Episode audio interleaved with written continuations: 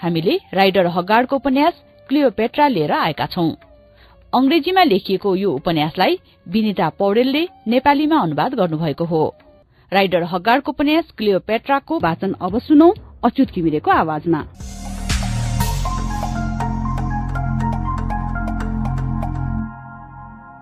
यो उपन्यासको कथावस्तुले हामीलाई त्यो युगको सभ्यतातिर लैजानेछ अरब देशहरूमा ठूला ठूला पहाड़हरू थिए।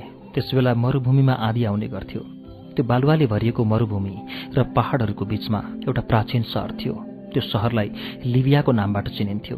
त्यही प्राचीन सभ्यताको बारेमा जान्नको लागि पुरातत्ववेत्ताहरूले एउटा विलक्षण चिहान भेट्टाए। चिहानभित्रका तीनवटा बाकसले प्राचीन कालको याद दिलाउँछन्। ती तीनवटा विशाल बाकस देखेर नै मनमा भए छाउँछ। ती बाकसले आफूभित्र कुनै एक जोडी पति पत्नीको लास लुकाएर राखेका थिए। त्यो चिहान महन्त आमन र उनकी श्रीमतीको हो जो प्रस्तुत उपन्यासको नायक हरमासिसका आमाबाबु हुन्। यो चिहान फोर्नुको पछाडि पनि एउटा लामो कथा छ। अरबका सरदारलाई कतैबाट यो सूचना प्राप्त भएको थियो कि यो चिहानभित्र प्राचीन खजाना सम्पत्ति लुकाएर राखिएको छ। खजानाको खोजी गर्ने क्रममा यो चिहान तोडिएको थियो र केही प्राचीन वस्तुहरू निकालेर बेचिएको थियो। पाषाणकालको खोजी गर्ने एउटा डाक्टर यो गाउँमा आयो र उसले गाउँका मानिसहरूसँग मिलेर यो रहस्यमय चिहानको बारेमा केही जानकारी लियो। गाउँका ठूला बडाले त्यो चिहानको बारेमा धेरै आश्चर्यजनक कुरा बताए। यो पनि बताए कि त्यो ठूलो चिहानभित्र पक्का कुनै ठूलो खजाना पुरिएको छ। त्यस खजानाको खोज गर्ने क्रममा धेरै मानिसहरू मरे तर अहिलेसम्म त्यो खजाना कसैले प्राप्त गर्न सकेका छैनन्। त्यो डाक्टरले केही अरबीहरूलाई धेरै पैसा दियो र त्यो चिहानमा जानको लागि तयार पार्यो। धनको लोभमा अन्धो भएर केही मानिसले डाक्टरलाई त्यो चिहानमा लिएर गए। तर त्यो डाक्टरलाई चिहानभित्र जे भयो त्यसको बारेमा उसले आफ्नो एक साथीलाई पत्रमा लेखेर पठायो। उसले आफ्नो साथीलाई पत्रमा यस्तो लेखेको थियो मेरो प्यारो साथी मैले त्यो रात मिश्रको फिरवन सेतीको पाउमा बिताएँ र बिहानै त्यो पहाडतिर हिँडेँ। त्यो समयमा मलाई बाटो देखाउने मेरो साथी अरबी युवक थियो जसको नाम अली थियो। उसका केही साथीहरू पनि मेरो साथमा थिए। तीमध्ये एउटा नासिर नाम गरेको केटो थियो। नासिरले नै मलाई एउटा रहस्यमय औँठी दिएको थियो जुन म यो पत्रसँगै तिमीलाई पठाइरहेको छु। सूर्य उदाउने बित्तिकै हामी त्यो उपत्यकामा पुग्यौँ जहाँ त्यो चिहान बनाइएको थियो। प्रिय मित्र म साँचो बोलिरहेको छु म बताउनै सक्दिनँ कि त्यो ठाउँ कति भयानक र डरलाग्दो थियो। मेरो डरको अन्दाज तिमी त्यहीँबाट लगाउन पनि सक्छौ। त्यो भयानक ठाउँ देख्ने बित्तिकै मेरो मन डराएको थियो हृदयको धड्कन नै रोकिएला जस्तो लागिरहेको थियो मलाई। मेरो सास नै त्यहीँ जाला जस्तो लागेको थियो। यस्तो हालत मेरो मात्र होइन मसँग गएका सबै साथीहरूको थियो। त्यो भयानकता देखेर सबैजना डरले काम्न थालेका थिए। उनीहरूमध्ये यस्तो कोही पनि थिएन जसको मुखबाट त्रासको चिच्याहाट ननिस्केको होस्। एकमात्र सङ्कट थिएन तर त एक त डर तथा भय थियो अर्को अरबको मरूभूमिमा घामबाट निस्कने भीषण राप। सूर्यको तेजले ती पहाडहरूलाई तावा जसरी तताइदिन्थ्यो। त्यो समयमा सूर्य निस्केको एक घण्टा मात्र भएको थियो। तैपनि पहाडहरू यति धेरै तातिसकेका थिए कि त्यसमाथि हिँड्नु असम्भव नै थियो। त्यसैले हामी गधामा चढेर त्यो उपत्यकासम्म पुग्न सक्यौं। त्यहाँ चारैतिर मृत्युको सन्नाटा छाएको थियो। टाढा टाढासम्म कुनै पशु पक्षीहरू देखिएका थिएनन्। त्यसबेला त्यो भयानक स्थानलाई देखेर म सोचिरहेको थिएँ कि यो कस्तो ठाउँ हो। भूत प्रेत नै आउने खालको डरलाग्दो। कमजोर मुटु भएको कोही पनि मानिस यदि त्यहाँ पुग्थ्यो भने त्यो डरलाग्दो ठाउँ देखेर नै भाग्थ्यो। म ती मानिसहरू जस्तो होइन जो मृत्युदेखि डराएर भाग्ने गर्छन्। म जुन कामको लागि त्यहाँ गएको थिएँ त्यो काम पूरा नगरिकन फर्केर आउने कुनै प्रश्न नै थिएन। केही बेर हामी गधामा चढेर नै हिँडिरह्यौँ। एउटा ढुङ्गाको नजिक गएर नासिर रोकियो र मतिर हेर्दै बोल्यो हेर्नुहोस् साहेब यही हो त्यो प्राचीन र रहस्यमय चिहान ठिकै छ मैले बिस्तारै भने र म गधाबाट तल झरेँ।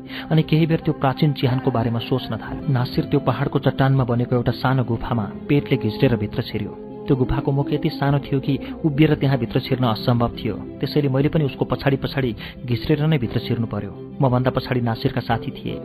हामी दुईजना त्यो गुफाभित्र चौपाया जसरी हिँडिरहेका थियौँ। त्यहाँ ठाउँ ठाउँमा बालुवाको थुप्रो थियो। बाहिरको बालुवा र भित्रको बालुवामा यति मात्र फरक थियो कि त्यो भित्रको बालुवा बाहिरको जस्तो तातो थिएन। मैले बुझेँ कि ती अरबी मानिसहरू अर्को बाटो भएर यही गुफासम्म आइपुग्नेछन्।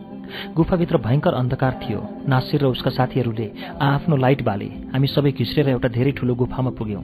त्यहाँ हामी उभिन पनि सक्थ्यौँ। लाइटको मन्दको उज्यालोमा मैले त्यो गुफालाई ध्यानले हेरेँ। त्यसको भित्तामा प्राचीन युगको तस्विर बनाएको थियो। एउटा भित्तामा धेरै ठूलो तस्विर बनाएको थियो जसको हातमा असा त्रिशुल जस्तै एउटा पवित्र साधन लिएको थियो। सायद यो कुनै महन्तको चित्र थियो। त्यसपछि धेरै महन्तका चित्र बनाइएको थियो। गुफाको कुनामा एउटा इनार थियो जुन त्यो कोठासम्म पुग्थ्यो जहाँ बाकस राखिएका थिए। त्यो इनारभित्र हेर्न पनि डर लाग्थ्यो। नासिर खुब बहादुर युवक थियो। उसले लामो डोरी एउटा ठूलो ढुङ्गामा बाँधेर तल इनारमा झर्यो तल पुगेर नासिरले हामीलाई बोलायो म मुस्किलले तल झरेको छु अब तिमीहरू पनि आओ। त्यसपछि मैले आफ्नो कम्मरको चारैतिर डोरीले बाँधेँ र तल झर्ने तयारी गर्न थालेँ। तल तल मैले अलीले हातमा बोकेको लाइट देखेँ। नासिरका दुवै साथीहरू मलाई बिस्तारै बिस्तारै त्यो कुवाभित्र झार्नमा सहयोग गर्न थाले। मेरो मुटु नराम्रोसँग धड्किरहेको थियो र मेरो हृदयको धड्कन त्यो बेला झन बढ्थ्यो जब कुनै चमेरो मेरो शरीरमा आएर ठोक्किन्थ्यो। त्यसबेला मेरो मुटुको के हालत भएको थियो यो कसैले जान्दैन। म जब तल झरेँ तब मेरो शरीर पुरै पसिनाले भिजेको थियो। नासिरले मलाई हिम्मत दिँदै भन्यो साहेब मन सानो नपार्नुहोस्। अझै हामीले यो सुरुङभित्र जानुपर्नेछ। मैले आफ्नो निधारको पसिना पुछेर नासिरसँग भने तिमी अघि लाग नासिर म तिम्रै पछि पछि आउँदैछु। नासिर त्यो सुरुङमा छिर्न थाल्यो। म पनि उसको पछाडि पछाडि गएँ। एकैछिन हिँडेपछि हामी एउटा खुल्ला स्थानमा आइपुग्यौँ जहाँ चारैतिर खुल्ला थियो। चिसो हावाको झोक्का आइरहेको थियो। त्यसको छत छ सात फुटको अग्लो थियो। साहेब त्यो चिहान त्यही हो जसको खोजीमा हामी आएका छौँ। मैले ध्यानपूर्वक त्यो चिहान हेरेँ जसलाई एउटा भित्तो काटेर बनाइएको थियो। त्यहाँ चकमन्न थियो। चारैतिर भयङ्कर सन्नाटा थियो। चारैतिर भित्तामा देवी देवताहरूका अनेकौँ चित्र बनाइएका थिए। अब हामी त्यो सुरुङमा अगाडि बढ्न थाल्यौँ। टर्चको मधुरो प्रकाशमा मैले चारैतिरको भयङ्कर दृश्य देखेँ। यहाँ त मानिस सास फेर्न पनि डराउँथ्यो। योभन्दा पनि डर त तब लाग्यो जब मैले दुई मानव कङ्काललाई त्यो चिहानको बाहिरी देखेँ। ती कङ्कालको छेउमा यिनको हड्डीहरू टुक्राहरू छरिएका थिए। ती कङ्कालहरू देखेर मलाई यो कुरा बुझ्न समय लागेन कि ती कङ्कालहरू एउटा पुरुषको र एउटा आइमाईको थियो। आश्चर्यको कुरा त यो थियो कि उनीहरू दुवैको लुगा चम्किलो थियो जुन उनीहरूकै कङ्कालको छेउमा अझै पनि चम्किरहेको थियो। भयङ्कर अति भयङ्कर यो धेरै भयङ्कर दृश्य थियो। तिनीहरूको टाउको शरीरबाट अलग गरिएको थियो। मैले अगाडि बढेर ती मध्ये एउटा टाउको उठाएँ। धड्किरहेको मुटुलाई कामिरहेका हातले थाम्दै त्यो खप्परलाई यताउता पल्टाएर हेरेँ। उसको मुखपट्टिको भागमा दारी र जुङ्गाको चिन्ह अझै बाँकी थियो। मिश्री सभ्यता अनुसार यसलाई मारेर गाडी दिएको हुनुपर्छ। मैले धेरै बेरसम्म त्यसको मुख भएतर्फ हेरिरहेँ। त्यसको अनुहारको चिन्हले स्पष्ट बताइरहेको थियो कि यो मानिस आफ्नो समयको कुनै विशेष व्यक्ति थियो होला। उसको उज्यालोबाट वञ्चित आँखाले अझै पनि मलाई घुरेर हेरिरहेका थिए। म कुनै अन्धविश्वासलाई मान्दिनँ तर मलाई त्यो खप्पर देखेर यस्तो लागिरहेको थियो कि उसका मृत आँखाहरू चल्न थालेका छन् र मलाई यो अनुभव भइरहेको थियो कि ती आँखा रुन थाले र त्यसबाट तातो तातो आँसु निक्लेर झरिरहेका छन्। म डराएँ र मैले तुरुन्तै त्यो खप्परलाई जहाँको त्यहीँ राखिदिएँ। फेरि मैले अर्को खप्परलाई हेरेँ जुन भुइँमा नै लडिरहेको थियो। तर मेरो शक्तिले मलाई जवाफ दिइरहेको थियो कि म हारिरहेको छु। मेरो हातमा यति तागत थिएन कि त्यसलाई उठाएर हेरौँ। म मसालको सहायताले त्यसलाई हेर्न थालेँ जसमा धेरै पट्टीहरू बाँधिएका थिए। तर पनि त्यसको नाक नक्साबाट यो आइमाई आफ्नो जमानाकी धेरै सुन्दरी थिए होला भन्ने अनुमान लगाउन मलाई गाह्रो भएन। साहेब साहेब यो हेर्नुहोस्। उसले तेस्रो बाकसतिर मेरो ध्यान खिच्यो। म त्यो तेस्रो बाकसको नजिकै पुगेँ। केही बेरसम्म त्यो तेस्रो बाकसलाई ध्यानपूर्वक हेरिरहेँ। यो को होला? जसको लास यो बाकसभित्र छ। किन यसलाई ती लापरवाहीपूर्वक फ्याँकिएको छ? त्यो बाकस त्यहाँ राखिएको नभई फ्याँकिएको जस्तै देखिएको थियो। यो अभागीको अनुहार त हेर्नु नै पर्छ। कुनै पनि लासलाई उठाउनु या हेर्नु कति डरलाग्दो काम हो। मानिसहरू त भूतको नाम सुन्ने बित्तिकै नै डरले काम्न थाल्छन्। र म यसबेला भूतको दुनियाँमा थिएँ। त्यो बाकसलाई खोल्नुभन्दा अगाडि बारम्बार मेरो मनमा भूतको ख्याल आइरहेको थियो। हुनसक्छ। यो बाकसभित्र कुनै भयङ्कर भूत छ र त्यो भूतले मलाई समाउनेछ अथवा जे पनि हुनसक्छ। कङ्काल पनि त बाकस बाहिरै थियो। यसको टाउको छुट्याउनुमा पनि यही भूतकै हात हुन सक्छ केही बेर यो सोचेर बाकसलाई मैले हेरिरहेँ। तर म जस्तो मानिस जो मनमा एउटा विचित्र प्रकारको खोज लिएर यहाँसम्म आइपुगेको छ ऊ मृत्युदेखि कसरी डराउन सक्छ? अब त जे भए पनि मैले यो बाकस खोल्नुपर्छ। यो बाकस त हर हालतमा खोल्नु नै पर्छ। यो खोल्दा बरु म किन नमरौँ? यही सोचेर मैले नासिरसँग भने यसलाई खोलिदेऊ म हेर्न चाहन्छु। यसभित्र कसको लास छ? साहेब नासिरले डराएको आवाजमा केही भन्न चाहेको थियो तर मैले उसको कुरालाई काटिदिएँ। नडराउ नासिर यसलाई खोलिदेऊ म तिम्रो साथमा छु। नासिरले आफ्नो ढाडमा बोकेको झोलाबाट एउटा हथौडा निकाल्यो र त्यो बाकसलाई खोल्ने प्रयास गर्न थाल्यो। केही क्षणपछि नासिरले त्यो बाकसको ढक्कन उघार्यो त्यसमा कुनै पुरुषको लास थियो। नासिर पनि आश्चर्य मान्दै त्यो लासलाई हेरिरहेको थियो। त्यो लास अरू लासहरूभन्दा भिन्न थियो। उसको खुट्टा घुँडाबाट दोबारेको थियो। उसको अनुहारमा सुनको पानी चढाइएको थियो। मैले उसको लासलाई देख्ने बित्तिकै बुझिहालेँ कि यो लासलाई हतारमा यो बाकसमा हालेर फ्याँकिएको थियो। धेरै विचित्रको लास रहेछ साहेब यो यस्तो लाग्छ कि कुनै जीवित मानिसलाई नै यो बाकसमा बन्द गरेर पुरिदिएको होस् नासिरले कामेको स्वरमा भन्यो। के भनिरहेका छौ नासिर? के कोही मानिसले कुनै जीवित मानिसलाई यसरी बाकसमा बन्द गरेर पुर्न सक्छ? यो लासलाई बाकसबाट बाहिर निकाल। म त्यो लासलाई ध्यान दिएर हेर्न थालेँ। त्यो लासको छेउमा एउटा पुरानो कागजको नोट थियो। मैले हतारो गर्दै त्यो नोट टिपेँ। नासिर अनौठो पाराले मलाई हेरिरहेको थियो। यस्तो लागिरहेको थियो कि ऊ आफ्नै त्यो नोटलाई कब्जा गर्न चाहन्थ्यो। यो उसको द्वेष प्रेम या जलन थियो। मैले नासिरलाई भने यो लासको सबै कात्रो झिकिदेऊ। म यसभित्रका हरेक चिजलाई हेर्न चाहन्छु। नासिरले मेरो आज्ञाको पालन हर हालमा गर्नुपर्ने थियो तर ऊ नचाहेको जसरी त्यो कात्रो हटाइरहेको थियो। केही बेरमा अलिकति कात्रो हटाउने बित्तिकै त्यो कात्रोभित्र एउटा अर्को कागजको टुक्रा भेटियो। त्यो कागजको टुक्रालाई कात्रोबाट छुटाउन मलाई धेरै बेर लाग्यो किनकि केही लगाएर त्यो कागजको टुक्रालाई कात्रोमै टाँसिएको थियो। त्यो कात्रो झिकिसकेपछि पनि त्यो लासमा बाँधिएको पट्टी हटाउन अझै बाँकी थियो। हामी दुवै मिलेर त्यो पट्टीलाई हटाउन थाल्यौँ। हामीले त्यसको खुट्टामा एउटा अर्को कागजको टुक्रा भेट्यौँ। त्यो टुक्रालाई पनि मैले आफूसँगै राखेँ र त्यो लासलाई ध्यान दिएर हेर्न थालेँ। केही क्षणसम्म हेरिसकेपछि उसको मृत्युको कारण थाहा पाउनमा हामीलाई धेरै बेर लागेन। यस्तो काममा मेरो दिमाग अलिक छिटो नै चल्छ। यो कुरा म मात्र होइन कुनै पनि डाक्टरले यो लासको हालत देखेरै थाहा पाउन सक्थ्यो। उसको लासको हालत देखेर प्रष्टसँग थाहा हुन्थ्यो कि उसलाई चालिस दिनसम्म नुनमा राखिएको थिएन। यसै कारणले उसको लास यति डरलाग्दो देखिएको थियो। मेरो अरू साथीहरूको गलाबाट पनि डराएको आवाज निस्किन थाल्यो। नासिर त दुवै हात जोडेर भनिरहेको थियो मेरो मालिक कति धेरै दुःख पाएको थियो होला यो मर्ने मानिसले। यो बिचरा कति धेरै तडफेर मरेको होला। हेर्दाखेरि यो अद्वैंसे मानिसको लास थियो। उसको टाउको आधा कपाल फुलेको थियो। यो मानिस अग्लो थियो। गठिलो शरीर भएको चौडा छाती भएको थियो जसबाट यो थाहा पाइन्छ कि यो मानिस आफ्नो समयमा ठुलो वीर योद्धा थियो। मैले उसलाई धेरै बेरसम्म हेर्न सकिनँ किनकि बाहिरको हावाको स्पर्श हुने बित्तिकै लास टुक्रा टुक्रा हुन थालेको थियो। हेर्दा हेर्दै उक्त लास कैयौँ टुक्रा भयो। त्यो लासको खुट्टा कुनै दुर्घटनामा भाँचिएको थियो किनकि कुनै नजान्ने वैद्यले जोडेकोले होला खुट्टा केही छोटो भएको थियो। अब जे भए पनि मेरो काम सकिएको थियो। मेरो त यो चिहानमा सास निस्कन लागिसकेको थियो। चारैतिर भयङ्कर सन्नाटा छाएको थियो। डरले मेरो हालत नराम्रो हुँदै गइरहेको थियो। एक एक पल हाम्रो लागि गाह्रो भइरहेको थियो। फेरि मेरो मनमा यो बोझ पनि थियो कि मैले लासको अपमान गरेको छु।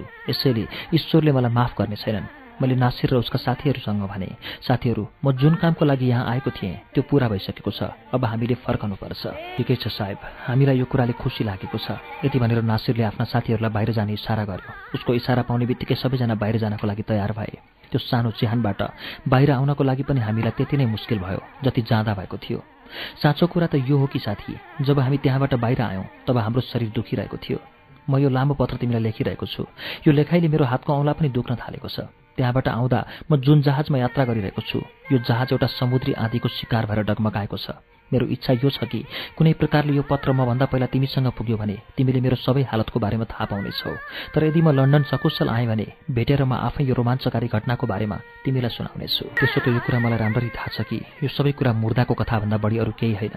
तर मसँग पुरानो कागजमा लेखेको जुन नोट छ यसलाई जब हामी आफ्नै भाषामा मिश्री भाषाका विद्वानहरूबाट अनुवाद गराउनेछौँ तब हामीले धेरै भयङ्कर रोमाञ्चकारी र रहस्यमय कथाको बारेमा थाहा पाउनेछौँ। जुन नोट यो सानो चिहानमा पुरिएको थियो यो कागजमा उनीहरूकै गाथा लेखिएको छ भन्ने कुरामा म विश्वस्त छु। इतिहासको पानामा लेखिएको यो रहस्यमय कथाको खोज त मेरो सौख हो। यसको लागि मानिसहरू मलाई हाँसोमा उडाउने गर्छन्। तर अब म यी सबै मानिसहरूलाई यो कुरा भन्ने छु कि मानिसले यदि केही गर्ने प्रतिज्ञा गर्छ भने उसले त्यो पुरा गरेर नै छोड्छ। अहिलेलाई यति नै। बाँकी भेटमा नै कुरा गरौँला। तिम्रो आफ्नो साथी छिट्टै नै डाक्टरको जहाज समुद्री आदिसँग जुधेर लन्डन आइपुग्यो। उसको साथी उसलाई पर्खेर बसेको थियो। उसले डाक्टरसँग पुरै जोस र जाँगरले भेट गर्यो। साथै यति ठूलो सफलतामा बधाई पनि दियो। डाक्टरले भन्यो उसले लाससँगै भेटेको त्यो दस्तावेजलाई लिएर आएको छ। उसको इच्छा थियो कि कुनै भाषाविदलाई भेटेर मिश्री भाषालाई अङ्ग्रेजीमा अनुवाद गर्न लगाउने। यो सुनेर डाक्टरको साथी मुस्कुरायो। मलाई थाहा थियो कि तिमी आइपुग्ने बित्तिकै यो कुरा उठाउनेछौ। डाक्टरको साथीले मुस्कुराउँदै भन्यो त्यसैले मैले पहिला नै एउटा यस्तो भाषाविदलाई खोजेको छु जो मिश्री अङ्ग्रेजी बाहेक फ्रेन्च आदि भाषाहरूको पनि ज्ञाता छ। साँच्चै डाक्टरको मुखबाट निस्क्यो। हो साथीले भन्यो यदि तिमी चाहन्छौ भने यसै बेला हामी त्यहाँ जान सक्छौ। म तयार छु। डाक्टर उठ्यो। यी कागजमा के त्यस्तो रहस्य लेखेको छ? त्यो थाहा पाउनका लागि मलाई हतार लागिरहेछ। जबसम्म मैले सबै कुरा सुन्दिनँ तबसम्म मलाई निद्रा नै लाग्दैन। जवाबमा उसको साथी पनि उठ्यो र दुवैजना ती प्राचीन कागजी दस्तावेज लिएर भाषाविद बस्ने ठाउँतिर गए। दुवैको मनमा यो रहस्यलाई थाहा पाउने कतै जिज्ञासा थियो भन्ने कुरा उनीहरूको क्रियाकलापबाट स्पष्टसँग देखिएको थियो। वृद्ध भाषाविदले नाकमाथि मोटो सिसा भएको चस्मा लगायो र त्यसपछि कागज मिलाउँदै मनमा नै पढ्न थाल्यो। मैले उसको आँखामा आश्चर्य फैलिँदै गएको महसुस गरेँ। मेरो मुटुको धड्कन एक्कासी बढ्दै गयो। यो वृद्ध भाषाविदले त्यो कागजको टुक्राबाट कस्तो रहस्योद्घाटन गर्छ होला? यो कुरा सोचेर नै मेरो मन रोमाञ्चित भइरहेको थियो। धेरै बेरसम्म त हामी उसको अनुहारको चाउरी हल्लिएको हेरेर नै संयम अपनाइरहेका थियौँ। वृद्ध विद्वान एक प्रकारले त्यो दस्तावेजमा नै हराएको थियो। धेरै बेरपछि हाम्रो संयम टुट्न थालेको थियो। तब त्यो वृद्ध विद्वानले टाउको उठाएर प्रफुल्ल मुद्रामा बोल्यो वा साथीहरू जुन कागजको टुक्रालाई तपाईँहरू मृत शरीरको दुनियाँको मानिरहनु भएको छ वास्तवमा त्यस्तो केही छैन। के अरे अनायासै डाक्टरको मुखबाट यो प्रश्न निस्क्यो। हो सम्भवतः यो कागजको टुक्राको सम्बन्ध एउटा युगसँग छ। यसमा त्यो युगको रोचक र रोमाञ्चकारी घटनाको वर्णन गरिएको छ जसले एकपटक यो पुरै विश्वलाई चकित बनाउनेछ। हामी दुवै अनौठो मानेर त्यो वृद्धलाई हेरिरहेका थियौँ। के भन्ने? हामीले सोच्नै सकेनौँ। वृद्धको अनुभवी आँखाले हाम्रो जिज्ञासालाई बुझ्यो। ऊ हल्का मुस्कुराएर बोल्यो क्लियोपेट्राको नाम त तपाईँहरूले सुन्नुभएकै होला। क्लियोपेट्रा? हामी दुवैको मुखबाट एकैसाथ निस्क्यो। तपाईँ कुन क्लियोपेट्राको कुरा गरिरहनु भएको छ? उही जो मिश्रकी महारानी थिइन् वृद्ध विद्वानले भन्यो। उसको अनेक सौन्दर्यले आफ्नो युगमा एउटा यस्तो हत्याको इतिहासलाई जन्म दिएको छ जसको रगतको गन्ध आजसम्म पनि नाइल नदीमा मिलिरहेको छ। तपाईँले हासिल गर्नुभएको यो दस्तावेज त्यो हत्या र युगको सानो सङ्कलन हो जसको बारेमा थाहा पाउनको लागि आज सारा विश्व उत्सुक देखिन्छ। तपाईँको साहसलाई धन्यवाद दिँदै अब म यसको अनुवाद गर्नेछु र त्यसले युगको सबैभन्दा सङ्घर्षमयी र हत्याको गाथालाई विश्वको सामुन्ने राख्नेछु। क्लियोपेट्रा यति सुन्दर थिए कि उसको एक नजरले नै ठूलाभन्दा ठूला सुरवीरहरूलाई आफूप्रति पागल बनाउँथे। ती मानिसहरू उसको लागि मर्न पनि तयार हुन्थे। उसको सुन्दरता देखेर मानिसहरू यो पनि बिर्सिन्थे कि ऊ नारी नभएर एउटी विषालु नागिन जसको सुन्दरताको विष जुन पुरुषको नसामा गोलिन्थ्यो ऊ दुई पाइला पनि हिँड्न सक्दैनथ्यो। तडपी तडपी आफ्नो ज्यान दिन्थ्यो। तर यो दस्तावेजका लेखक को हुन् वृद्ध महाशय? डाक्टरले प्रश्न सोध्यो। यो दस्तावेजमा लेखिएको शब्द हर्मासिस नाम गरेको एउटा सुरवीर र भट्किएको आत्माको हो। यो आजसम्म पनि क्लियोपेट्राको महलमा करोड पुकार गरेर बसिरहेको छ। साथै ती हताहत भएका मानिसहरूको पनि वर्णन गरिएको छ जसले त्यो सौन्दर्यकी प्रतिमूर्तिको लागि आफ्नो ज्यान दिए वृद्ध भाषाविद भन्दै गरेको थियो। हर्मासिस र एन्टोनी त्यो युगको सुप्रसिद्ध योद्धा थिए। हर्मासिसको यो आत्मसंस्मरणले मिश्रको त्यो सभ्यताको याद दिलाउँछ जो मिश्रका देवताहरूसँगै सदा सदाको लागि डुब्यो। यो दस्तावेजमा तपाईँहरू एकातिर क्लियोपेट्राको अनुपम सौन्दर्यबाट निस्केको विष आफ्नो शरीरमा महसुस गर्नुहुनेछ भने अर्कातिर तपाईँहरूले देवी इजलिस मिश्रकी देवीलाई भेट्नुहुनेछ। साथसाथै सार्मन नामका एक यस्तै केटीलाई पनि भेट्नुहुनेछ जसको प्रेम सदा सदाको लागि प्यासिरह्यो हर्मासिसको कथा हाम्रो रौँ ठाडो पारिदिने खालको छ। उसले स्पष्ट रूपमा स्वीकार गरेको थियो कि क्लियोपेट्राको सौन्दर्य जालमा फसेर उसले आफ्ना देवताहरू र ईश्वरलाई समेत भुलेको थियो। तपाईँ क्रमैसँग सबै कुरा लेख्ने कृपा गर्नुहोला वृद्ध महाशय डाक्टरले आफ्नो तीव्र जिज्ञासालाई दबाउँदै भन्यो तपाईँले अनुवाद गरेको पुस्तकबाट सबैले लाभ प्राप्त गर्न सकुन्। जवाफस्वरूप वृद्धले आफ्नो टाउको हल्लायो र व्यस्त भयो। म हर्मासिस मिश्रको राज सिंहासनको एक्लो उत्तराधिकारी। अब्दिसका निद्रा देवता अजिर्स मिश्रकी देवी जसलाई मिश्रवासी ईश्वर जस्तै मानेर पूजा गर्थे। उसको कसम खाएर भन्छु कि म यो आफ्नो आत्मकथामा जे लेख्नेछु त्यो साँचो हुनेछ। मेरो सतत प्रयास रहनेछ कि मेरो यो आत्मकथामा कुनै यस्तो शब्द नआओस् जसले मलाई झुटो कुरा लेखेको भन्ने आरोप नलागोस्। म पापी हुँ। मैले एउटी आइमाईको रूप सौन्दर्यमा फसेर मिश्रको पवित्र धरतीको समस्त सम्भावना र आशामा तुषरापात गरेको छु।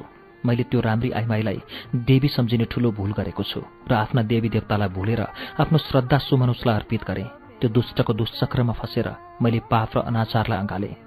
परिणामस्वरूप मेरो देवता मिश्रको देवता मसँग रिसाए र उनले मेरो कुकृत्यलाई आफ्नो श्रापले उत्प्रोत गरिदिए। मेरो त्यही कुकृत्यको फल हो कि मेरो नाममा थुथु र छिची हरेक गल्ली र बाटोमा भयो। म अपराधी हुँ मेरो अन्त्य भयङ्कर भयो। आफ्नो हातले आफ्नै कथा लेख्नुको मात्र एउटा कारण के हो भने म मरेपछि दुनियाँले यसलाई पढेर यसबाट पाठ सिकुन्। साथै संसारकी त्यो सुन्दरी नारी क्लियोपेट्राको विषालु टोकाइबाट परिचित हौन् यो प्रायश्चितपूर्ण भनाइको पछाडि मेरो प्रार्थना यो पनि छ कि सायद म आफ्नो देवता सम्मुख क्षमा याचनाको लागि प्रस्तुत हुन चाहन्छु। यो थाहा पाएर पनि कि मेरो अपराध क्षमायोग्य छैन। मेरो मृत्युपछि मेरो आत्मालाई देवताले कति नारकीय सजाय दिनेछन् त्यो मलाई थाहा छ। त्यो अनेक सुन्दरीको उत्तप्त यौवन सागरको लहरमा लहरिएर उसको इसारामा नाच्दै जो मानिस आफ्नो देश आफ्ना प्यारा देशवासी र यहाँसम्म कि आफ्नो देवतालाई पनि भुल्छ उसबाट अरू के अपेक्षा गर्न सकिन्छ र अन्तत उसको अन्त्य मेरो जस्तै हुने सुनिश्चित छ। यस समय नाइल नदीमा बाढी आएको छ। सुनौलो सूर्यको किरण जब नाइल नदीको सतहमा ठोकिन्छ तब यस्तो लाग्छ जस्तो प्रकृतिले आफ्नो सुनको ओढ्ने टाढा टाढासम्म फैलाइदिएको होस्। देवताहरूको पूजा अर्चनाको क्रम चलिरहेको हुन्छ र पुरै मिश्रवासी प्रफुल्ल भएर उत्सव मनाउँछन्। तर हरे मेरो दुर्भाग्य म यो अनुपम दृश्यलाई पनि हेर्न सक्दिनँ र यहाँ काल कोठरीमा बसेर आफ्नो बितेको दिन लेखिरहेछु। यस समय मेरो स्थिति एउटा दुर्भावनाले फसेको कैदीको जस्तै भएको छ जसको बारेमा पढेर मिश्रका मानिसले घृणाले नाक खुम्चाउनेछन्। ओहो मेरो प्यारो अवदेश मेरो देश तिम्रो भाग्यमा कालो पोत्नेवाला म नै हुँ। तिम्रो भविष्यको कल्पना जब मेरो मस्तिष्कमा आउँछ तब मेरो रौँ ठाडो ठाडो हुन पुग्छ। त्यो दिन टाढा छैन। जब तिम्रो सबै सभ्यता सबै संस्कृति मरुभूमिको थुप्रो मुनि भूमिगत हुनेछ। तिम्रा देवी देवताको ठाउँमा नयाँ पुजारी नयाँ नयाँ देवताको पूजा गर्नेछन् र उनीहरूले मेरो मजाक उडाउनेछन्। कैयौँ देशको सेनाहरूले तिमीमाथि हमला गर्नेछन् र युगौँ युगसम्म तिम्रो पवित्र बक्सेमा घाउ बनाउनेछन्। साथै तिनै वीरले तिमी तडपिनेछौ र मेरो आत्मा तिम्रो त्यो दयनीय स्थितिमा यहाँको वायुमण्डलमा घुम्दै रगतको आँसु रुनेछ। मेरो कुकृत्यको सजाय तिमीले भोग्नु पर्यो। मेरो प्यारो अवधिस यो नै तिम्रो दुर्भाग्य हो र यही नै मेरो दुष्ट कामको लामो श्रृङ्खला हो। अब म धेरै कुरा नलेखेर आफूमा घटेको घटनामा सिधै आउँछु। र एकपटक फेरि दोहोऱ्याउँछु कि देवताहरूको कसम म जे भन्ने पनि छु। त्यसको एक एक शब्द साँचो हुनेछ। साँचो बाहेक अरू केही पनि हुने छैन। जुन दिन क्लियोपेट्राको जन्म भएको थियो त्यसै दिन मैले पनि आफ्नै आमाको गर्भबाट जन्म लिएको थिएँ। यो एउटा संयोग थियो या प्रकृतिले खेलेको कुनै खेल भन्न मुस्किल छ। मैले आफ्नो बाल्यकाल मिश्रको लहलहाउँदो खेतमा चौकीदारी गरेर बिताएँ। जब म मिश्रको किसानले रिमझिम पानीमा पनि रुच्दै काम गरेको देख्थेँ तब मेरो मनमा अनौठो खुसी महसुस हुने गर्थ्यो। आज पनि जब म जीवनका ती रमाइला दिनको यादमा हराउँछु तब मेरो मनबाट आहा भन्ने शब्द निस्कन्छ। मेरो बाल्यकाल कति प्यारो र स्वच्छन्द थियो। दुनियाँको छलछाम र धोकाबाट टाढा स्वच्छन्द उन्मुक्त। मेरो बाल्यकाल सकिएको पनि थिएन कि प्रकृतिले मलाई एउटा क्रूर झट्का दियो। म आमाविहीन भएँ। तर मर्नु अगाडि मेरी आमाले यस्तो भविष्यवाणी गर्नुभयो जसले पछि गएर सारा मिश्रको भाग्य नै बदलिदियो। शरीर त्याग्नु अगाडि मेरी आमाले एउटा पुरानो सन्दुकबाट चम्केको शाही मुकुट निकाल्नुभयो र मेरो टाउकोमा लगाइदिनु भयो। त्यहाँ जम्मा भएका छिमेकी र मेरो बुबाका साथीहरू सबै हाँस्न थाले। उनीहरूको लागि योभन्दा ठुलो हाँस्ने कारण अरू के हुन सक्थ्यो र? कतै मर्ने बेलामा यो आइमाईले आफ्नो दिमागी सन्तुलन त गुमाइन? मेरो बुबाको एउटा साथीले भन्यो उसले मगदुनी शासकको शासनकाल समाप्त भयो भनेर सोच्नु हास्यास्पद हुन्छ। साँचो भन्ने हो भने यस्तो सोच्नु निरीह भावनाको अभिव्यक्तिभन्दा बढ्ता अरू केही थिएन। जवाफमा आमाले उनीहरूमाथि लापरवाहपूर्ण दृष्टिले हेर्नुभयो। ठिक त्यसै प्रकारले जस्तो कि उनीहरूको भनाइको कुनै महत्त्व नै छैन न त उनीहरूको सोचको नै। त्यसपछि उहाँ मतिर फर्कनुभयो र मलाई आफ्नो छातीमा टसाउँदै टाउको सुमसुमाउन थाल्नुभयो। देवताहरूको दयाको फल मेरो छोरो। त कुनै साधारण मानिस होस् भन्ने विचार कहिल्यै मनमा नल्याउनु। त फिरोन वंशको अन्तिम सन्तान होस्। आफ्नो रगतमा बगेको रङको सधैँ ख्याल गर्नु र भुलेर पनि कहिल्यै अकर्मण्यताको डुङ्गामा सवार नहुनु अनाचार र अत्याचारको विचार त कहिल्यै मनमा नल्याउनु। यदि तिमी सत्यताको बाटोमा हिँड्यौ र मेरो कुरामा ध्यान राख्यौ भने तिमीले यी विदेशी शासकहरूलाई मिश्रबाट हटाउनेछौ। फिरोन वंशको पूर्वजको धरोहर यो ताज त्यो बेला तिम्रो टाउकोमा कस्तो लाग्नेछ? यसको कल्पनाले नै मलाई प्रफुल्लित बनाइरहेको छ। म शरीर त्यागिरहेको छु तर स्वर्ग लोकमा मेरो आत्मा यो मनोहर दृश्यलाई देखेर खुसीले नाच्नेछ। तब मात्र मेरो काम पूरा हुनेछ। तब मात्र मेरो आत्माले पूर्ण शान्ति प्राप्त गर्नेछ। मेरी आमा केही क्षणको लागि चुप लाग्नुभयो। मैले यताउता हेरेँ। सबै जम्मा भएका मानिस वरिपरि आएर उभिए। मेरो बुबा आसन महन्त स्तब्ध भएर उभिएर मेरो आमाको कुरा सुनिरहनु भएको थियो। तर यसको विपरीत मेरी आमाको भनाइमा चेतावनी आयो। यदि तैँले पाप र अनाचारको नगरमा आफ्नो खुट्टा हालिस् भने अभिशप्त हुनेछस्। देवताको साथसाथै प्रकृतिको सजायको भागीदार पनि तैँले बन्नुपर्नेछ। मिश्रको धरतीमा मिश्रका निवासीहरूको धरोहर होस् त। यदि तैँले कर्तव्य र न्यायको बाटो छोडिस् भने तेरो नाम इतिहासमा कालो अक्षरले लेखिनेछ। मानिसले तँलाई घृणा गर्नेछन्। त्यसैले मेरो छोरो मेरो कुरालाई ध्यानमा राख्नु र प्रकृति र आफ्नो देवताको कृपाबाट टाढा कहिले नजानु जे मैले भन्नुपर्ने थियो त्यो मैले भनिसकेँ अब सदा सदाका लागि बिदा। त्यसपछि मेरी आमा आफ्नो शरीर छोडेर स्वर्गतिर लागिन्। म आमाको लासलाई अँगालो हालेर नराम्रोसँग रुन थालेँ। मेरो बुबाले केही क्षण मलाई रुन दिनुभयो। त्यसपछि मेरो टाउकोमा हात राखेर अवरुद्ध कण्ठले भन्नुभयो यो रुने समय होइन मेरो छोरा। बरु कर्तव्य पालन गर्ने समय हो। मर्नु अगाडि तेरी आमाले तेरो बारेमा जे भनेर गइन् त्यो भविष्यमा सत्य साबित हुनेछ। यदि त धर्म र मानवताको रक्षा गर्दै कर्तव्यको बाटोमा हिँडिस् भने यसमा कुनै शङ्का छैन। मिश्रको राजगति तैँले नै प्राप्त गर्नेछस्। पिताजी मैले भने हो छोरा धैर्य धारण गर। मिश्र निवासीको रूपमा तेरो भविष्यले तँलाई पुकारिरहेको छ। मलाई यसमा खुसी लागेको छ कि भविष्यको त महान आएको होस्। तर यसमा पनि मलाई एउटा चिन्ताले सताइरहेको छ। जवाफ स्वरूप मैले प्रश्नवाचक दृष्टिले आफ्नो बाबु आमन महन्तलाई हेरेँ। मेरो बाबुको आँखामा चिन्ता र आशंकाको बादल मडारिरहेको थियो। शरीर डरले कामिरहेको थियो। यदि रोले त्यसलाई यो घटनाको बारेमा थाहा भयो कि यो देशको भावी सम्राटले जन्म लिएको छ तेरो रूपमा तब उनीहरूले तँलाई मात्र होइन हामी सबैलाई मार्नेछन्। आज त जहाँ उभिएर हाम्रो घरतिर हेरिरहेको छस् भोलि यहाँ खरानी मात्र हुनेछ। मैले हेरेँ बुबाको यो कुराले सबैको अनुहार अँध्यारो भएको थियो। भाइहरू हो यो घरको झ्यालडोका बन्द गर्नुहोस् र मसँगै कसम खानुहोस्। यो भविष्यवाणीको बारेमा कसैले कतै गएर एक शब्द पनि भन्ने छैन। हामी कसम खान्छौँ। सबैजनाले एकै स्वरमा भने हामी मिश्रको राजाको यो राजमुकुटको बारेमा कसैसँग पनि कुरा गर्ने छैनौँ। सबैले कसम खाए। सबैजना आफ्नो कसममा अडिक पनि रहे। तर दुर्भाग्य छाया जसरी पछि लागेर आउँछ भने जस्तै भयो। ती मानिसहरूमध्ये एकजनासँग मेरो बुबाको ठाकठोक परेछ र उसले हामीसँग विद्रोह गरेर राजा रोलेतेसको दरबारमा पुगेर सबै गोप्यता खोलिदियो। कुरा सुनेर रोलेतेस आगो भयो। परिणामस्वरूप शाही सैनिकले भोकाएको बाघले जस्तै गरेर हाम्रो घरलाई झम्टे। त्यो बेला मेरो बुबा घरमा हुनु नथ्यो घरमा म र हाम्रो नोकर्ने आतो मात्र थिए। आतो धेरै वफादार र हाम्रो शुभचिन्तक थिए। उसले शाही सैनिकलाई देख्ने बित्तिकै बुझी त्यही भयो जसको डर मेरो पितालाई थियो। मेरो मृत्युरूपी समस्या मेरो टाउकोमा आएर धम्की दिइरहेको थियो। उसले मनमा नै मलाई कुनै पनि हालतमा बचाउने निश्चय गरी तर मलाई बचाउने कुनै जुक्ति उसँग थिएन। उसको दिमागमा एक्कासी एउटा जुक्ति आएछ। जुक्ति साहसिक हुनुका साथै आतोका नाम इतिहासमा स्वर्ण अक्षरले लेखिने खालको थियो। त्यस्तो संवेदनशील घटनाको बारेमा सुनेर कुनै पनि संवेदनशील मानिस बहकिन सक्थ्यो। आतोको एउटा नाति थियो जसको उमेर मेरो उमेर जति नै थियो। उसले आफ्नो कर्तव्यको बाटोमा उसको बलि चढाउने निर्णय गरेकी थिए। ए बुढिया सैनिकको सरदार आतोलाई देख्ने बित्तिकै गर्ज्यो। कहाँ छ मिश्रको त्यो भावी महाराज? छिटो भन् नत्र हामी त्यसलाई त खोज्छौँ नै। साथी तेरो गर्दन पनि छिनाएर राजालाई प्रस्तुत गर्छौँ। आतो डरले काम्न थाली। तर उसले आफूमाथि नियन्त्रण राख्दै भने तपाईँहरू यहीँ नै बस्नुहोस्। म तपाईँहरूको लागि मिठो शर्बत बनाएर ल्याउँछु। यति भनेर आतो उनीहरूलाई बसाएर भित्र गई। उसले मलाई स्टोर रुममा लुकाई र शर्बत बनाएर बाहिर निक्ली। ढिलो भएको देखेर सरदार रिसले कराइरहेको थियो। आतोलाई देख्ने बित्तिकै ऊ गर्ज्यो त मिश्रको हुनेवाला भावी शासकलाई हाम्रो अगाडि तुरन्त पेश गर। हामी यहाँ तेरो शर्बत खाएर आराम गर्नको लागि आएको होइन। हुन्छ म ल्याउँछु। यति भनेर आतोभित्र फेरि आई र आफ्नो सुतिरहेको नातिलाई उठाएर सरदारलाई पेश गरी। तपाईँको हुकुमलाई म कसरी टार्न सक्छु? यही हो त्यो जसको खोजीमा तपाईँहरू आउनुभएको छ। अब म कर्तव्य मुक्त भएँ। तैँले ठिक भनिस्। अब हेर हामी दुश्मनहरूको नामो निशान कसरी मेटाउनेछौँ? यति भनेर सरदारले तरबार लपलपायो र बच्चाको टाउको तुरन्तै छिनाएर भुइँमा फिटफिटाउन थाल्यो। आतो यो भयङ्कर दृश्यलाई देखेर टाउको समाएर बसी र निराश आँखाले आफ्नो छोरीको मुटुको टुक्राको करुण अन्त हेर्न लागि। उसको दुखाइ र उसको चित्कार सबै उसको गलामा नै दबेर बस्यो। आफ्नो मालिकलाई भन् यो केटा बिना टाउको नै फिरोन बन्यो भने धेरै राम्रो देखिनेछ। यसैले हामीले यसको टाउको काटेका हौँ। सैनिकको सरदार क्रूर हाँसो हाँस्न थाल्यो र भन्यो आतोले के भनोस् सैनिकहरूमध्ये एउटा अगाडि बढ्यो र मृत बच्चाको रगतमा लतपतिएको टाउको उठायो। त्यसपछि सबैजना बाहिरिए। एकैछिनपछि आतोकी छोरी बजारबाट फर्की। तब ऊ रगतको दृश्य देखेर स्तब्ध भई केही छिनमा मेरो बुबा आमन महन्त पनि आउनुभयो। पागल जस्ती आतोकी छोरी र आतोलाई देखेर बुबाले सबै कुरा बुझ्नुभयो। कसरी भयो यो सब? उहाँले गम्भीर स्वरमा सोध्नुभयो। जवाफमा आतोले रुँदै सबै कुरा भनिदिए मेरो बुबाले तत्काल आतो उसको ज्वाइँ र छोरीलाई एउटा सुरक्षित स्थानमा पुर्याउनु भयो र यो हल्ला फैलाइदिनु भयो कि रोल्तेसको सैनिकले मेरो हत्या गरिदिए। त्यसपछि उहाँले आतोको नातिलाई आफ्नो धर्मपुत्र बनाएर राखेको छ। यस प्रकारले मेरो पालन पोषण पुरै सतर्कताको घेरामा हुन थाल्यो। आज म जब ती सबै कुरा सोध्छु तब आँखाबाट आँसु आउँछन्। बरु मलाई आत्मले नबचाएको भए हुन्थ्यो। मेरो ठाउँमा उसले आफ्नो नातिको बलि नचढाएकी भए हुन्थ्यो। यदि त्यस्तो हुन सकेको भए कति राम्रो हुन्थ्यो। एकातिर उसको नाति बस्थ्यो भने अर्कोतिर मेरो जीवनमा यो पापले भरिएको मोड आउने थिएन। समय बित्दै गयो। शत्रुहरू खुसी भएका थिए कि उनीहरूले आफ्नो सबैभन्दा ठूलो शत्रु मिश्रको भावी सम्राटलाई समाप्त पारिदिएका छन् भनेर। तर म त्यस बेला त्यो पलको बारेमा सोच्थेँ। जब आमाले मर्ने बेलामा मेरो टाउकोमा ताज राख्दै भन्नुभएको थियो त फिरोन वंशको अन्तिम आशा होस्। तैँले नै यो वंशलाई चलाउनु पर्नेछ हाम्रो अधुरो कामलाई पूर्ण रूप दिनुपर्नेछ। छोरा तैँले कहिले पनि यो कुराको अनुभव नगर्नु कि त एक्लै छस्। मेरो आशीर्वाद सदैव तेरो साथमा हुनेछ।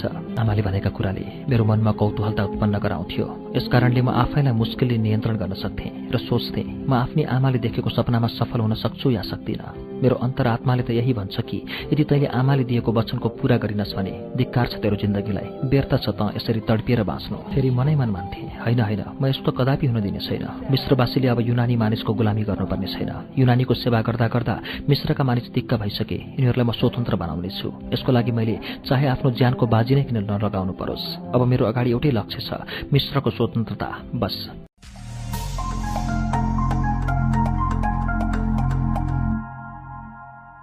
युनानी राजा बेतलम्युसका सैनिकहरू म मरेको खुसीमा सिकन्द्रियामा पार्टी मनाइरहेका थिए। रक्सीको नसामा मातिएर उनीहरू आफ्नो साथीहरूसँग हाँसी हाँसी भनिरहेका थिए। हेर न यी मिश्रवासी कति पागल छन् जो एउटा सानो बच्चालाई लिएर मलाई मिश्रबाट निकाल्ने योजना बनाइरहेका थिए। त्यसपछि हाँसो एउटा कङ्गाल मिस्त्रीको घरमा जन्मेको बच्चा राजा हुने। बनाइदिउँ राजा उसलाई हामीले। उसलाई राजा बनाइदिउँ राजा। तर ऊ यो संसारको राजा होइन। माथि स्वर्गको संसारको राजा बन्यो। अब उसले धरतीमा आउने दुःख नगरे पनि हुन्छ। त्यसपछिको फेरि अट्टहास। वास्तवमै बेतलमिस त्यो दिन असाध्यै खुसी भएको थियो। नहोस् पनि किन? उसको सबैभन्दा ठूलो शत्रुलाई उसले आफ्नो बाटोबाट हटाएको थियो। अब दिन बित्दै गए। दिनपछि महिना बित्दै गयो।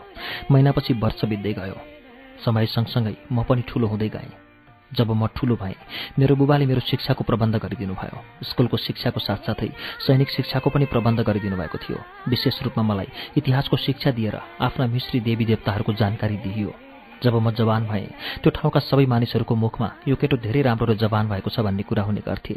मेरो टाउको कपाल गाजल जस्तै कालो थियो आँखा झिल जस्तै निलो थियो मेरो शरीर हिउँ जस्तै सेतो थियो पुरै अब्डिसमा एउटा पनि यस्तो केटा थिएन जो मलाई पछाडि पार्न सकोस्। सबै कुरामा म अरूभन्दा अब्बल थिएँ। मलाई बाघको शिकार गर्न ठुलो रहर थियो तर दुःखको कुरा मेरो बुबाले मलाई बाघको शिकार गर्न दिनुहुन्न थियो। जब म उहाँलाई प्यारले बाघको शिकार गर्न दिनुहोस् न भन्थेँ तब उहाँको जवाफ यस्तो हुन्थ्यो छोरा ईश्वरले तँलाई बाघको शिकार गर्नको लागि यो धरतीमा पठाएका होइनन्। योभन्दा पनि धेरै ठुला ठुला काम तैँले गर्नुपर्नेछ। बुबा आखिर यो सबै काम के हो? यो किन तपाईँ मलाई भन्नुहुन्न के गर्नुपर्नेछ मैले अहिले ती सबै कुरा भन्ने समय आएको छैन छोरा। जब त्यो समय आउनेछ म आफै तँलाई यो सबै कुरा भनिदिनेछु। बुबाको मुखबाट यस्तो कुरा सुनेर म उदास हुन्थेँ।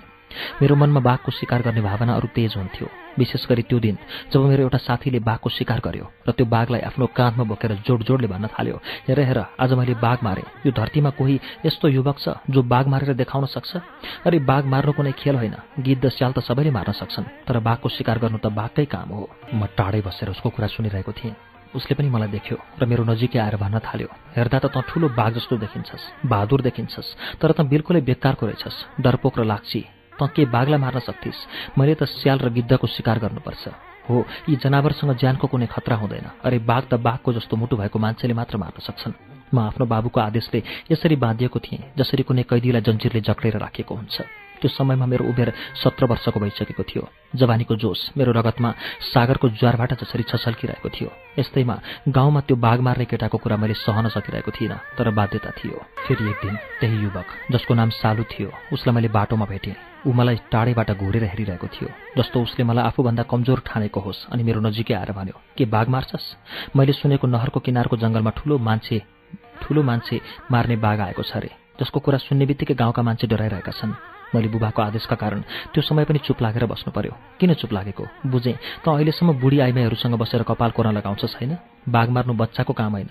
यो त बाघको जस्तो मन भएको मान्छेले नै गर्न सक्छ। ऊ मलाई व्यङ्ग्य गरेर हाँस्न थाल्यो। उसको हाँसोले मतिर ज्वालामुखी वर्षाइरहेको थियो। मेरो सबै शरीर त्यो आगोको रापमा जलिरहेको थियो। रिसले मेरो शरीर काम्न थाल्यो। त्यो रिसको कारण मलाई मेरो बुबाको पनि डर लागेन। म चिच्याएर बोलेँ हिँड देखा बाघ कहाँ छ? आज म त्यो बाघलाई मार्नेछु। हामी दुवै मिलेर बाघ मार्ने कुरो थिएन। यो त हामी दुई बीचको युद्ध थियो। यो सुन्ने बित्तिकै उसको अनुहारको रङ उड्यो। ऊ मतिर आश्चर्य भरिएको नजरले हेर्न थाल्यो जस्तो कुनै असम्भव कुरा सुनेको होस्। त शिकार खेल्न जाने? त्यो पनि बाघको? सोचै बच्चा। उसले मलाई डर देखाउन एकपटक फेरि भन्यो हेर चालु यो मेरो अन्तिम फैसला हो कि म शिकार खेल्न तँसँग जानेछु। त जुन आफ्ना पन्ध्र बिसजना साथीहरू लिएर जान्थिस् उनीहरूमध्ये कोही पनि तँसँग हुने छैनन्। हामी दुईजना मात्र हुनेछौँ। हेरौँ हामीमध्ये जो बाघलाई ढाल्न सक्छ त्यही बहादुर। कुरा सबैको अगाडि भइरहेको थियो। उनीहरूको अगाडि जसको अगाडि ऊ मलाई हरेक दिन कायर र आफूलाई बहादुर भन्ने गर्थ्यो। अब त ऊ डराएको जस्तो देखिरहेको थियो तर उसले बाघको शिकार गर्न जानु नै पर्ने भयो। अब हामी दुवैजना बाघको शिकार गर्नको लागि तयार भइसकेका थियौँ। ऊ आफ्नो तीर कमान र शिकारी चक्कु लिएर आयो र म आफ्नो लामो नेजा तरबार जस्तै साधन लिएर आएँ जसको धार टाढेबाट चम्किरहेको थियो। हामी दुवैजना त्यतातिर गयौँ जता बाघ लुकेको छ भनिएको थियो। बाटोमा हामी दुवैले कुनै कुरा गरेनौँ। हामी दुवैजना आफ्नो विचारमा हराएको थियौँ।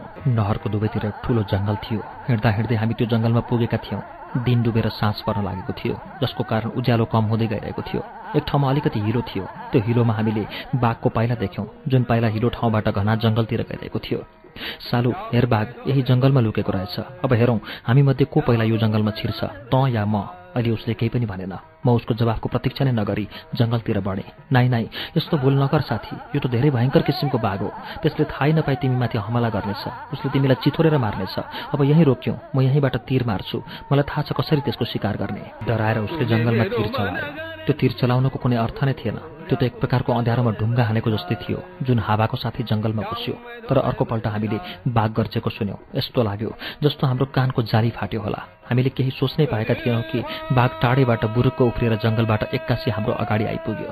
बाघ गर्जेको आवाजबाटै उसको रिस थाहा भइसकेको थियो तर ऊ अगाडि आउने बित्तिकै उसको आँखाबाट निस्केको रिसको ज्वालाले यो कुरा थाहा दिइसकेको थियो कि यो बाघ रिसको आगोमा अन्धो भइसकेको छ।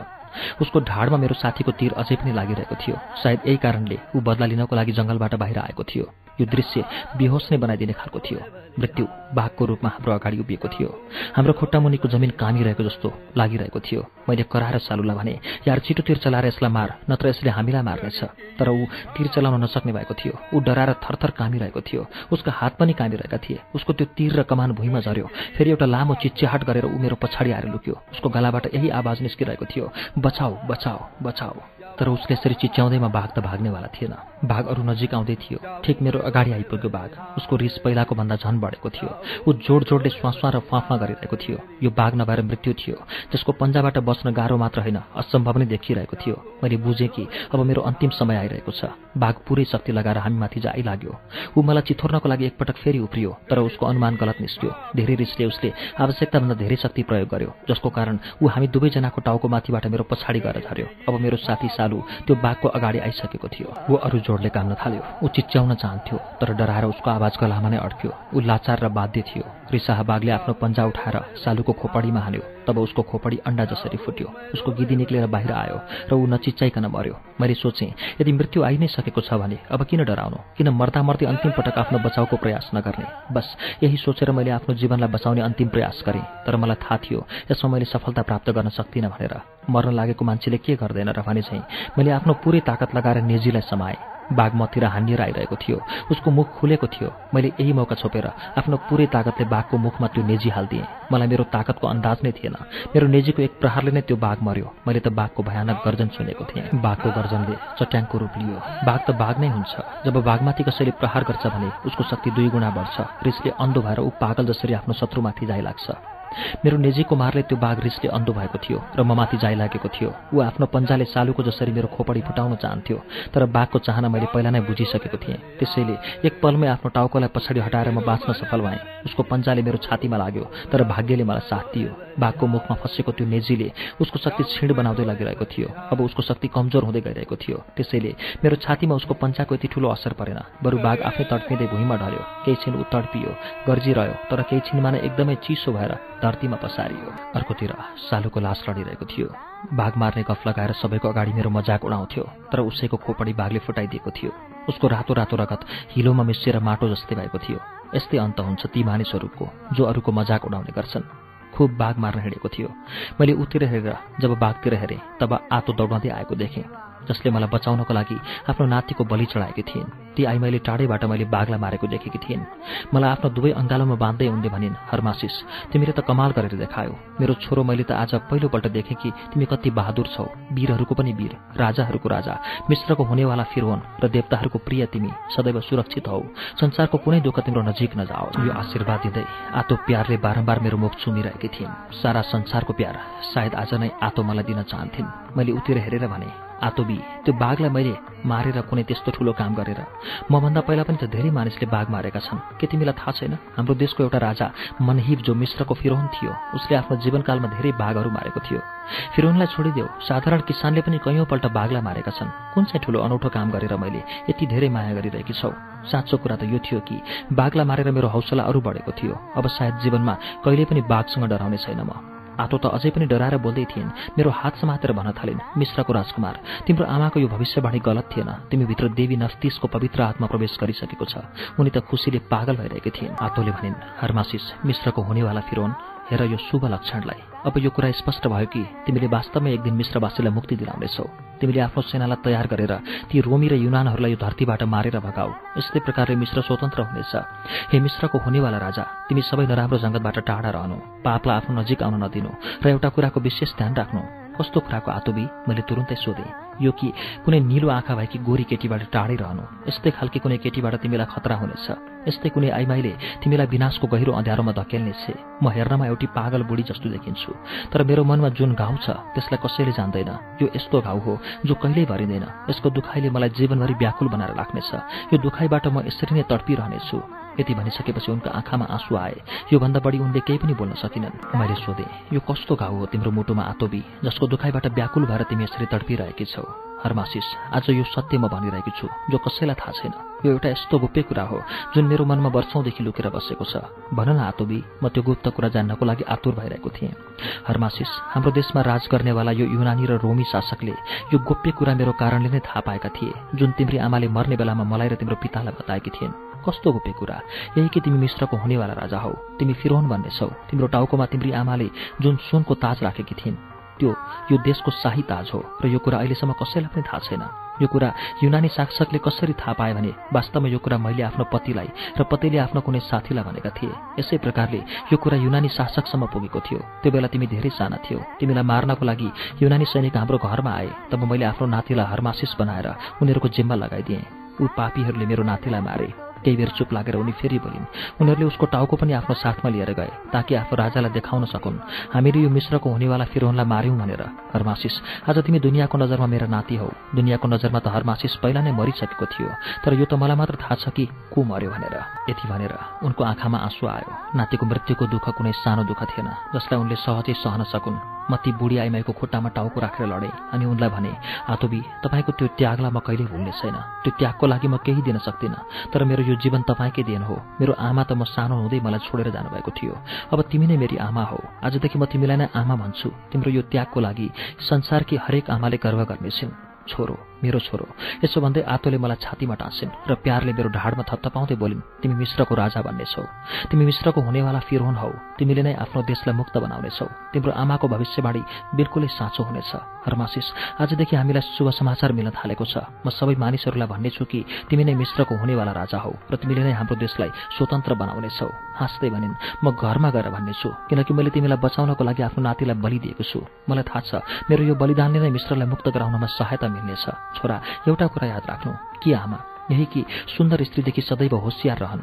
सुन्दरताको जालमा भुलेर पनि नपर्नु। बस छोरा म बुढी आइमाईको यो कुरालाई सदैव याद राख्नु। जब पनि तिमीलाई जीवनमा खतरा पर्नेछ त्यो सुन्दर नारीकै कारणले पर्नेछ। म आटोको कुरालाई हाँसोमा उडाउन थालेँ। मलाई के थाहा कि ती बुढी आइमाईले जे भनिरहेकी थिइन्। उनका एक एक शब्द सिद्ध सत्य सिद्ध हुनेछन्। बुढी बिचरा सिधा सादा थिइन्।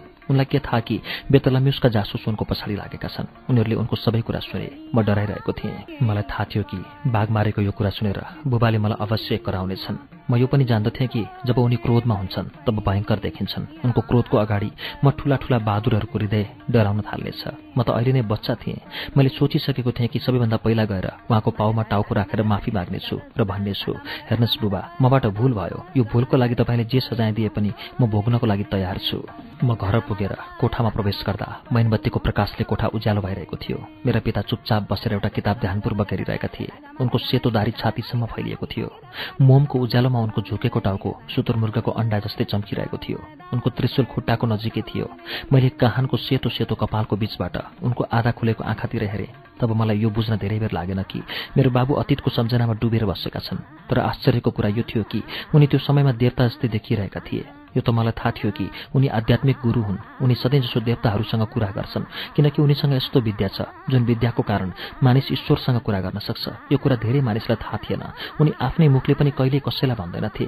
म चुपचाप शान्त मुद्रामा उभिएर उनलाई हेरिरहेको थिएँ। धेरै बेर भइसक्दा पनि उनले आँखा खोलेनन्। न त उनले आफ्नो टाउको नै उठाएर न मतिर नै हेरे। मैले महसुस गरेँ कि कुनै अलौकिक शक्तिले उनलाई म आएको सूचना दिइसकेको थियो। त्यसैले त उनले आँखा नखोलिकन मतिर नहेरिकन नै भने हरमासिस तिमीले मैले नगर्नुभन्दा भन्दै बाघको शिकार गर्यो होइन?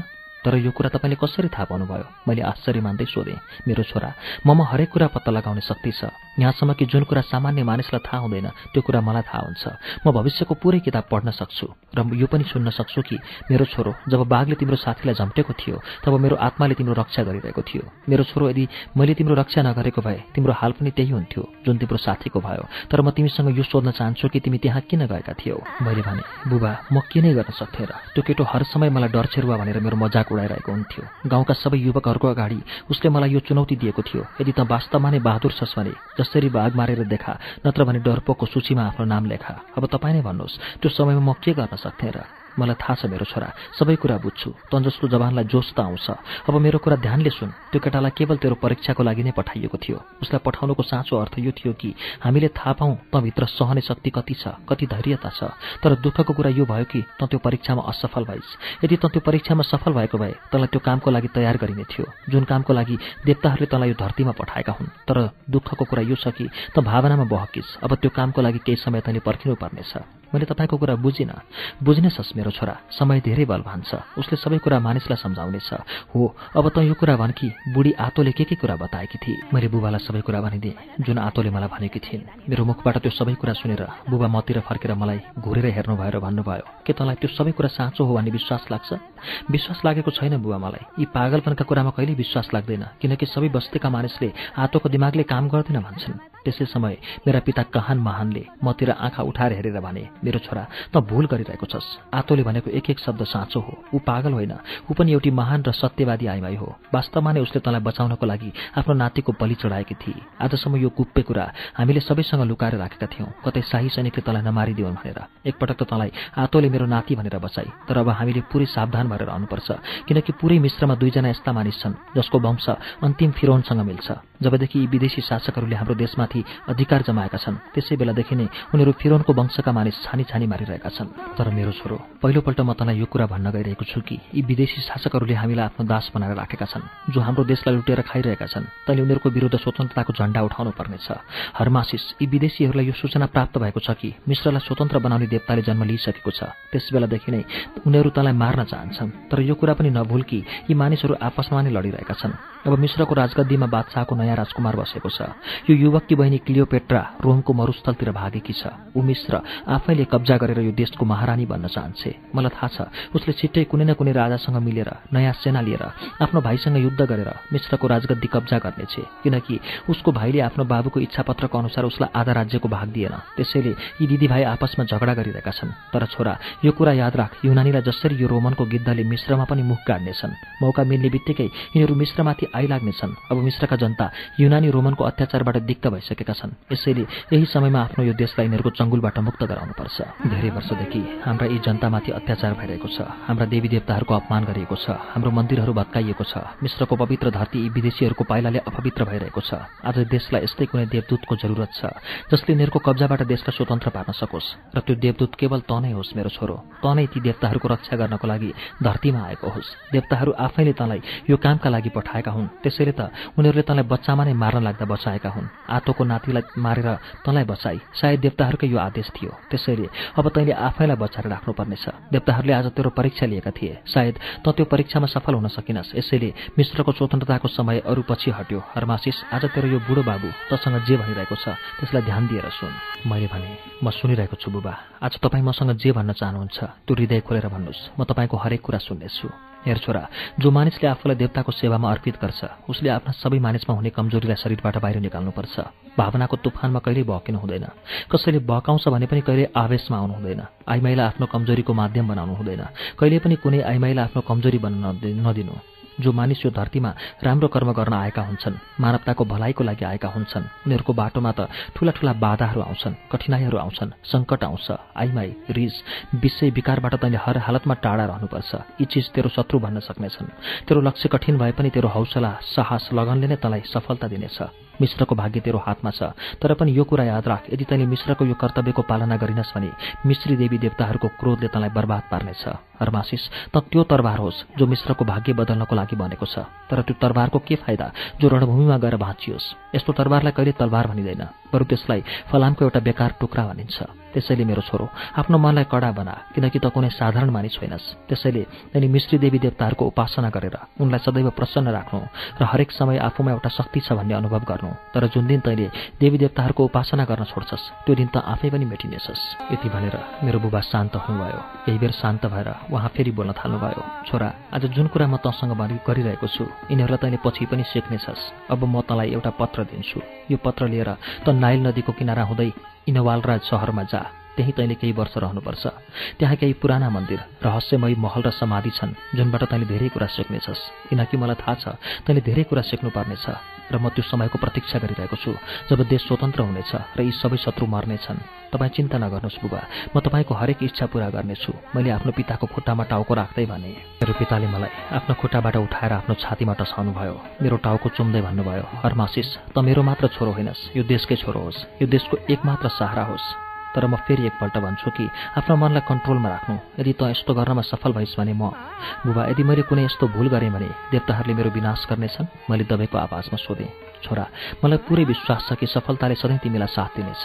अब तिमी जाऊ र एकान्तमा बसेर मैले भनेको एक एक कुरा ध्यानले याद गर र त्यसको बारेमा सोच र यो कुरा सदैव याद राख जति विद्या प्राप्त गर्यो त्यसलाई कहिल्यै हातबाट जान नदेऊ। त्यसलाई समेटेर राख र आफूलाई आउने सङ्घर्षको लागि सदा तयार राख।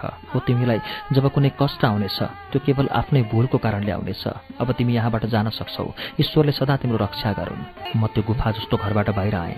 तब मेरो मन नराम्रोसँग धड्किरहेको थियो। मस्तिष्कभित्र बालुवाको तातो तातो हावा लागिरहेको थियो। म त्यो बेला एकान्त मात्र चाहन्थेँ किनकि आरामले एकान्त स्थानमा बसेर आफ्नो बुबाको कुरा बारेमा सोच्न सकौँ। टाढा एउटा पुरानो महलको भत्केको खण्डहरूको दुई सय भर्याङ चढेर त्यसको छतमा पुगेँ। यो अग्लो छतमा उभिएर मैले आफ्नो दुवै हात अगाडिको भित्तामा राखेँ र निउरेर तल हेर्न थालेँ। ठिक त्यसै समयमा मिश्रको चन्द्रमा पहाड मुनिबाट उदायो। यो चन्द्रमाको शीतल किरणले यो छतको भित्तामा बनेको पुरानो चित्र सफासँग चम्किरहेको थियो। चन्द्रमाको यो किरणले चम्केको नाइल नदीको पानी निलो पहेँलो रङको मिश्रण जस्तो देखिरहेको थियो। अब्दिसका बासिन्दा दिनभर परिश्रम गरेर मिठो निन्द्रामा मस्त सुतिरहेका थिए। तर पुरै सहर यो चन्द्रमाको शीतल किरणमा नुहाइरहेको थियो। मेरो आफ्नो मिश्र देश जसमा म राज गर्नेछु जसलाई एक दिन म अवश्य मुक्त गराउनेछु। मैले नै आफ्नो देवी देवताहरूको रक्षा गर्नुपर्नेछ। ईश्वरले मलाई यसैले यो धरतीमा पठाएका हुन्। मैले आफ्नो कर्तव्यको पालना गर्नु छ। मिश्रको जनताको भाग्य जब देवताहरूले मेरो हातमा दिए अब म पछाडि हट्ने छैन। यो सोचेर मैले आफ्ना दुवै हात आकाशतिर उठाएर देवता अजिर्सलाई याद गरेँ। योभन्दा पहिला मैले साँचो मनले कहिल्यै पनि प्रार्थना गरेको थिइनँ। आज पहिलो पटक म दुवै हात जोडेर आफ्नो देवतासँग प्रार्थना गरिरहेको थिएँ। हे आमन देवताहरूको देवता तिम्रो एउटा पुजारी आज पहिलोपटक साँचो मनले तिम्रो ढोकामा उभिएर दया र सफलताको भिख मागिरहेको छ। हे आकाशको बादशाह हे कमजोर पुजारीको पुकार सुन। हे देवी अझिर्स पवित्र आमा मेरो पुकार सुन हे पवित्र देवताहरू हेर म तिमीहरूलाई पुकारिरहेको छु। मलाई त्यो सब भेद र रहस्य बताऊ जुन भेद मैले जान्न चाहिरहेको छु। यदि वास्तवमा नै तिमीहरूले यो सोचेका छौ कि म नै मिश्रका मानिसलाई मुक्ति दिनको लागि आएको हुँ यदि मेरो जीवन र मेरो खुसी सबै तिमीहरूको लागि हो भने म तिमीहरूसँग केही निशानी मागिरहेको छु। मलाई आफ्नो कुनै यस्तो निशान देऊ जसले गर्दा मलाई पूर्ण विश्वास होस् कि म केवल तिमीहरूले नै पठाएको एउटा यस्तो मानिस हुँ जो मिश्रका जनताहरूको दुःख दर्द हटाउनको लागि आएको छु। मेरो यो प्रार्थनालाई स्वीकार गर मेरो देवताहरू म तिम्रो चरणमा परेको छु। मलाई आफ्नो कुनै चमत्कारिक ताकत देऊ जसको शक्तिले म मानवताको रक्षा गर्न सकौँ दुखीको दुःख बगाउँ मानिसलाई सुख दिन सकौँ। शक्ति देऊ शक्ति देऊ शक्ति देऊ भन्दै मैले आफ्नो निधार पृथ्वीमा रगड्न थालेँ। ठिक त्यसै बेला एउटा बादलको टुक्रा आयो जसले चन्द्रमालाई ढाक्यो। चारैतिर भयङ्कर अँध्यारो छाएको थियो। रात अँध्यारो र शान्त थियो। कतैबाट कुनै आवाज आइरहेको थिएन। टाढा भुकिरहेका कुकुरहरू पनि डरले चुप लागेका थिए। सन्नाटा गहिरो हुँदै गइरहेको थियो। चारैतिर भयङ्कर अँध्यारो छाएको थियो। कसैको आवाज सुनिरहेको थिएन। मेरो शरीरका रौँ ठाडो भएका थिए। वातावरण निरन्तर भयङ्कर र बोझिरो बन्दै गएको थियो। मेरो आत्मा पनि यसै डरले काम्न लागेको थियो। मेरो शरीरबाट आत्मा निक्लेर टाढा भागेर जान चाहेको जस्तै लाग्दै थियो। डरले मेरो हालत नराम्रो भएको थियो। अचानक हावाको एउटा चिसो झोका आयो र मेरो गालामा ठोकिएर गयो। मलाई यस्तो लाग्न थाल्यो जस्तो टाढा आकाशमा कसैले मलाई बोलाइरहेको छ। हरमासिस तिमीले देवताहरूसँग उनको निशानी र वरदान मागेका थियौ। हामीले त्यो सबै कुरा दियौँ जुन तिमी चाहन्छौ। तिमीलाई हामीले नै शक्ति दिएर धरतीमा पठाएका हौ। तर ध्यान राख्नु कि यो शक्तिको प्रयोग गलत ठाउँमा नहोस्। कसैको नराम्रो नगर्नु। ल्याउ यो हाम्रो निशानी। यो आवाजसँगै सेतो बादलको एउटा टुक्रा आयो। त्यसबाटै कुनै शक्तिले मेरो हात सिधै पक्रियो र मेरो हात खोलेर कुनै चिसो कुरा मेरो हातमा राखेर मेरो मुठी बन्द गरिदियो। मेरो शरीर डराएर कामिरहेको थियो। मलाई चिसो चिसो पसिना आइरहेको थियो। मेरो मुटुको धड्कन बढ्यो। कुकुरहरू भुकिरहेका थिए। यस्तो लागिरहेको थियो। सबै बस्तीका कुकुरहरू एकैसाथ भुकिरहेछन्। केही समयपछि सबै कुरा शान्त भयो। बादलको यो टुक्रा टाढा आकाशमा उडेर गयो। कुकुरहरू भुक्न छोडे।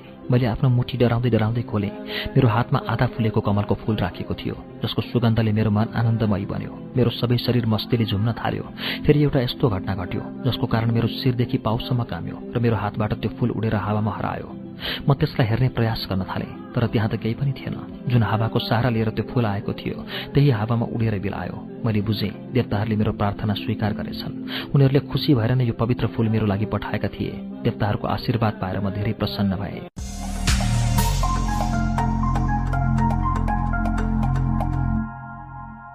अब मैले महसुस गरेँ देवताहरूले मलाई जे काम गर्नको लागि पठाएको हो त्यो काम मैले पूरा गर्नुपर्नेछ। मेरो बुबाको पनि यही इच्छा थियो। यसको साथसाथै मेरो आफ्नै मन पनि व्याकुल भइरहेको हुन्थ्यो। म कतै जान चाहन्थेँ। यो घरबाट धेरै टाढा। मलाई कसैले बोलाइरहेको छ। मैले जानु छ। मैले जानु छ। त्यही बेला मिश्रका सन्यासीको एक समूह आफ्नो कुनै साथी साधु केशवको अन्तिम संस्कार गर्नको लागि अवदेश आए। तब मेरो बुबाले भने हरमासिस अब त्यो घडी आइसकेको छ जसको मलाई लामो समयदेखि प्रतीक्षा थियो। अब तिमी यी साधुहरूसँग इनवालरा जान तयार हौ। त्यहाँको मन्दिर एउटा पुजारी बस्छ जो मेरो पुरानो साथी हो। उसको नाम म यो चिठीमा लेखेर दिन्छु। बाँकी सबै काम ऊ आफैले गर्नेछ। बुबाको आज्ञाको पालन गर्नु मेरो धर्म थियो र त्यसै दिन त्यसै पनि मेरो मनले अब यो ठाउँ छोड्न चाहिरहेको थियो। मलाई कुनै अनौठो शक्तिले पुकारिरहेको थियो। मेरो कानमा हरेक समय यस्तै खालको आवाज आइरहेको हुन्थ्यो। हिँड हिँड हिँड तिमी यो धरतीमा केही गर्नको लागि आएका हौ। तिमीले धेरै कुरा गर्नु छ यही कारण थियो। म ती मिश्री साधुहरूसँग थोरै सामान लिएर हिँडेँ। हामीहरू एउटा डुङ्गामा चढ्यौँ जो नाइल नदीको बीचबाट अगाडि बढिरहेको थियो। आउने बेलामा बुढी आतोले मलाई केही जडीबुटीको एउटा झोला दिएकी थिइन्। मैले कैयौँ वर्षसम्म त्यसलाई सम्हालेर राखेको थिएँ। छ दिनसम्म हामी निरन्तर पानीमा यात्रा गरिरहेका थियौँ। घरबाट टाढा जानुपर्दा मेरो मन दुखिरहेको थियो। यदि मलाई यी साधुहरूदेखि लाज नलागेको भए म आवाज निकालेर रोइदिन्थेँ। यस यात्रामा यस्ता यस्ता विचित्र चिज देखेँ। मेरो मन एकदमै डरायो। बाटोमा धेरै ऐतिहासिक स्थान आए जसलाई देखेर मानिसको बुद्धि एकदमै मन्द हुन्थ्यो। यी सन्यासीहरूले मलाई हरेक ठाउँको बारेमा जानकारी दिइरहेका थिए। सातौं दिन हामी सहरमा पुग्यौं। यहाँ हामी तीन दिनसम्म एउटा पुरानो मन्दिरमा बस्यौं। त्यहाँको पुजारीले हामी सबैको राम्रोसँगले सेवा गर्यो। उसले मेरो अनुहार हेरेर कैयौं पटक भन्यो के तिमीले आत्मिक शक्ति पाएका छौ? जुन प्रकाशले मिश्रको धरती एक दिन जगमगाउनेछ। यस्तो लाग्छ ईश्वरले सारा प्रकाश तिमीलाई नै दिएका छन्। तिमी काहान महानको मात्र छोरो होइनौ पुरै मिश्रको छोरो हौ। त्यो पुजारीको कुरा धेरै गरौँको थियो। म उनको तहसम्म कहाँ पुग्न सक्थेँ र? अहिले मेरो उमेर नै पो के भएको छ र? यो यति गहन कुरा सोच्न सकोस्। एक रात मैले फेरि नयाँ आश्चर्य देखेँ। त्यो मन्दिरको पुजारीले मलाई मन्दिरभित्र लिएर गयो जहाँ पवित्र अपिस बाँधिएको थियो। उसको सिङमा सुनको तख्ती झुन्डिरहेको थियो। त्यो पुजारी उसको अगाडि उभिएर प्रार्थना गरेर केही मागिरहेको थियो। फेरि उसले हातले इसारा गरेर मलाई पनि त्यो गाईको पूजा गर्नको लागि भन्यो। मैले उसको इसारा बुझेर त्यो शब्द बोल्न थालेँ जुन मेरो बुबाले मलाई सिकाउनु भएको थियो। मेरो मुखबाट यो शब्द सुनेर उनीहरू सबै छक्क परे। यो प्रार्थना त कहानले मात्र गर्छन्। मैले बुझेँ उनीहरू सबै मेरो बारेमा नै आपसमा कुरा गरिरहेका थिए। उनीहरूको कुराले यस्तो लागिरहेको थियो कि उनीहरूलाई मेरो बारेमा केही आशंका थियो तर म उनीहरूको कुरामा अल्झिन चाहन्नथेँ। मेरो बारेमा कसैले के भनेको छ कि छैन यो बारेमा मैले सोच्न छोडिदिएको थिएँ। चौथो दिन केही अरू पुजारी मलाई लिनका लागि आए। यी पुजारीहरूलाई सिपसाले पठाएको थियो जो इन्वालाराको हेकलको ठूलो काहान र मेरो मामा पर्थे। अब मैले यिनीहरूसँग जानु थियो। हाम्रो लागि राम्रो खालको गदाहरूको व्यवस्था गरिएको थियो जो बालुवामा हिँड्ने अनुभव भएका थिए। बाटोमा धेरै साना साना बस्तीहरू भेटिए जहाँका मिश्रवासीहरू धेरै गरिब थिए। यसको कारण यो पनि हुन सक्छ कि विदेशी शासकले यो देशलाई नराम्रोसँगले लुटेका थिए। यसैले ती बिचराहरूसँग केही पनि बाँकी थिएन। यदि कुनै अन्न उब्ज्यो भने विदेशी शासकका मानिसहरू आएर लुटेर लग्थे। बाटोमा मैले मिश्रको पुरानो मन्दिर देखेँ जुन भित्र भएको देवी देवताको मूर्ति यी युनानी र रोमी शासकहरूले तोडिदिएका थिए या अर्को मुलुकलाई बेचिदिएका थिए। हिँड्दा हिँड्दै हामी त्यो सहरमा पुग्यौँ जहाँको पुरानो तीनवटा महल धेरै सुन्दर थिए। तीमध्ये एउटा धेरै ठूलो थियो दोस्रो त्योभन्दा अलिक सानो र तेस्रो त्योभन्दा पनि सानो थियो। मिश्रको यो महल आफ्नै प्रकारको र विचित्रको थियो। पहिलो महल जुन महल महानको नामले प्रसिद्ध छ यी महलभित्र ती धेरै राजाहरूको समाधि बनेको थियो। मैले ती पुजारीहरूलाई साथमा लिएर तीनवटै महललाई भित्रबाट हेरेँ। यी महलको पछाडि राधिरता काहकिलको बुट लगाएको थियो जसलाई सूर्य देवता मानेर पूजा गरिन्थ्यो। मिश्रका मानिस यो देवतालाई धेरै पवित्र मान्थे। त्यो देवताको अगाडि गएर हामी सबै आफ्नो आफ्नो गधाबाट ओर्लियौं। त्यहाँ एउटा होचो मानिस उभिएको थियो जो हामीलाई घुरेर हेर्न थाल्यो।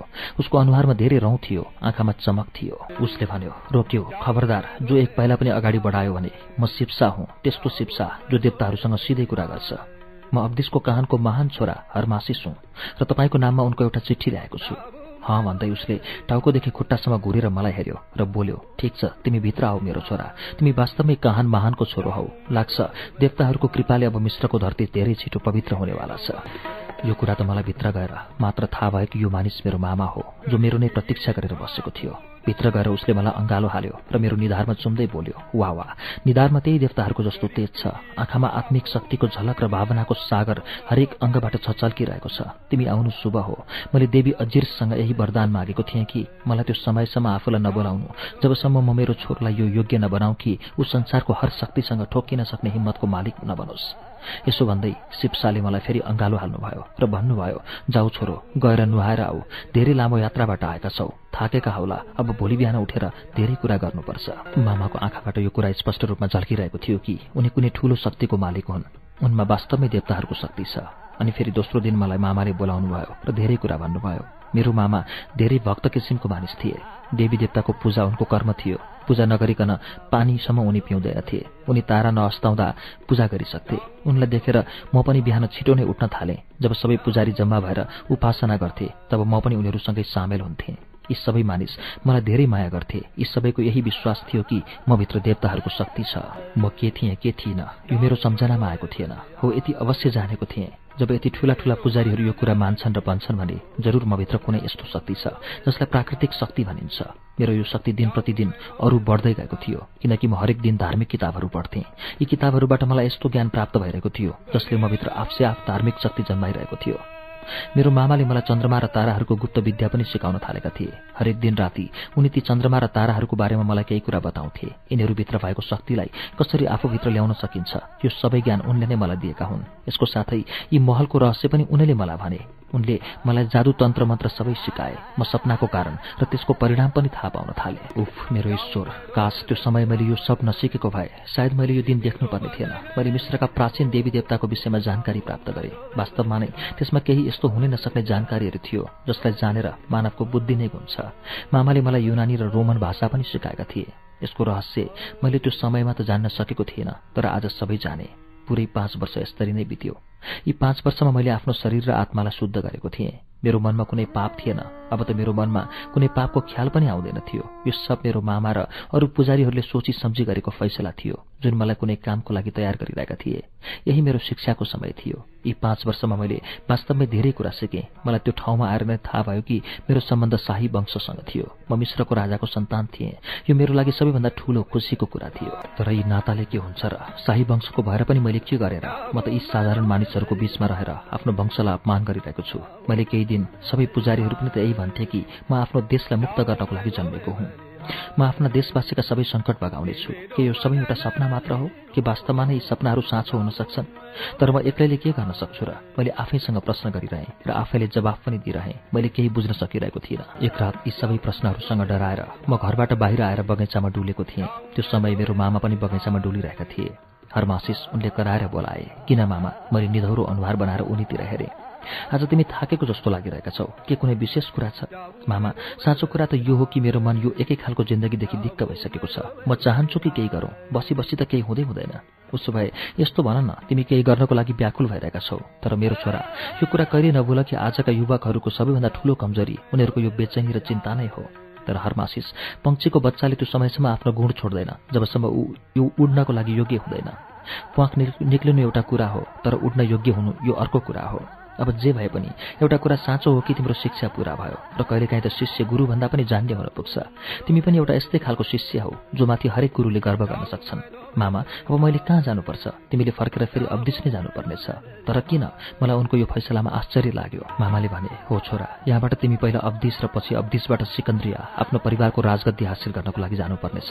सुन हरमासिस यी दिनहरूमा जे पनि भइरहेको छ त्यसलाई त तिमी राम्रोसँग जान्दछौ। यदि जान्दैनौ भने एकपटक फेरि सुन कि बेतलम्युस ओलेतुस मर्ने बेलामा इच्छापत्र छोडेर मरेको थियो। उसको छोरो बेतलम्युस र छोरी क्लियोपेट्रा मिलेर राज्य चलाउनेछन्। तर उसको दरबारका ठूला अफिसरहरू मिलेर बादशाहको कुरा नमानिकन एक्लै बेतलम्युसलाई राजगद्दीमा बसाइदिए जसको परिणाम यो भयो कि क्लियोपेट्रा भागेर रोम गई।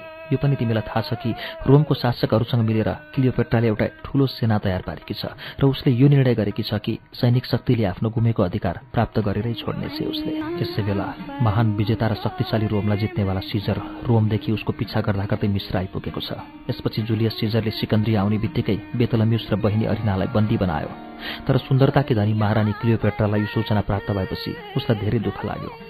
हरमासिस एउटा कुरा याद राख्नु कि क्लियोपेट्रा यस समय विश्वको सबैभन्दा सुन्दर केटी हो। उसको सुन्दरतालाई देखेर एकपटक त देवताहरूको धर्म नै डगमगाउन लाग्नेछ।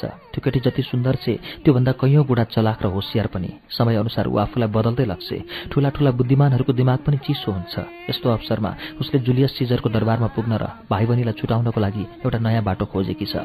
जुलियस सिजरको बारेमा त यो एउटा भनाइ प्रसिद्ध थियो कि ऊ पत्थरको जस्तो मुटु भएको मानिस हो। ऊ कसैमाथि पनि दया गर्दैन। त्यसैले क्लियोपेट्राले चाल चली तर ऊ त्यसमा सफल हुन सकिन र धेरै कोसिस गरेपछि सिजरसम्म पुग्न सकी तर त्यो आइमाईको सम्यम पनि कमालको छ। उसले कहिल्यै हिम्मत हारिन। ऊ सायद जुलियसभन्दा पनि धेरै तेज थिए। हार नामको कुनै चिज उसको जीवनमा आएकै छैन। यसरी उसले त्यो असफलतालाई सफलतामा बदल्नको लागि एक अर्को चाल चली। त्यो कस्तो चाल थियो मामा? मैले प्रश्न गरेँ। उसले सिसलीको एउटा व्यापारीसँग चाँटकाँट मिलाएर आफूलाई राम्रा लुगाहरूले सजाई। त्यो व्यापारी जब आफ्नो लुगाहरू लिएर जुलियस सिजरकोमा गयो तब क्लियोपेट्रा पनि साथै गयो उसको अगाडि देखा परी। सुन्दर अति सुन्दर। यो कुनै केटी हो या स्वर्गकी परी? यस्तै सुन्दर केटी त मैले आजसम्म देखेकै थिएन।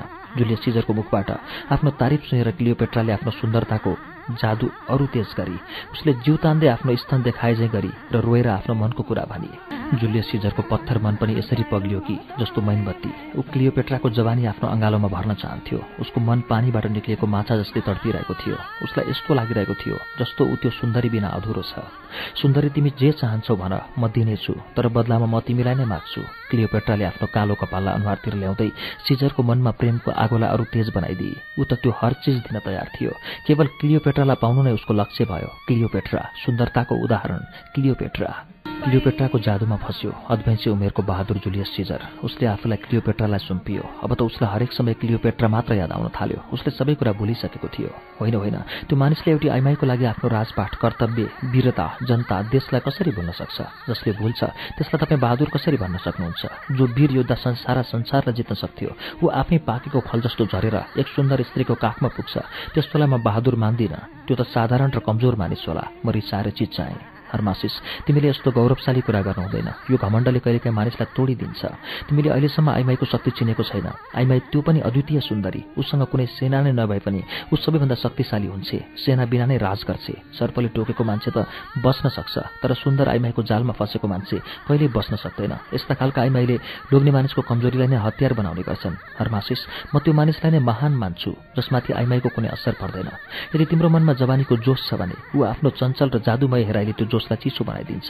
आइमाईको लागि ठुलो ठुलो युद्ध हुन्छन् जसमा बाबु छोराको र छोरा बाबुको र भाइ भाइको गला काट्न तयार हुन्छ। आइमाई एउटा प्रश्न हो जसलाई ठुला ठुला बुद्धिमानहरूले पनि सुल्झाउन सकिरहेका छैनन्। र आइमाई त एउटा महान शक्ति हो त्यसैले हरमासिस त्यो आइमाईको जालमा फसेको पुरुषलाई मजाकमा नउडाऊ मलाई लाग्छ कि मामा तपाईँ पनि कुनै सुन्दर आइमाईको चक्करमा परिसक्नु भएको छ। तैपनि जे भए पनि म आइमाईको सुन्दरतासँग डराउँदिनँ। त्यो जुलियस सिजर त पागल थियो जसले त्यो आइमाईको चालबाजीलाई सम्झन सकेन। यदि उसको ठाउँमा म भएको भए त्यसलाई उठाएर नाइल नदीमा फ्याँकिदिन्थेँ। भो अब हरमासिस नबोल। देवताहरूको शक्तिसँग डराऊ यति ठुला ठुला कुरा नगर। कहीँ यस्तो नहोस् कि देवताहरूले नै तिम्रो यो अक्कल र अभिमानलाई तोड्नको लागि आइमाईको शक्तिसँग ठोक्काउन् जसले गर्दा तिमी टुक्रा टुक्रा हुनेछौ। तिमीले सबै शिक्षा प्राप्त गर्यौ तर अझै यो संसारको हेरफेर जोड्ने तोड्ने कुराहरूसँग अनजान नै छौ। तिमी बुद्धिमान पनि छौ र हरेक समय एकसँग प्यार पनि गर्नेछौ। सिधा सादा शरीफ मान्छे हौ।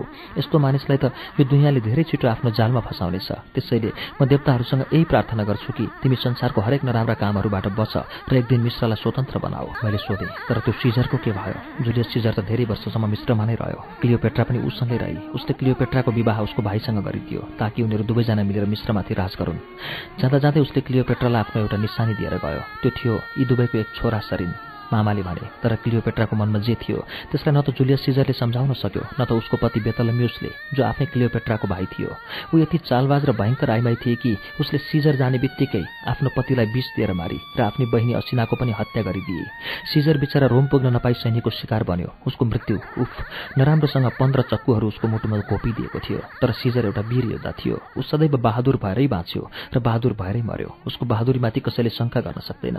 क्लियोपेट्रा चाहिँ एक अफिसर तुल उसँग प्रेमको गीत गाएर बसेकी थिए उसैको मद्दत लिएर उसले आफ्नो छोरोलाई रोमको राजगद्दीमा बसाइदिएकी छ तर आफ्नो छोरोको आडमा आफैले सबै राजपाठ चलाइरहेकी छ तर यस्तै आइमाई एक दिन पनि राजगद्दीमा बस्नु सबैभन्दा ठूलो पाप हो। यसै समय सबै मिश्रका जनताहरू उसको विरोधमा लागेका छन्। उनीहरू कुनै यस्तो मानिसको प्रतीक्षामा छन् जसले उनीहरूको देशलाई स्वतन्त्र बनाओस्। अब तिमीले नै यो सब काम गर्न सक्नेछौ भान्जा।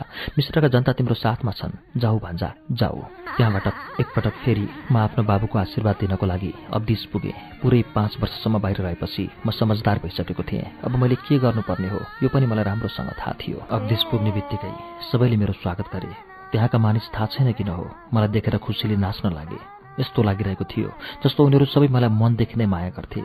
जब म घर पुगेँ तब बुढी आतोले मलाई प्यारले अँगालो हालिन्। म माथि प्यारको वर्षा गराउन थालिन्। आतोलाई भेटेर म आफ्नो बुबालाई भेट्न गएँ। उहाँले मेरो आँखाभित्र केही खोज्ने प्रयास गर्नुभयो। सायद आँखाबाट हृदयको भाषा बुझ्न चाहनुहुन्थ्यो। केही छिनपछि बोल्नुभयो तिमी एउटा सानो बच्चा जस्तै शुद्ध एक सय सालको वृद्ध जस्तै बुद्धिमान छौ।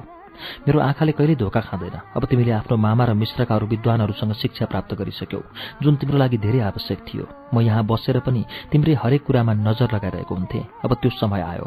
जब तिमीलाई देवी अजिर्सको अगाडि उभ्याइयोस् देवी अजिरसको यो पर्वमा सबै मानिसले कालो लुगा लगाएका थिए र उनको यादमा दुःखको गीत गाइरहेका थिए। केही मानिस आफ्नो छाती ठोकिरहेका थिए। मेरो बुबा देवीको प्रतिमाको अगाडि उभिएर भनिरहनु भएको थियो मिश्रका मानिसहरू म आज तिमीहरूलाई यो कुराको बधाई दिन आएको छु कि? हाम्रो देवता फेरि जिउँदो भएका छन्। हाम्रा देवी अजिरसलाई जुन पापीहरूले धोका दिएर मारेका थिए आज त्यसको हिसाब चुकाउनको लागि देवताको जन्म भइसकेको छ।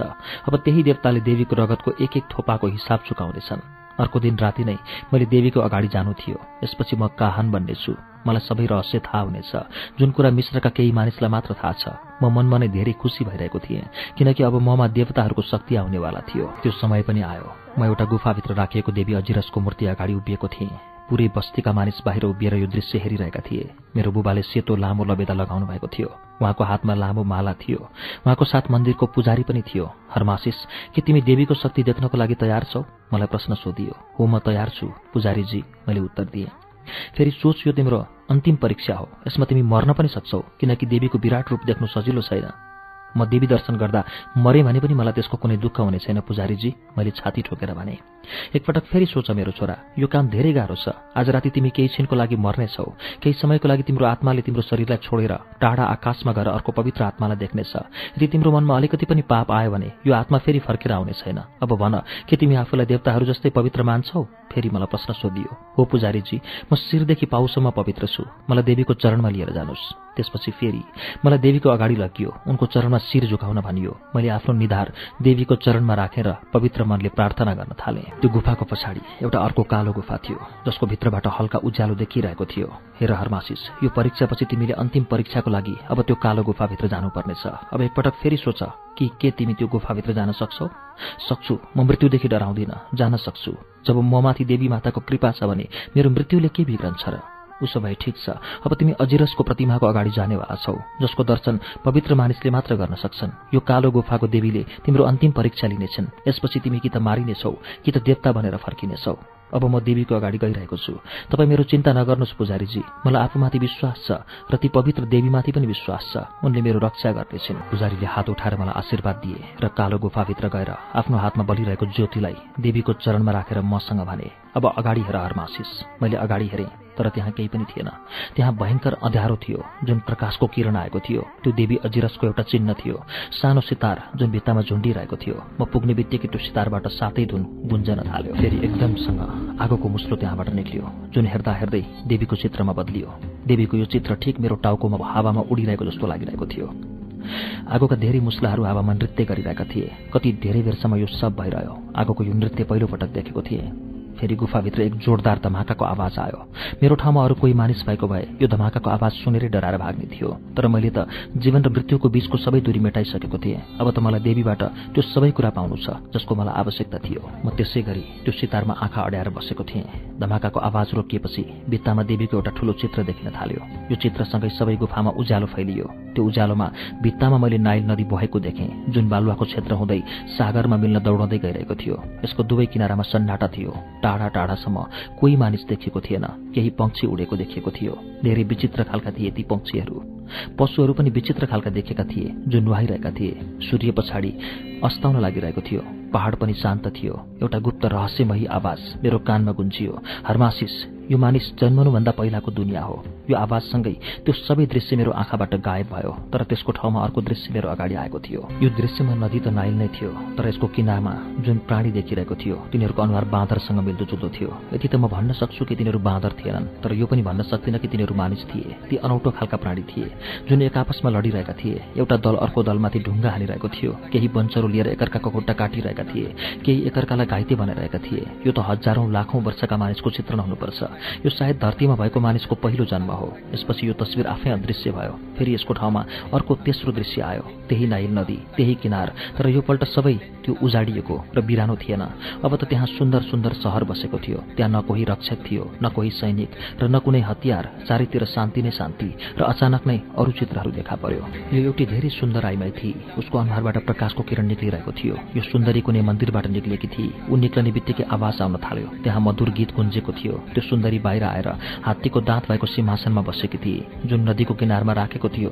सूर्य अस्त हुने बित्तिकै त्यो सुन्दरीले मानिसहरूलाई पूजा गर्नको लागि पुकारी। उसको आवाज सुन्ने बित्तिकै सबै मानिस एकत्रित भए।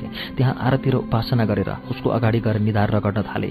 देवीले हात उठाएर उनीहरू सबैलाई आशीर्वाद दिइन् र फेरि यो दृश्य पनि बिलायो। एकैछिनमा अर्को दृश्य अगाडि आयो। सहर त त्यही थियो तर यसमा बस्ने मानिसहरू बदलिएका थिए। तिनीहरू सबैको आँखामा पापको छाया प्रष्टसँग देखिरहेको थियो बासना देखिरहेको थियो।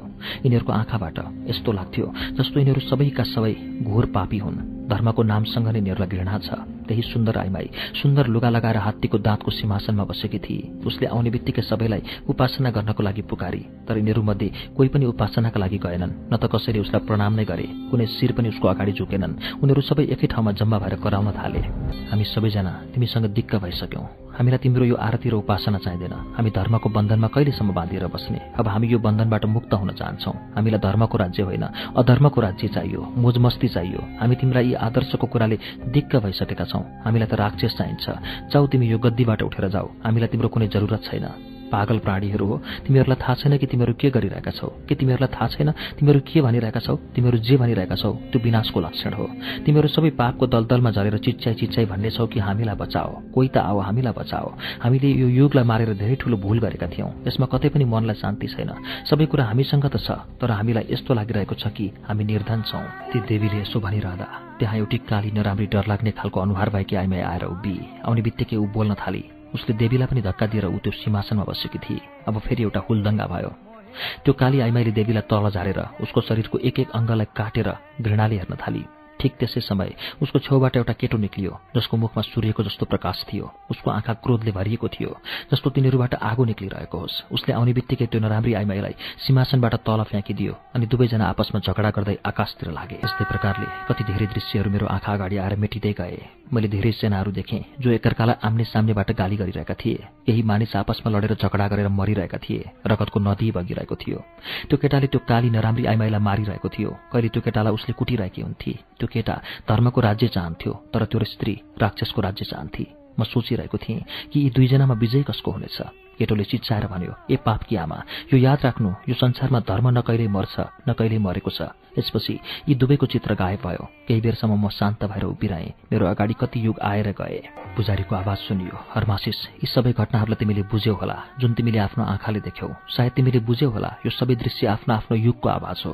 देखेँ पुजारीजी मैले सबै कुरा देखेँ। कि अब तपाईँको सबै विधि पूरा भयो या अझै केही बाँकी छ?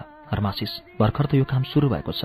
अब म तिमीलाई यहीँ छोडेर जानेछु र बिहान हुने बित्तिकै लिन आउनेछु। त्यसको बारेमा म यति मात्र भन्छु त्यसलाई देख्नको लागि आजसम्म तीनजना मानिस मात्र त्यहाँ गएका थिए जसमध्ये केवल एकजना मानिस मात्र जीवित बाँचेको थियो तर त्यो पनि पागल भयो। यहाँसम्म कि ममा पनि त्यहाँ जाने शक्ति छैन।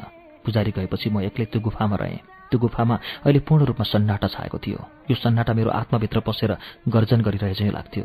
मैले केही भन्न चाहेँ तर मेरो आवाज छतमा ठोकिएर एक बोझ जसरी म माथि नै झर्थ्यो। म डराएँ। पहिलोपल्ट कुनै डरले मलाई घेरेको थियो। म त्यहाँबाट भाग्न चाहन्थेँ तर म कसरी भाग्न सक्थेँ र गुफाको ढोका त पुजारीले बन्द गरिदिएको थियो। म त देवीको शरणमा एक्लै बसेको थिएँ तर देवी मसँग हुँदाहुँदै म किन डराउने? यो ख्याल आउने बित्तिकै मैले देवीको ध्यान गरेँ। फेरि सहसा मेरो चारैतिर हावा बहन थाल्यो। दुईवटा आँखा चम्किँदै मलाई निहाल्न लाग्यो। मेरो चारैतिर अनौठो खालको आवाज गुन्जन थाल्यो। अँध्यारोभित्र उज्यालोको किरण फैलियो। यो प्रकाश गोलो गोलो भएर चारैतिर नाच्न थाल्यो अनि म यी गोलोहरूभन्दा पनि माथि जान थालेँ। म माथि बढ्दै गएँ। यहाँसम्म कि तारा चन्द्रमाहरूको नजिक पुगेँ र ताराहरूको आवाज सुन्न थालेँ। फेरि प्रकाशको एक तुफानले मलाई आफूसँगै तलतिर लिएर आयो। त्यो प्रकाशको कारण म चारैतिरको हरेक चिज देख्न सक्थेँ। चारैतिर सङ्गीतको लहर उठेर मेरो मनलाई मोहित पारिरहेको थियो। यसै सङ्गीतको मस्तीले मेरो आँखा बन्द हुन थाल्यो। मलाई यस्तो लागिरहेको थियो सायद म मरिरहेको छु या फेरि मलाई निन्द्रा लागिरहेको छ। म सोच्नै सकिरहेको थिइनँ कि म मरिरहेको थिएँ या जिउँदो थिएँ। मरेपछि मानिस अर्कै संसारमा जान्छ। मेरो शङ्का विश्वासमा बदलिरहेको थियो किनकि म फेरि एकपटक उडेर कुनै अर्को दुनियाँमा पुगेको थिएँ। यो विचित्रको दुनियाँको त मैले कहिले पनि कल्पना समेत गरेको थिएन मैले यो दुनियाँमा पाउ राख्ने बित्तिकै धेरै आत्माहरू मेरो स्वागत गर्न फूलको वर्षा गर्दै दौडाउँदै आइरहेका थिए। साथै मैले यो आवाज सुने हरमासिस तिमीलाई देवीको दर्शन गराउनको लागि यहाँ बोलाइएको हो। ढोका खोला। ढोका खोल यही आवाज चारैतिर गुन्जन थाल्यो। यसलाई अन्धो बनाइदियो। एउटा भयङ्कर आवाज मेरो कानमा गुन्जिरहेको थियो। अन्धो अन्धो के तपाईँहरू मलाई अन्धो बनाउन चाहनुहुन्छ? नाइ यस्तो नगर्नु। भगवानको लागि मेरो आँखा नलिनु। नडराउ हरमासिस। हामी तिम्रो यो आँखा यसकारण लिइरहेका छौँ कि तिमी हाम्रो यो देवलोकको सबै चिजहरूलाई नदेख जसको सम्बन्ध तिमी यहाँ आउनसँग छैन। फेरि देवीलाई त तिमीले हर हालतमा देख्न सक्छौ। यो आवाजसँगै म हावाको एउटा तेज झोकासँगै केही क्षणमा नै एउटा पुरानो र ठूलो मन्दिरभित्र आएर झरेँ। यहाँ चारैतिर भयङ्कर अँध्यारो थियो। मैले आफ्नो चारैतिर हेरेँ र आफ्नो शरीर शरीरलाई पनि हेरेँ। फेरि मलाई यस्तो लाग्यो कि यो त म होइन मेरो आत्मा हो किनकि मेरो खुट्टामा नै मेरो शरीर लडिरहेको थियो। म आफ्नो मरेको शरीरतिर हेरेर मानव जीवनको बारेमा सोच्न मात्र लागेको थिएँ। तुरुन्तै दुईवटा हातहरूले मलाई माथि उठायो। मेरो आत्मा फेरि हावामा उड्न थाल्यो तर केही क्षणपछि मलाई फेरि तल फ्याँकियो। यो ठाउँमा अँध्यारो थिएन। चारैतिर प्रकाश नै प्रकाश थियो। आवाज थियो। हरमासिस हामी सबै देवगणहरू तिम्रो स्वागत गर्छौ। तिमी देवलोकमा आएका छौ। तिम्रो भाग्य धेरै राम्रो छ। अब तिमी अन्धो छैनौ। माथि आँखा उठाएर हेर कि तिमी यो समय कति टाढा छौ। अब तिमीले देवताहरूको महाशक्तिलाई देख्न सक्छौ। यो आवाजसँगै हजारौं घन्टीहरूको आवाज मेरो कानमा गुन्जन लाग्यो जस्तो कुनै मन्दिरमा आरती भएको जस्तो। हजारौं आत्माहरू यो मन्दिरमा नृत्य गरिरहेका थिए। सायद यी सबै देवी अजिरसको आरती गर्नमा मस्त थिए। यिनीहरू सबै परीहरू जस्ता लाग्दै थियो। उनीहरूको शरीरबाट यस्तो तेज प्रकाश निक्लिरहेको थियो कि म उनीहरूतिर हेर्ने साहस पनि गर्न सकिरहेको थिइनँ। फेरि एउटा आवाज गुन्जियो हे देवी अजिरस जो आदिकालदेखि छ र अनन्तसम्म रहन्छ हे शक्तिकी जन्मदाता पुरै लोककी पूज्य हरमासिसलाई तलको संसारमा बोलाइएको छ। यो मानव जातिको एउटा पवित्र मानिस हो। जो आफ्नो तपस्याको बलमा तपाईँको दर्शन गर्न चाहन्छ।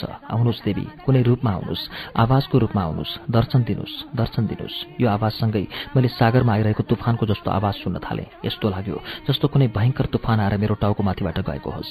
फेरि यो धेरै ठूलो मन्दिरमा हजारौं आवाज एकैसाथ देवीको गुणगान गाउन थाल्यो। मैले यिनीहरूको भाषा त बुझ्न सकिनँ तर सङ्गीत यति मधुर थियो कि म झुम्नको लागि बाध्य भएँ। फेरि एउटा आगोको सर्प निक्लेर मतिर आयो र उसले आफ्नो लामो जिब्रोले मेरो निधारमा चुम्यो। साथै एउटा सुरिलो आवाज सुनाइदियो। तिमीहरू तिमीहरू सबैजना मेरो छोरोलाई छोडेर जाओ। यो आवाज सुन्ने बित्तिकै नृत्य गरिरहेका हजारौँ परिहरू उडेर कतातिर गए। मैले थाहा पाउन सकिनँ। हरमासिस तिमी नडराऊ। म त्यही देवी अजिरस हुँ जसको उपासना तिमीले साँचो मनले गरेका थियौ। म तिम्रो यो तपस्याबाट धेरै खुसी भएकी छु। यो जीवन मेरो आत्मा हो प्रकृति मेरो वस्त्र हो। म साना बच्चाको हाँसोमा छु। म संसारकै आमा हुँ जुन देखिँदैन। सागरमा त छिटो चलेको हावाको आवाज पनि आउँछ। ती सबै मेरो आवाज हुन्। हरमासिस तिमी मेरो आवाज सुनिरहेका छौ। सुनेका छौ भने त्यहीँबाट अनगिन्ती ताराहरूलाई हेर। चन्द्रमा र सूर्यलाई पनि हेर यो सबै मेरो नै रूप हो। फुल फुल्यो भने त्यसको बासना पनि म हुँ किनकि म नै भाग्य विधाता हुँ म नै प्रकृति हुँ म नै जीवन हुँ र म नै मृत्यु हुँ म नै महाशक्ति हुँ। सूर्य अस्ताउँछ उदाउँछ चन्द्रमा निक्लन्छ लुक्छ यो सबै मेरो नै खेल हो। म हरेक ठाउँमा छु हरेक जीवनको सासमा छु तिमीमा पनि छु र तिमी ममा छौ। तिमीले मेरो धेरै उपासना गर्यौ। यस्तो उपासना जुन हरेक प्राणीहरूले गर्नै सक्दैन। वास्तवमा नै तिमी ठूलो भक्त हौ जसले आफ्नो जीवनको सम्म बाजी लगाएर मलाई भेट्न आएको छ। तिम्रो यो तपस्याले नै तिमीलाई मसम्म ल्याइपुऱ्याएको हो। नत्र कुनै मानिसको बसको कुरा छैन जो मसम्म आइपुगोस्। देवीको आवाज आइरह्यो। मैले नै एकपटक तिमीलाई कमलको फूल दिएको थिएँ। तिमीले मसँग मेरो निशानी मागेका थियौ। मलाई थाहा छ तिमी मेरो भक्तको छोरा हौ। तिमीले नै मिश्रमा राज गरिरहेका ती नास्तिकहरूलाई पराजित गर्न सक्छौ जो विदेशबाट आएका छन् जसले मेरो शक्तिलाई मान्दैनन्। तिमीले नै मेरो नामलाई फेरि मिश्रवासीमा जागृत गराउनेछौ। केवल तिमीमा नै यस्तो शक्ति भरिदिन्छु जसको अगाडि कुनै पापी रहन सक्ने छैन। तिमीले नै धर्मको रक्षा गर्नेछौ। मैले सोधेँ के म यो धर्मको रक्षा गर्ने काममा सफल हुन्छु? यो मलाई नसोध किनकि यो प्रश्नको जवाफ दिने समय अहिले आएको छैन। म तिम्रा ती सबै कामहरू देख्न चाहन्छु किनकि यो सबै तिमीमाथि नै निर्भर हुन्छ कि तिमीले मेरो यो शक्तिलाई कतिसम्म उपयोग गर्न सक्छौ। म सधैँ तिम्रो साथमा छु र रहनेछु केवल त्यो समयसम्म जबसम्म तिमी धर्मको रक्षा गरिरहेका हुनेछौ। हो जुन दिन तिमी भ्रष्ट हुन्छौ धर्मको बाटो छोड्छौ तब मेरो श्रापबाट बस्न सक्ने छैनौ। मलाई शक्ति दिनुहोस् देवी माता। मैले दुवै हात जोड्दै टाउको झुकाउँदै भने हरमासिस तिमीले मेरो उपासना गरेका छौ। त्यो उपासनाबाट म धेरै प्रसन्न भएको छु। यसैले आज म तिमीलाई आफ्नो असली रूप अवश्य देखाउनेछु। हेर यो हो मेरो असली रूप। यसको साथै त्यहाँको धरती काँप्न थाल्यो। चारैतिरको प्रकाश अरू तीव्र भयो। फेरि अँध्यारोबाट एउटा कालो कपडा लगाएकी आइमाई देखि जसको अनुहार चन्द्रमा जस्तै चम्किरहेको थियो। फेरि एउटा कालो नाग उड्दै आएर उसको टाउकोमा बस्यो। त्यो बस्दा यस्तो देखिरहेको थियो जस्तो कुनै मुकुट देवीको टाउकोमा राखिएको होस्। उसको आठवटा हात थियो जसमा कैयौँ प्रकारको शस्त्र थियो। मैले त्यो तेज प्रकाशवाला रूपलाई हेर्ने शक्ति हराएको थिएँ।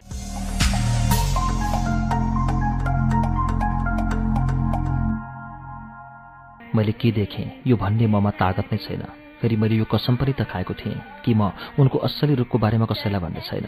तर अब त मैले त्यो सबै कुरा भनेर मेरो त्यो कसमलाई तोडिसकेको छु। त्यो तस्विर अझै पनि मेरो आँखा अगाडि नाचिरहेको छ। म कल्पनाको आँखाले उसको अनुहार देखिरहेको छु। एउटा मानिसले जसको कल्पना गर्न पनि सक्दैन। मैले उसको यो प्रकाशतिर हेर्न हिम्मत नै कहाँ गर्न सकेको थिएँ र मेरो सारा शरीर सुकेको पात जसरी काम्न थालेको थियो। त्यो कोठाको चारैतिर आगोको ठुला ठुला झेल्काहरू नाचिरहेको थियो। फेरि भयङ्कर तुफानको आवाज सुनियो। यसपछि के भयो? मलाई यसको केही थाहा छैन। र जब मलाई होस आयो मैले आफूलाई त्यो गुफाभित्र पाएँ। एक पुजारी बत्ती लिएर मलाई निहुरेर हेरिरहेको थियो। ऊ अनौठो पाराले हेरिरहेको थियो। उठ हरमासिस बिहान भइरहेको छ। यो तिम्रो नयाँ जन्मको पहिलो बिहानी हो। उठ देवी देवताको शक्तिको गीत गाऊ किनकि तिमी अर्कै संसारमा गएर फर्केर आएका छौ। उठ मिश्रको महाराज उठ। र एउटा कुरा याद राख्नु कि जुन घटना राति तिमीमाथि घट्यो यसको बारेमा कसैसँग पनि केही कुरा नगर्नु किनकि तिमी अजिरसको यो युगको सबैभन्दा ठूलो भक्त हौ। म उठेँ र त्यो पुजारीसँगै त्यो गुफाबाट बाहिर आएँ। बाहिर मानिसहरूको ठूलो भिड जम्मा भइरहेको थियो। ती मानिसहरू आसपासको गाउँ र सहरबाट मलाई हेर्नका लागि आएका थिए। उनीहरू मेरो अगाडि हात जोडेर शिर झुकाएर उभिएका थिए। म सबैलाई हात जोड्दै आफ्नो आराम गर्ने कोठामा गएँ र सुतेँ। थाहा छैन मलाई कुन समय निन्द्रा लागेछ। बिहान जब मेरो आँखा खुल्यो तब चारजना मानिस र केही आइमाई मेरो सेवा गर्न तयार भएर बसेका थिए। कोही मेरो खुट्टा मिचिरहेका थिए कोही हात जोडेर नमस्कार गरिरहेका थिए। बाहिर पनि हजारौं मानिस मेरो दर्शन गर्नको लागि पर्खेर बसेका थिए। यस्तो लागिरहेको थियो जस्तो यी मानिसहरूले मलाई काहान सम्झेर मेरो पूजा गर्न सुरु गरिदिएका हुन्। उनीहरूको कुरा सुनेर मलाई यो कुरा थाहा भयो कि मिश्रका मानिसहरू क्लियोपेट्रालाई धेरै नै घृणा गर्छन्। यता मेरो बुबा। काहान महान र पुजारीहरूले मिलेर यो निर्णय गरेका थिए कि गुप्त रूपमा मेरो टाउकोमा त्यो ताज राखिदिने र यो कुराको सूचना दिएर देशभरिका ठूला ठूला धार्मिक नेताहरू र पुजारीहरूलाई बोलाउने यी सबैजना आए। आउनेहरूमा मेरो मामा शिवसा पनि थिए। यी सबै मानिसहरू भेष बदलेर आएका थिए। मेरो मामा एउटा वैद्यको भेषमा थिए जसलाई मैले उनको आवाजबाट चिने। यी सबैलाई एउटै डर लागेको थियो कि कतै क्लियोपेट्राका जासुसहरूलाई ऊ मिश्रको राजगद्दीमा बसेको सूचना प्राप्त नहोस्। यसैले सबैजना संयमित भएका थिए। यहाँसम्म कि कसैले कसैलाई असली नामले बोलाइरहेका थिएनन्। रातको समय पारेर हाम्रो घरको सबै ढोका बन्द गरेर त्यसमा पर्दा लगाइयो। सबै मानिसहरू मेरो टाउकोमा मिश्रको राजाको ताज राख्न लागेका थिए। सबैले पवित्र देवीको कसम खाएर भने कि उनीहरू यो भेदलाई कसैको अगाडि खोल्ने छैनन्। पहिला पुरै शरीरमा एक प्रकारको विशेष तेलले मालिस गरियो। त्यसपछि मिश्रको साधुले लगाउने जस्तो लामो लबेदा लगाइदिए। म ढुङ्गाको एउटा राष्ट्रिय महासममा बसेको थिएँ। सबैजना मेरो चारैतिर उभिएका थिए। केही प्राचीन देवी देवताका मूर्तिहरू मेरो बुबाले गोप्य ठाउँबाट बाहिर निकाल्नुभयो र सबैजना मिलेर त्यसको उपासना गर्न थाले। मेरो बुबाले मेरो शिरमा ताज राख्दै भने हे मिश्रका देवी देवताहरू आज म तिमीहरूको आशीर्वादले आफ्नो छोरालाई देशका जनताहरू माझ सुम्पेको छु र यो प्रण गर्छु कि अब मेरो यो माथि कुनै हक अधिकार छैन। म यसलाई सबै देवताहरूको प्रजाहरूलाई सुम्पिन्छु। आजदेखि म होइन तिमीहरू यसको साथमा छौ र यो तिमीहरूको साथमा छ। आफ्नो देवी देवताहरूको रक्षाको लागि आफ्नो देशबाट यी पापीहरूलाई भगाउन र यिनीहरूको सर्वनाश गर्नको लागि र धर्मको रक्षा गर्नको लागि मेरो यो छोरो आफ्नो ज्यानसम्म दिन तयार रहनेछ। बस योभन्दा धेरै म केही भन्न चाहन्न। हामी सबै देवताहरूको कसम खाएर भन्छौँ कि हरमासिसलाई हामी आफ्नो कहान मान्दै यो प्रतिज्ञा गर्छौँ कि आफ्नो देशको लागि कहान नयाँ राजाको एक इसारामा हामी आफ्नो ज्यान दिन पनि पछि हट्ने छैनौँ यो मिश्रको नयाँ राजा हाम्रो नयाँ फिरोन हो। सबैले शपथ लिएर यही भने त्यसपछि मेरो मामा शिवसाले उभिएर भने सुर सुनहरमासिस कैयौँ कैयौँ वर्षदेखि मिश्रको यो धरती रोमी युनानीको अपवित्र पाउतल दसिँदै गइरहेको छ। मिश्रवासी अत्याचारमा फँसेका छन् तर अब हाम्रो देशको स्वतन्त्रताको समय आइसकेको छ। हरमासिस तिमीलाई देवताहरूले धरतीमा यस कारणले पठाएका हुन् कि तिमी यो धरतीबाट पापीहरूको नामो निशान मिटाइदेऊ? आज पुरै मिश्रका मानिसहरू तिम्रो एक इसारामा आफ्नो ज्यान दिन तयार छन्। आज तिमी हरमासिस छैन मिश्रको नयाँ बादशाह हौ हाम्रो फिरोन हौ। तिमीले नै आफ्नो देशलाई यी पापीहरूको पन्जाबाट छुटकारा दिनुपर्नेछ। यसको लागि तिमीले सबैभन्दा पहिले क्लियोपेट्रालाई आफ्नो बाटोबाट हटाउनु पर्नेछ क्लियोपेट्राको मृत्यु नै मिश्रको जागृतिको निशानी हुनेछ। यो धोकेबाज मतिभ्रष्ट कामुक आइमाईलाई केवल तिमीले नै तह लगाउन सक्छ। क्लियोपेट्रा क्लियोपेट्रा क्लियोपेट्रा यो कस्तो नाम हो? यो कस्ती आइमाई हो जसको नामबाट सबै मिश्रका पुजारीहरू घृणा गरिरहेका छन् र डराउँछन् पनि। के चिज हो यो क्लियोपेट्रा जोदेखि पुरै मिश्र डराइरहेको छ? त्यो पनि एउटी आइमाईसँग। बोल के तिमी तयार छौ हरमासिस? कि तिमी मिश्री देवताहरूको लागि आफ्नो ज्यान दिन सक्छौ? कि तिमी मिश्रको धरतीलाई फेरि पवित्र बनाउन सक्छौ? हरमासिस उठ तुफान जसरी बाघ जसरी बिजुली जसरी भूकम्प बनेर यी पापीहरूमाथि जाइलाग पुरै मिश्र तिम्रो साथमा छ। यी सबै पापीहरूलाई मार। खोस यिनीहरूसँग आफ्नो राजमुकुट। यो देश तिम्रै हो। तिमी यो देशको राजा हौ। चुप लाग्नुहोस्। चुप लाग्नुहोस्। अब म अरू सहन सक्दिनँ। म अब अरू सुन्न पनि सक्दिनँ। म एक त के हो? र सयौं जीवन पनि आफ्नो देशको लागि बलिदान गर्नेछु। मैले जोसले भरिएको आवाजमा सबैलाई सम्बोधित गर्दै भने धेरै राम्रो हरमासिस। हामीलाई तिमीबाट यही आशा थियो। हामीलाई तिमीमाथि गर्व छ। देवीले तिम्रो रक्षा गर्नेछन्। देवता तिमीलाई शक्ति दिनेछन्। मिश्रका जनता तिमीलाई साथ दिनेछन्। बुढी आतोले आएर मलाई चुमिन् र मेरो हात समाउँदै बोलिन् मेरो छोरो तिम्रो जवानी र सुन्दरतालाई देखेर कुन यस्ती आइमाई छ जसको मन नबदलियोस्। धेरै जवान केटीहरू त यही भन्नेछन् कि यस्तो सुन्दर जवान कहान हुनु नपर्ने थियो। तर मेरो राजकुमारले त मेरो इच्छासँग नै विवाह गर्नेछ किनकि उसको लागि मैले मेरो नातिको बलि दिएको थिएँ। मेरो छोरा धेरै भाग्यशाली छ। आमा मलाई भाग्यशाली नभन्नु किनकि तिमी मेरो अन्तको बारेमा जान्दिनौ। मैले भने अब आइमाईको प्रेमको कुरा पनि मसँग नगर किनकि म आइमाईको लागि होइन आफ्नो देशको लागि जन्मिएको हुँ। आतोले भनिन् होइन यस्तो कुरा नगर छोरा। आकाशमा उडिरहेको चराले हिलोमा सुतेको गोहीको मजाक उडाउँछ। तर जब त्यही चरा हिलोमा फस्यो भने फेरि त्यसको मजाक गोहीले उडाउँछ। सबै दिन एकै जस्तो हुँदैन। जीवन कहिले पनि एउटै बाटोमा हिँड्दैन। यसमा धेरै मोडहरू आउँछन्। र यसमा यो नभुल कि हरेक मोडमा एउटी आइमाई अवश्य आउनेछ। र यो पनि बुझिराख कि गोहीभन्दा पनि धेरै चलाक र चतुर हुन्छ। छोरा यी आइमाईहरूको मजाक नउडाऊ किनकि यो पनि सम्भव हुन सक्छ कि तिमीले यिनीहरूकै काखमा सहारा लिनु परोस्। देवताहरूको पूजा त थोरै मानिसहरूले मात्र गर्छन् तर आइमाईको उपासना त हरेक लोग्ने मानिसले गर्छन्। ठिक छ ठिक छ आतो माता मैले भने जब यस्तो कुनै समय आयो भने म आफै सोच्नेछु। अहिले त केवल मैले आफ्नो कर्तव्यको बारेमा सोच्नु छ। आइमाईको बारेमा सोचेर के गर्नु छ र? फेरि एउटी आइमाई त क्लियोपेट्रा पनि हो। कि म क्लियोपेट्रा जस्तै आइमाईसँग प्रेमको आशा राख्न सक्छु? सक्दिनँ। हुनै सक्दैन आतो। मैले त आइमाईसँग टाढै रहनुपर्छ। मेरो अगाडि क्लियोपेट्राको चित्र चम्किरहेको छ। जबसम्म म यो आइमाईलाई आफ्नो बाटोबाट हटाउँदिनँ तबसम्म म चैनले बस्दिनँ। मेरो बुबाले मेरो मुखबाट यो कुरा सुन्ने बित्तिकै खुसी भएर मेरो ढाडमा धाप मार्दै भन्नुभयो स्याबास छोरो स्याबास क्लियोपेट्रा नै हाम्रो एकमात्र शत्रु हो। तिमीले सबैभन्दा पहिला उसैको अत्याचारलाई खत्तम गर्नुपर्छ र फेरि आफ्ना देवी देवताहरूको पूजा सुरु गराउनुपर्छ। एकपटक मेरो हातमा आफ्नो हात राखेर कसम खाऊ। म कसम खान्छु कि बुबा? म मिश्रका शत्रुहरूलाई सर्वनाश गरेर नै चैनले बस्नेछु। यो मात्र कसम होइन बरु मेरो प्रतिज्ञा हो। मलाई देवी अजिरसको कसम छ। वा वा आज पुरै मिश्र खुसीले नाचिरहेको छ। आज मिश्रको धरती खुसीले नाचिरहेको छ। कहान हरमासिस अमर रहन् अत्याचारी क्लियोपेट्राको सर्वनाश होस् मिश्रलाई स्वतन्त्र बनाउनेछौ युनानी र रोमीहरूलाई बगाउनेछौ। चारैतिरबाट मानिसहरूको आवाज मेरो कानमा ठोकिरहेको थियो। अब तयारीको लामो समय समाप्त भइसकेको थियो र म हरमासिसबाट फिरोन महान कहान बनेको थिएँ। यी सबै काम गुप्त रूपमा भएको थियो। भलै म केही मानिसको नजरमा मिश्रको राजा बनिसकेको थिएँ। तर मैले देवीको अगाडि यो प्रतिज्ञा गरेको थिएँ कि म युनानी र रोमीहरूलाई यो धरतीबाट निकालेर नै सास फेर्नेछु। अब मिश्रको भाग्य मेरो हातमा थियो र मलाई यो पूर्ण विश्वास थियो कि म आफ्नो कामलाई पूरा गर्नेछु। मलाई आफ्नो विजय हुने कुरामा अलिकति पनि शङ्का थिएन किनकि सबै देवी देवताहरूले मलाई आशीर्वाद दिएका थिए। देवी अजिरसले मलाई शक्ति दिएकी थिइन्। मैले आफै उनीसँग कुरा गरेको थिएँ। मिश्रको भविष्य मेरो आँखा अगाडि थियो। भविष्यको अनेकौँ चित्र मैले आफ्नो कल्पनाको सहारामा बनाएको थिएँ। मिश्रको राजगद्दीमा बसेर म आफ्नो देशको नयाँ निर्माणको सपना देखिरहेको थिएँ। नाइल नदीको पानी तीव्र गतिमा बगिरहेको थियो। त्योभन्दा तेज गतिले मेरो विचार उडिरहेको थियो। अर्को दिन बिहान बुबाले भनेअनुसार मिश्रको तान्त्रिकलाई भेट्न गएँ। ऊ मलाई जादु र तन्त्रको शिक्षा दिन थाल्यो। उसँग मिश्रका केही पुराना अफिसरहरू पनि आएका थिए। मलाई युद्धको कर्तव्य सम्झाउन थाले। यति मात्रै होइन मलाई ज्योतिष विद्या सिकाउने पनि प्रबन्ध गरियो। यो सबै कुरा मलाई कुनै विशेष व्यवस्था अन्तर्गत सिकाइएको थियो। यो व्यवस्था के थियो तपाईँहरू सबैलाई अगाडि गएर थाहा हुनेछ। यसैबीच मेरो मामा सिकन्द्रिया फर्केर गए जुन मिश्रको राजधानी थियो। त्यही मिश्रकी महारानी क्लियोपेट्रा बस्ती। भनिएको थियो कि त्यहाँ उसले आफू बस्नको लागि एउटा घर भाडामा लिएका थिए। यो सब मलाई गुप्त रूपमा सिकन्द्रिया बोलाउनको लागि गरिएको थियो। यही दिनमा नै मामाको विशेष दूत मलाई दिन आयो। म त पहिलादेखि नै यो कामको लागि तयार थिएँ। घरभित्र बन्द भएर रहँदा रहँदै मलाई दिक्क लागिसकेको थियो। बुबाको आशीर्वाद र आज्ञा लिएर म सिकन्द्रिया जानको लागि तयार भएँ। बुबा मलाई विदा गर्न आउनुभएको थियो र उहाँको आँखाबाट आँसु आइरहेको थियो। उहाँले मेरो ढाडमा हात राख्दै भन्नुभयो मेरा सबै शुभकामनाहरू तिम्रो साथमा छन् बरु मेरो अन्तिम इच्छालाई कहिले नभुल्नु। तपाईँको के इच्छा छ बुबा? म पनि आफ्नो आँसु रोक्न सफल हुन सकेको थिइनँ। छोरा म त्यो बेलासम्म जीवित हुनेछु जबसम्म तिमी मिश्रको राजगद्दीमा बस्दैनौ। बस त्यही नै मेरो जीवनको अन्तिम दिन हुनेछ। त्यो समयको म प्रतीक्षा गर्नेछु। यो समय मेरो मन धेरै उदास भएको थियो। देवता जानुन् भविष्यमा के हुनेछ? तर मेरो मन जोडसँग धड्किरहेको छ किनकि मैले तिम्रो बाटामा धेरै ठुला ठुला खतराहरू देखेको छु। कस्तो खतरा कस्तो डर कस्तो भयो बुवा मैले प्रश्न सोधेँ। तपाईँ कति सानो सानो कुरामा डराइरहनु भएको छ? के तपाईँले मलाई बेकममा सम्झिनु भएको छ? मैले बुबाको मन राख्नको लागि त्यसो भने छोरा मानिस सबै खतराहरूसँग लड्न सक्छ सबै बाधाहरूलाई हटाउन सक्छ तर आइमाई पुरुषको लागि आइमाई एउटा ठुलो खतरा हो जोसँग कसरी लड्न सक्दैन। बस तेरो बाटोमा सबैभन्दा ठुलो खतरा आइमाईको नै छ। यो मैले देखिरहेको छु। मलाई यसैको डर छ।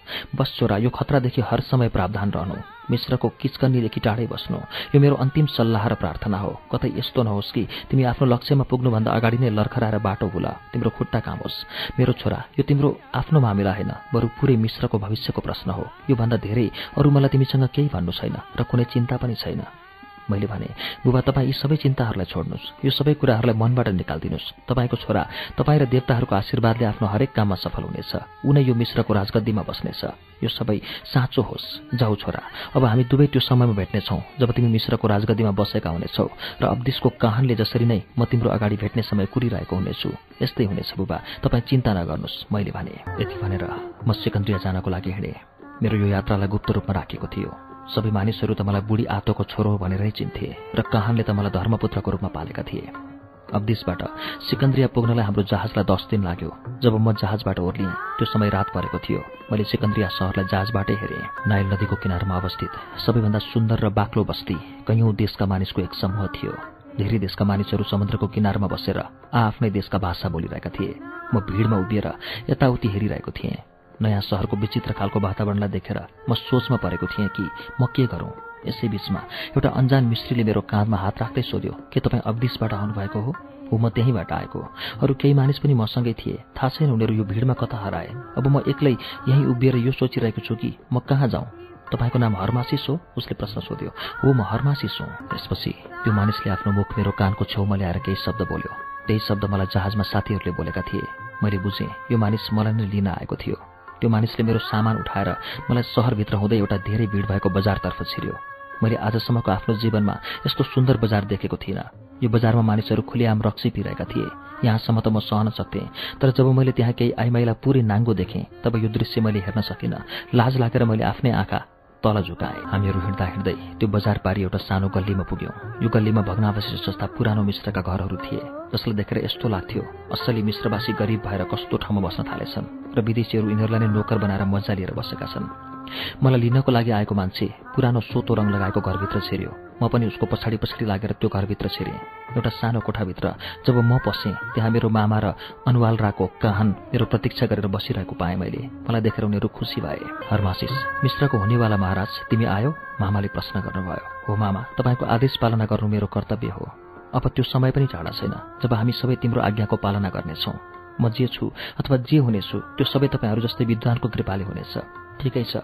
जे भए पनि त्यसले हाम्रो देश र जनतालाई फाइदा नै हुनेछ। अब तिमी तुरुन्तै नुहाई धुवाई गरेर तयार हौ। हामीलाई क्लियोपेट्राले बोलाएकी छ। मामाले भन्नुभयो के? क्लियोपेट्राले हामीलाई बोलाएकी छ? म एकदमै छक्क परेँ। हो हामीले अहिले र यसै बेला उसलाई भेट्न जानुपर्नेछ र तिमीसँग क्लियोपेट्राले केही प्रश्न सोध्नेछ। त्यसको जवाफ तिमीले दिनुपर्नेछ। सबै कुरा हामी तिनजना बीच तय भइसकेको थियो।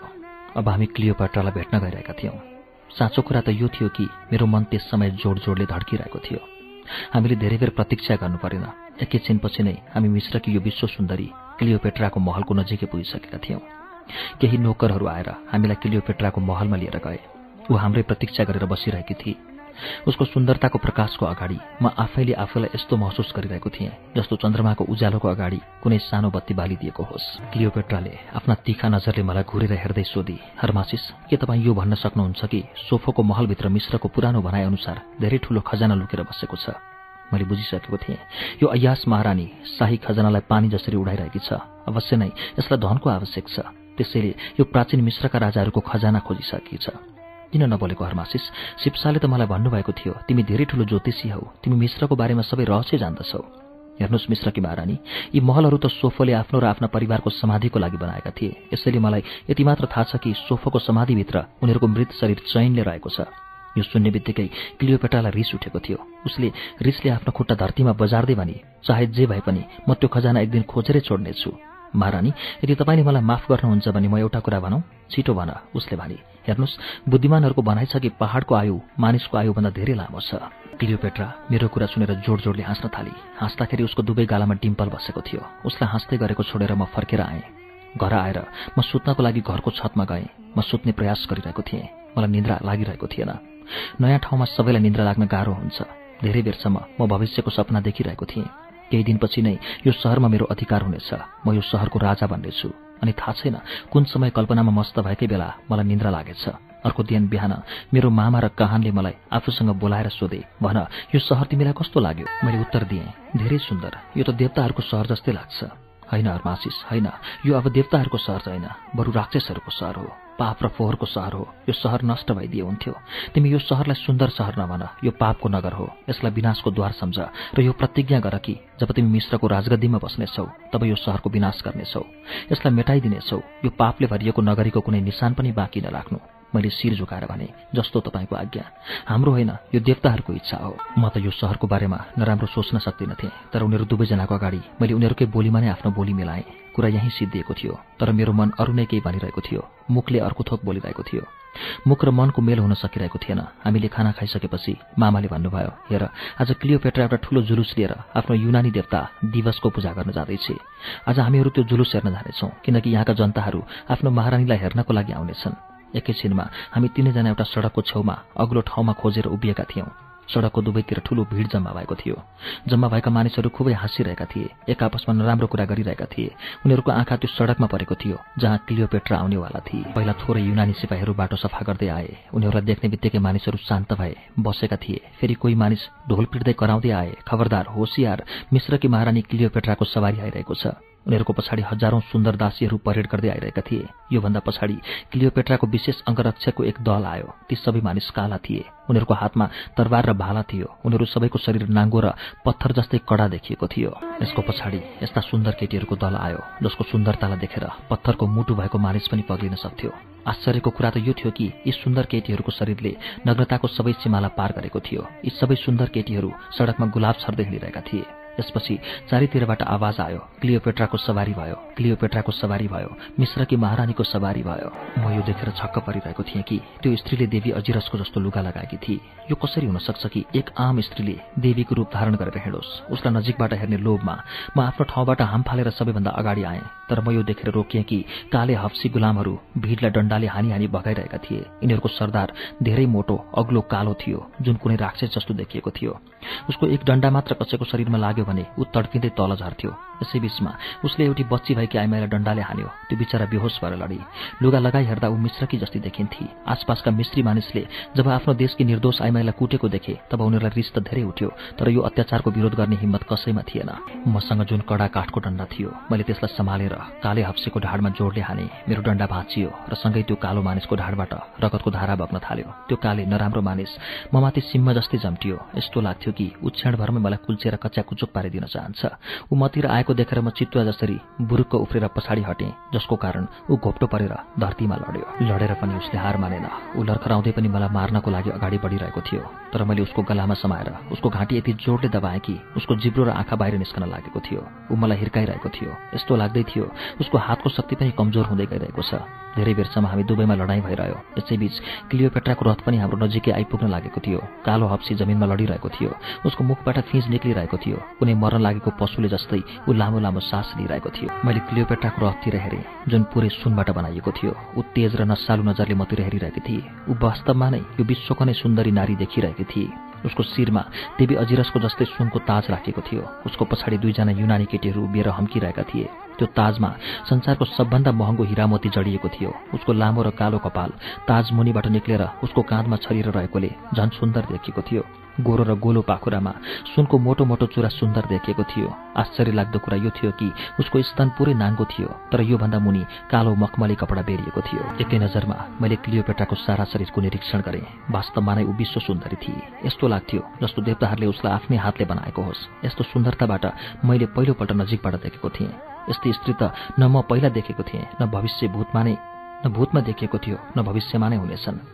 क्लियोपेट्रा आगोको जस्तो शरीर भएकी आइमै थिए। तर ऊ जब आफ्नो लामो लामो परेला उठाउँथे तब उसको तलाउ जस्तै सुन्दर आँखामा गुलाबी रङ देखा पर्दथ्यो उसको गुलाबी ओठ र सुरिलो आवाजले मानिसलाई अर्कै दुनियाँमा पुर्याउँछ।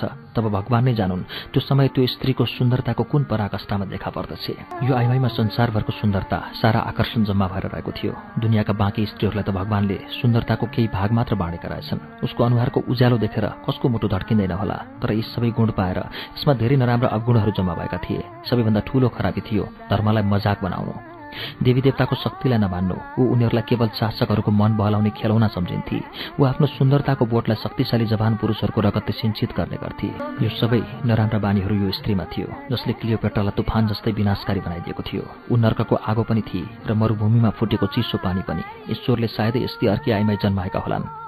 उसले हामी दुवैतिर पहिला त रिसले हेरी फेरि सहज रूपमै उसको आँखामा विचित्र प्रकारको चमक आयो। उसले आफ्ना दासहरूलाई केही इसारा गरी र उनीहरूले मलाई समाएर उसको रथ अगाडि लिएर गए। अब सबै मानिसहरूको यो आशा थियो कि महारानीले मेरो शिर काट्ने आदेश दिनेछिन्। म पनि सोचिरहेको थिएँ कि यो पत्थरको मुटु भएकी स्त्रीले जे पनि गर्न सक्छ। मृत्युको खेल उसको लागि नयाँ थिएन तर यसको विपरीत भयो। ऊ हाँस्दै बोली मिश्री जवान को हौ तिमी? तिमीले किन मेरो रक्षकलाई मार्यौ? कि तिमीलाई थाहा थिएन यसको दण्डस्वरूप तिमीले के पाउने थियौ? एकै सासमा उसले सबै प्रश्न मसँग गरी मिश्रकी महारानी म हरमासी सुँ अब्दिसको ठूलो काहान आमन महन्तको धर्मपुत्र। म ज्योतिषी पनि हुँ र यो सहरमा म आफ्नो भाग्यको परीक्षा गर्नको लागि आएको हुँ। तर हे मिश्रकी महारानी मलाई तपाईँको यो गुलाममाथि त्यत्तिकै रिस उठेको छैन। म कुनै निर्दोषमाथि हात उठाउन पनि चाहन्न। सबै मानिसहरू यो कुराको साक्षी छन् कि यसले एउटी निर्दोष आइमाईको टाउकोमा डन्डाले हानेको थियो। मैले यसको यो अन्यायलाई सहन सकिनँ। बस यही कारण थियो कि मैले यसलाई हाने। यसलाई ठिक सम्झनु च्याबे ठिक। क्रोधले किलियो पाट्राको निधारमा कैयौँ रेखा राखियो। र उसले आफ्ना मानिसहरूलाई भनेर त्यो काले दासलाई पक्रेर ल्याउने आदेश दिए। त्यो काले हाप्सीलाई क्लियोपेट्राको अगाडि ल्याउने बित्तिकै क्रोधले भरिएका आँखाले उसलाई हेर्दै बोली बदमास गधा तँलाई एउटी आइमाईमाथि हात उठाउन लाज लागेन? जाओ यसको दायाँ हात काटिदियो ताकि यसले कहिले पनि कुनै आइमाईमाथि हमला गर्न नसकोस्। उसको आज्ञाको पालन हुनलाई ढिलो नै भएन। त्यसै समय एक सैनिक अगाडि आएर आफ्नो तलवार झिकेर त्यो काले दासको हात काटिदियो। वरिपरि उभिएका मानिस क्लियोपेट्रा जिन्दाबादको नारा लगाउन थाले। ऊ मतिर हेरेर हाँसी र उसको रथ अगाडि बढ्यो। यसैबीच मेरो मामा र काहानले मलाई समाएर एकातिर लिएर गए। अरे मूर्ख हिँड यहाँबाट। कति ठुलो भूल गरिरहेको छस् त। तपाईँ चिन्ता नगर्नुहोस् मामा। म आफ्नो काममा सफल हुनेछु। म अवश्य पनि मिश्रको राजगद्दीमा बस्नेछु। त्यो रात म आफ्नो मामासँग खाना खाइरहेको बेला पनि क्लियोपेट्राको विचारमा हराइरहेको थिएँ। कल्पनाको सागरमा डुबल्की लगाउँदै मैले आफैलाई पनि बोलेको थिएँ। त्यही बेला कसैले हाम्रो ढोकामा आएर बिस्तारै बोलायो। मेरो विचारको सिलसिला बिचैमा रोकिएको थियो। मामाले ढोका खोल्ने बित्तिकै कालो लुगा लगाएकी केटी भित्र पसी उसले आफ्नो अनुहार ढाकेकी थिए ताकि उसलाई कसैले चिन्न नसकोस्। मामा आफ्नो ठाउँबाट उठ्नुभयो र त्यो केटीसँग गुप्त भाषामा कुरा गर्न थाल्नुभयो। म धेरै कठिनाइहरू पार गरेर तपाईँ समक्ष आइपुगेको छु पवित्र कहान। महारानीको रङ्गीन दुनियाँबाट बाहिर आउन यति सजिलो थिएन। मलाई थाहा छ सारमन अब तिमी यो पर्दा उतार्न सक्छौ। यहाँ कुनै डर छैन मामाले भन्नुभयो। त्यो केटीले कालो लबेदा आफ्नो अनुहारको पर्दा पनि उतारी। वास्तवमा यो पनि सुन्दरतामा कोही भन्दा कम थिएन तर क्लियोपेट्रा जस्तै सुन्दर चाहिँ होइन।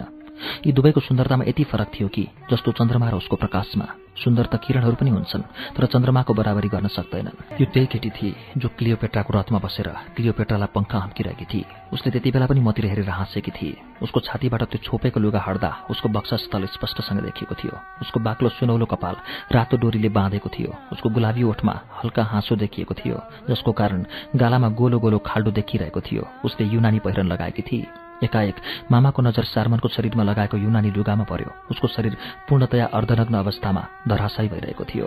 एकाएक मामाको नजर सारमनको शरीरमा लगाएको युनानी लुगामा पर्यो। उसको शरीर पूर्णतया अर्धनग्न अवस्थामा धराशायी भइरहेको थियो। मेरो आँखा मामाको अनुहारमा पर्यो। मामाको अनुहारको लालीमा सारमनप्रति पूर्व आभास गरिरहेको थियो। मलाई थाहा थियो मिश्रीहरू कसैको गुलाम हुनु भने पनि यो चाहिँ होइन कि आफ्नो सभ्यता मान मर्यादालाई त्याग गरिदिउन्। त्यसै पनि मामा त उसको बुबा समानको मान्छे। म यी कुराहरूको बारेमा सोचिरहेकी थिएँ। त्यसै बेला मेरो मुटु जोडले धड्कियो। शर्मनले मामाको नजरलाई बुझ्दै आफ्नो लुगा ठिकठाक पारी। मामाको अनुहार रिसले रातो रातो भयो। उनले आफ्नो यो रिसलाई लुकाउन सकेनन् र तुरुन्तै भने युनानी पहिरन। उनले सारमनप्रति रिस पोख्न थाले। तिमीले यो पहिरन किन लगाएको? तिम्रो लागि पर्दायुक्त मिश्री पहिरनमा के नराम्रो थियो? यो पनि तिम्रो मनमा आएन कि नग्नताले सुन्दरता बढ्दैन बरु अरू धराशायी हुन्छ। सौम्यता गौरवको प्रतीक हो र नग्नता पतनको प्रतीक हो। फेरि यो म तपाईँको कुरा बुझ्छु कहान। उसले भने तर अलिकति ध्यान दिएर सोच्नुहोस् त। अनि थाहा पाउनुहुनेछ कि म आफ्नो ठाउँमा ठिक छु। म जसको दासी हुँ उसको जीवनको सार नै नग्नता हो। ऊ भन्छ कि पुरुषहरूको अगाडि आफ्नो यौवनको मादकतालाई अर्धनग्न रूपमा प्रदर्शन गर्नुपर्छ।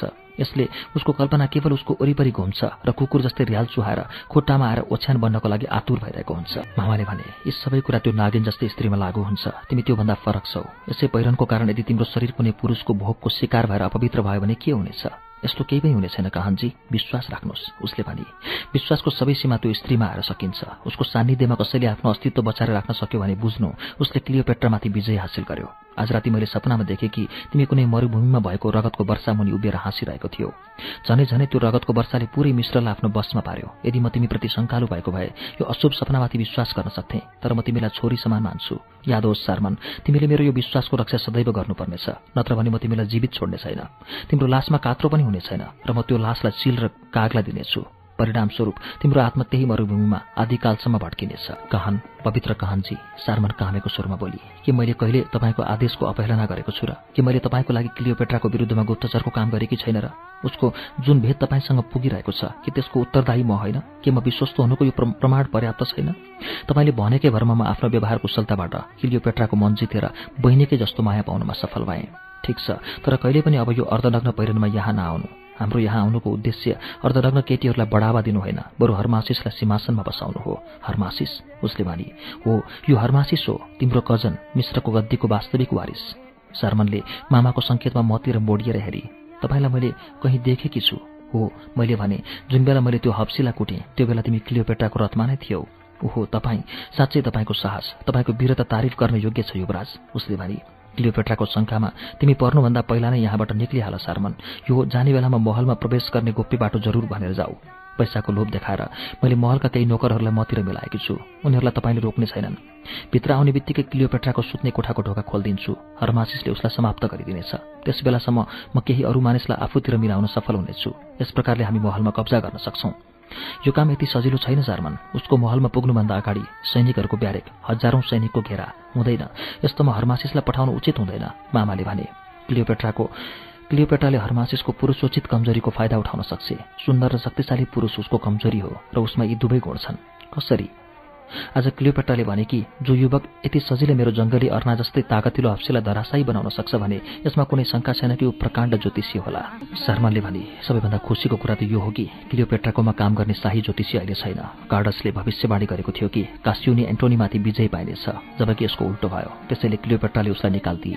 सारमन भन्दै गइरहेकी थिए भोलि दिउँसो यिनी मलाई भेट्नको लागि त्यहाँ आइपुगुन्। म यिनीसँग भेट्छु र क्लियोपेट्रासम्म पुर्याउँछु पनि। ज्योतिषी क्लियोपेट्राको कमजोरी हो र फेरि राजकुमार जस्तो ज्योतिषीको त के कुरा गर्नु। एकपटक बस एकपटक हामी राजकुमारलाई महलभित्र पुर्याउनमा सफल भयौँ भने बस म सारमनको अनुहार हेरिरहेको थिएँ। ऊ गएपछि मामाले भने यो अजीब खालकी केटी विश्वासीले छ या छैन केही बुझ्न सकिन्न। मेरो विचारमा तपाईँले उसलाई गाली गरेर ठिक गर्नु भएन बस तिमीले हरेक केटीदेखि होसियार रहनुपर्नेछ। योसँग पनि यो आफ्नो सोचाइकी पक्का केटी हो। योसँग सम्बन्धित कुराहरूदेखि टाढै बस्नु। यी विषालु छेपाराहरूको केही भरोसा छैन। तर हाम्रो व्यवस्था यो हो कि हाम्रा धेरैजसो काम यिनीहरूबाटै सिद्ध हुन्छ। त्यसैले तिमीले यिनीहरूको छायादेखि पनि टाढै रहनुपर्छ। मैले सहमतिमा टाउको हल्लाएँ। अरू केही शिक्षा दिएपछि मामा जानुभयो। म क्लियोपेट्रा र सारमानको बारेमा गम्भीर भएर सोच्दा सोच्दै निधाएँ।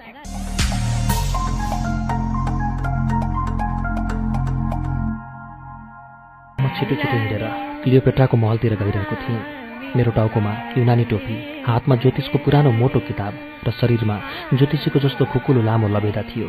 आफ्नो यो विचित्र प्रकारको लुगा लगाइप्रति एकपटक मलाई हाँसो उठ्यो तर म गर्न नै के सक्थेँ परिस्थिति र समयलाई बुझेर यो सब गर्नु जरुरी थियो। म ढोकामा पुगेँ जस्तो स्वाभाविक रूपमा मलाई पहरेदारले रोक्यो म यहाँ सारमनलाई भेट्न आएको। मैले दबाईको स्वरमा भने सारमनलाई भेट्न आउनुभएको ज्योतिषीजी यदि उसलाई भेट्नु छ भने मैले के गर्छु र? म पनि त उसको प्यारो अनुहारको दास हुँ। हेर्नुहोस् मैले त्यो पहरेदारलाई टाउकोदेखि खुट्टासम्म निहालेर भने यदि तपाईँले मलाई उसँग पुर्याइदिनु भएन भने त्यसको सबै जिम्मेदारी तपाईँलाई नै हुन्छ। मसँग एकदमै थोरै समय छ। धेरै समयसम्म त म कतै बस्नै सक्दिनँ। पहरेदारमा यो गम्भीर कुराको तुरुन्तै असर भयो। उसले मलाई तुरुन्तै सारमनकोमा पुर्यायो आउनुहोस् ज्योतिषीजी। सारमन अरूको उपस्थितिलाई ध्यानमा राख्दै हात जोडेर उठी। आउनुहोस् महारानी तपाईँकी प्रतीक्षा गरेर बस्नुभएको छ। उहाँ आफ्नो भविष्य थाहा पाउन उत्सुक हुनुहुन्छ। यदि तपाईँले उहाँलाई सन्तुष्ट गर्न सक्नुभयो भने ठिक नत्र भने तपाईँको मालिक ईश्वर नै हुनेछन् यति भनेर ऊ भित्र गई फेरि आएर मलाई आफूसँग लिएर गई। बाटोमा कैयौँ ठाउँ मलाई रोकिएको थियो। तर सारमनले आँखाले के इसारा गरी कुन्नी सबै चुपचाप लागे। मेरो विचारमा उनीहरू सारमनसँग मिलेका थिए। म त्यो विशेष कक्षमा पुगेँ जहाँ क्लियोपेट्रा एउटा पातलो लुगामा आफ्नो मखमली गद्दामा विराजमान थिए। उसको सौन्दर्य देख्ने बित्तिकै एकपटक त म रोइए रोकिएर हेरिरहेँ। यस्तै सुन्दरीको हत्या। के त यति धेरै पत्थरको मुटु भएको छस् र हरमासिस मेरो मनमा प्रश्न उठ्यो।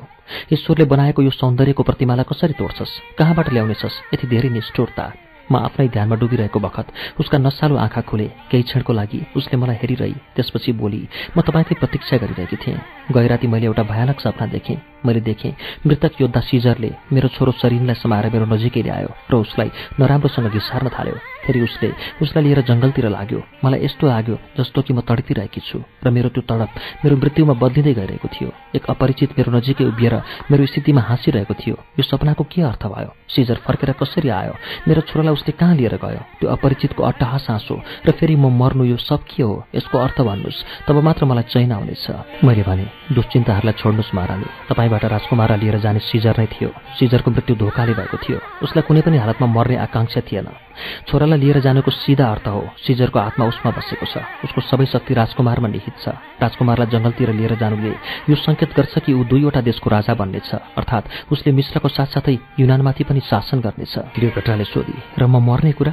राम्रोसँगै नराम्रोको प्रतिछाया। यस्तो हरेक र हरेक राम्रो सपनासँगै हुन्छ जसको कुनै महत्त्व हुँदैन। तपाईँलाई सपनाको परिणामको बारेमा थाहा थिएन त्यसैले डराउनु स्वाभाविक थियो।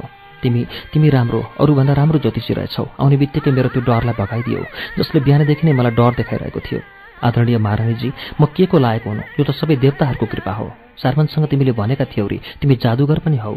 मैले भने हो। उसो देखाउन त आफ्नो जादुको चमत्कार। हेरौँ तिमीमा शाही जादुगर बन्ने क्षमता छ कि छैन? हजुरको जो आज्ञा तर जादु के तपाईँ एक्लै हेर्नुहुन्छ? होइन सारमा पनि त छ नि क्लियोपेट्राले भने। यदि तपाईँलाई म डराउने छु भन्ने शङ्का लाग्छ भने अरू दासीहरूलाई पनि। होइन ठिकै छ।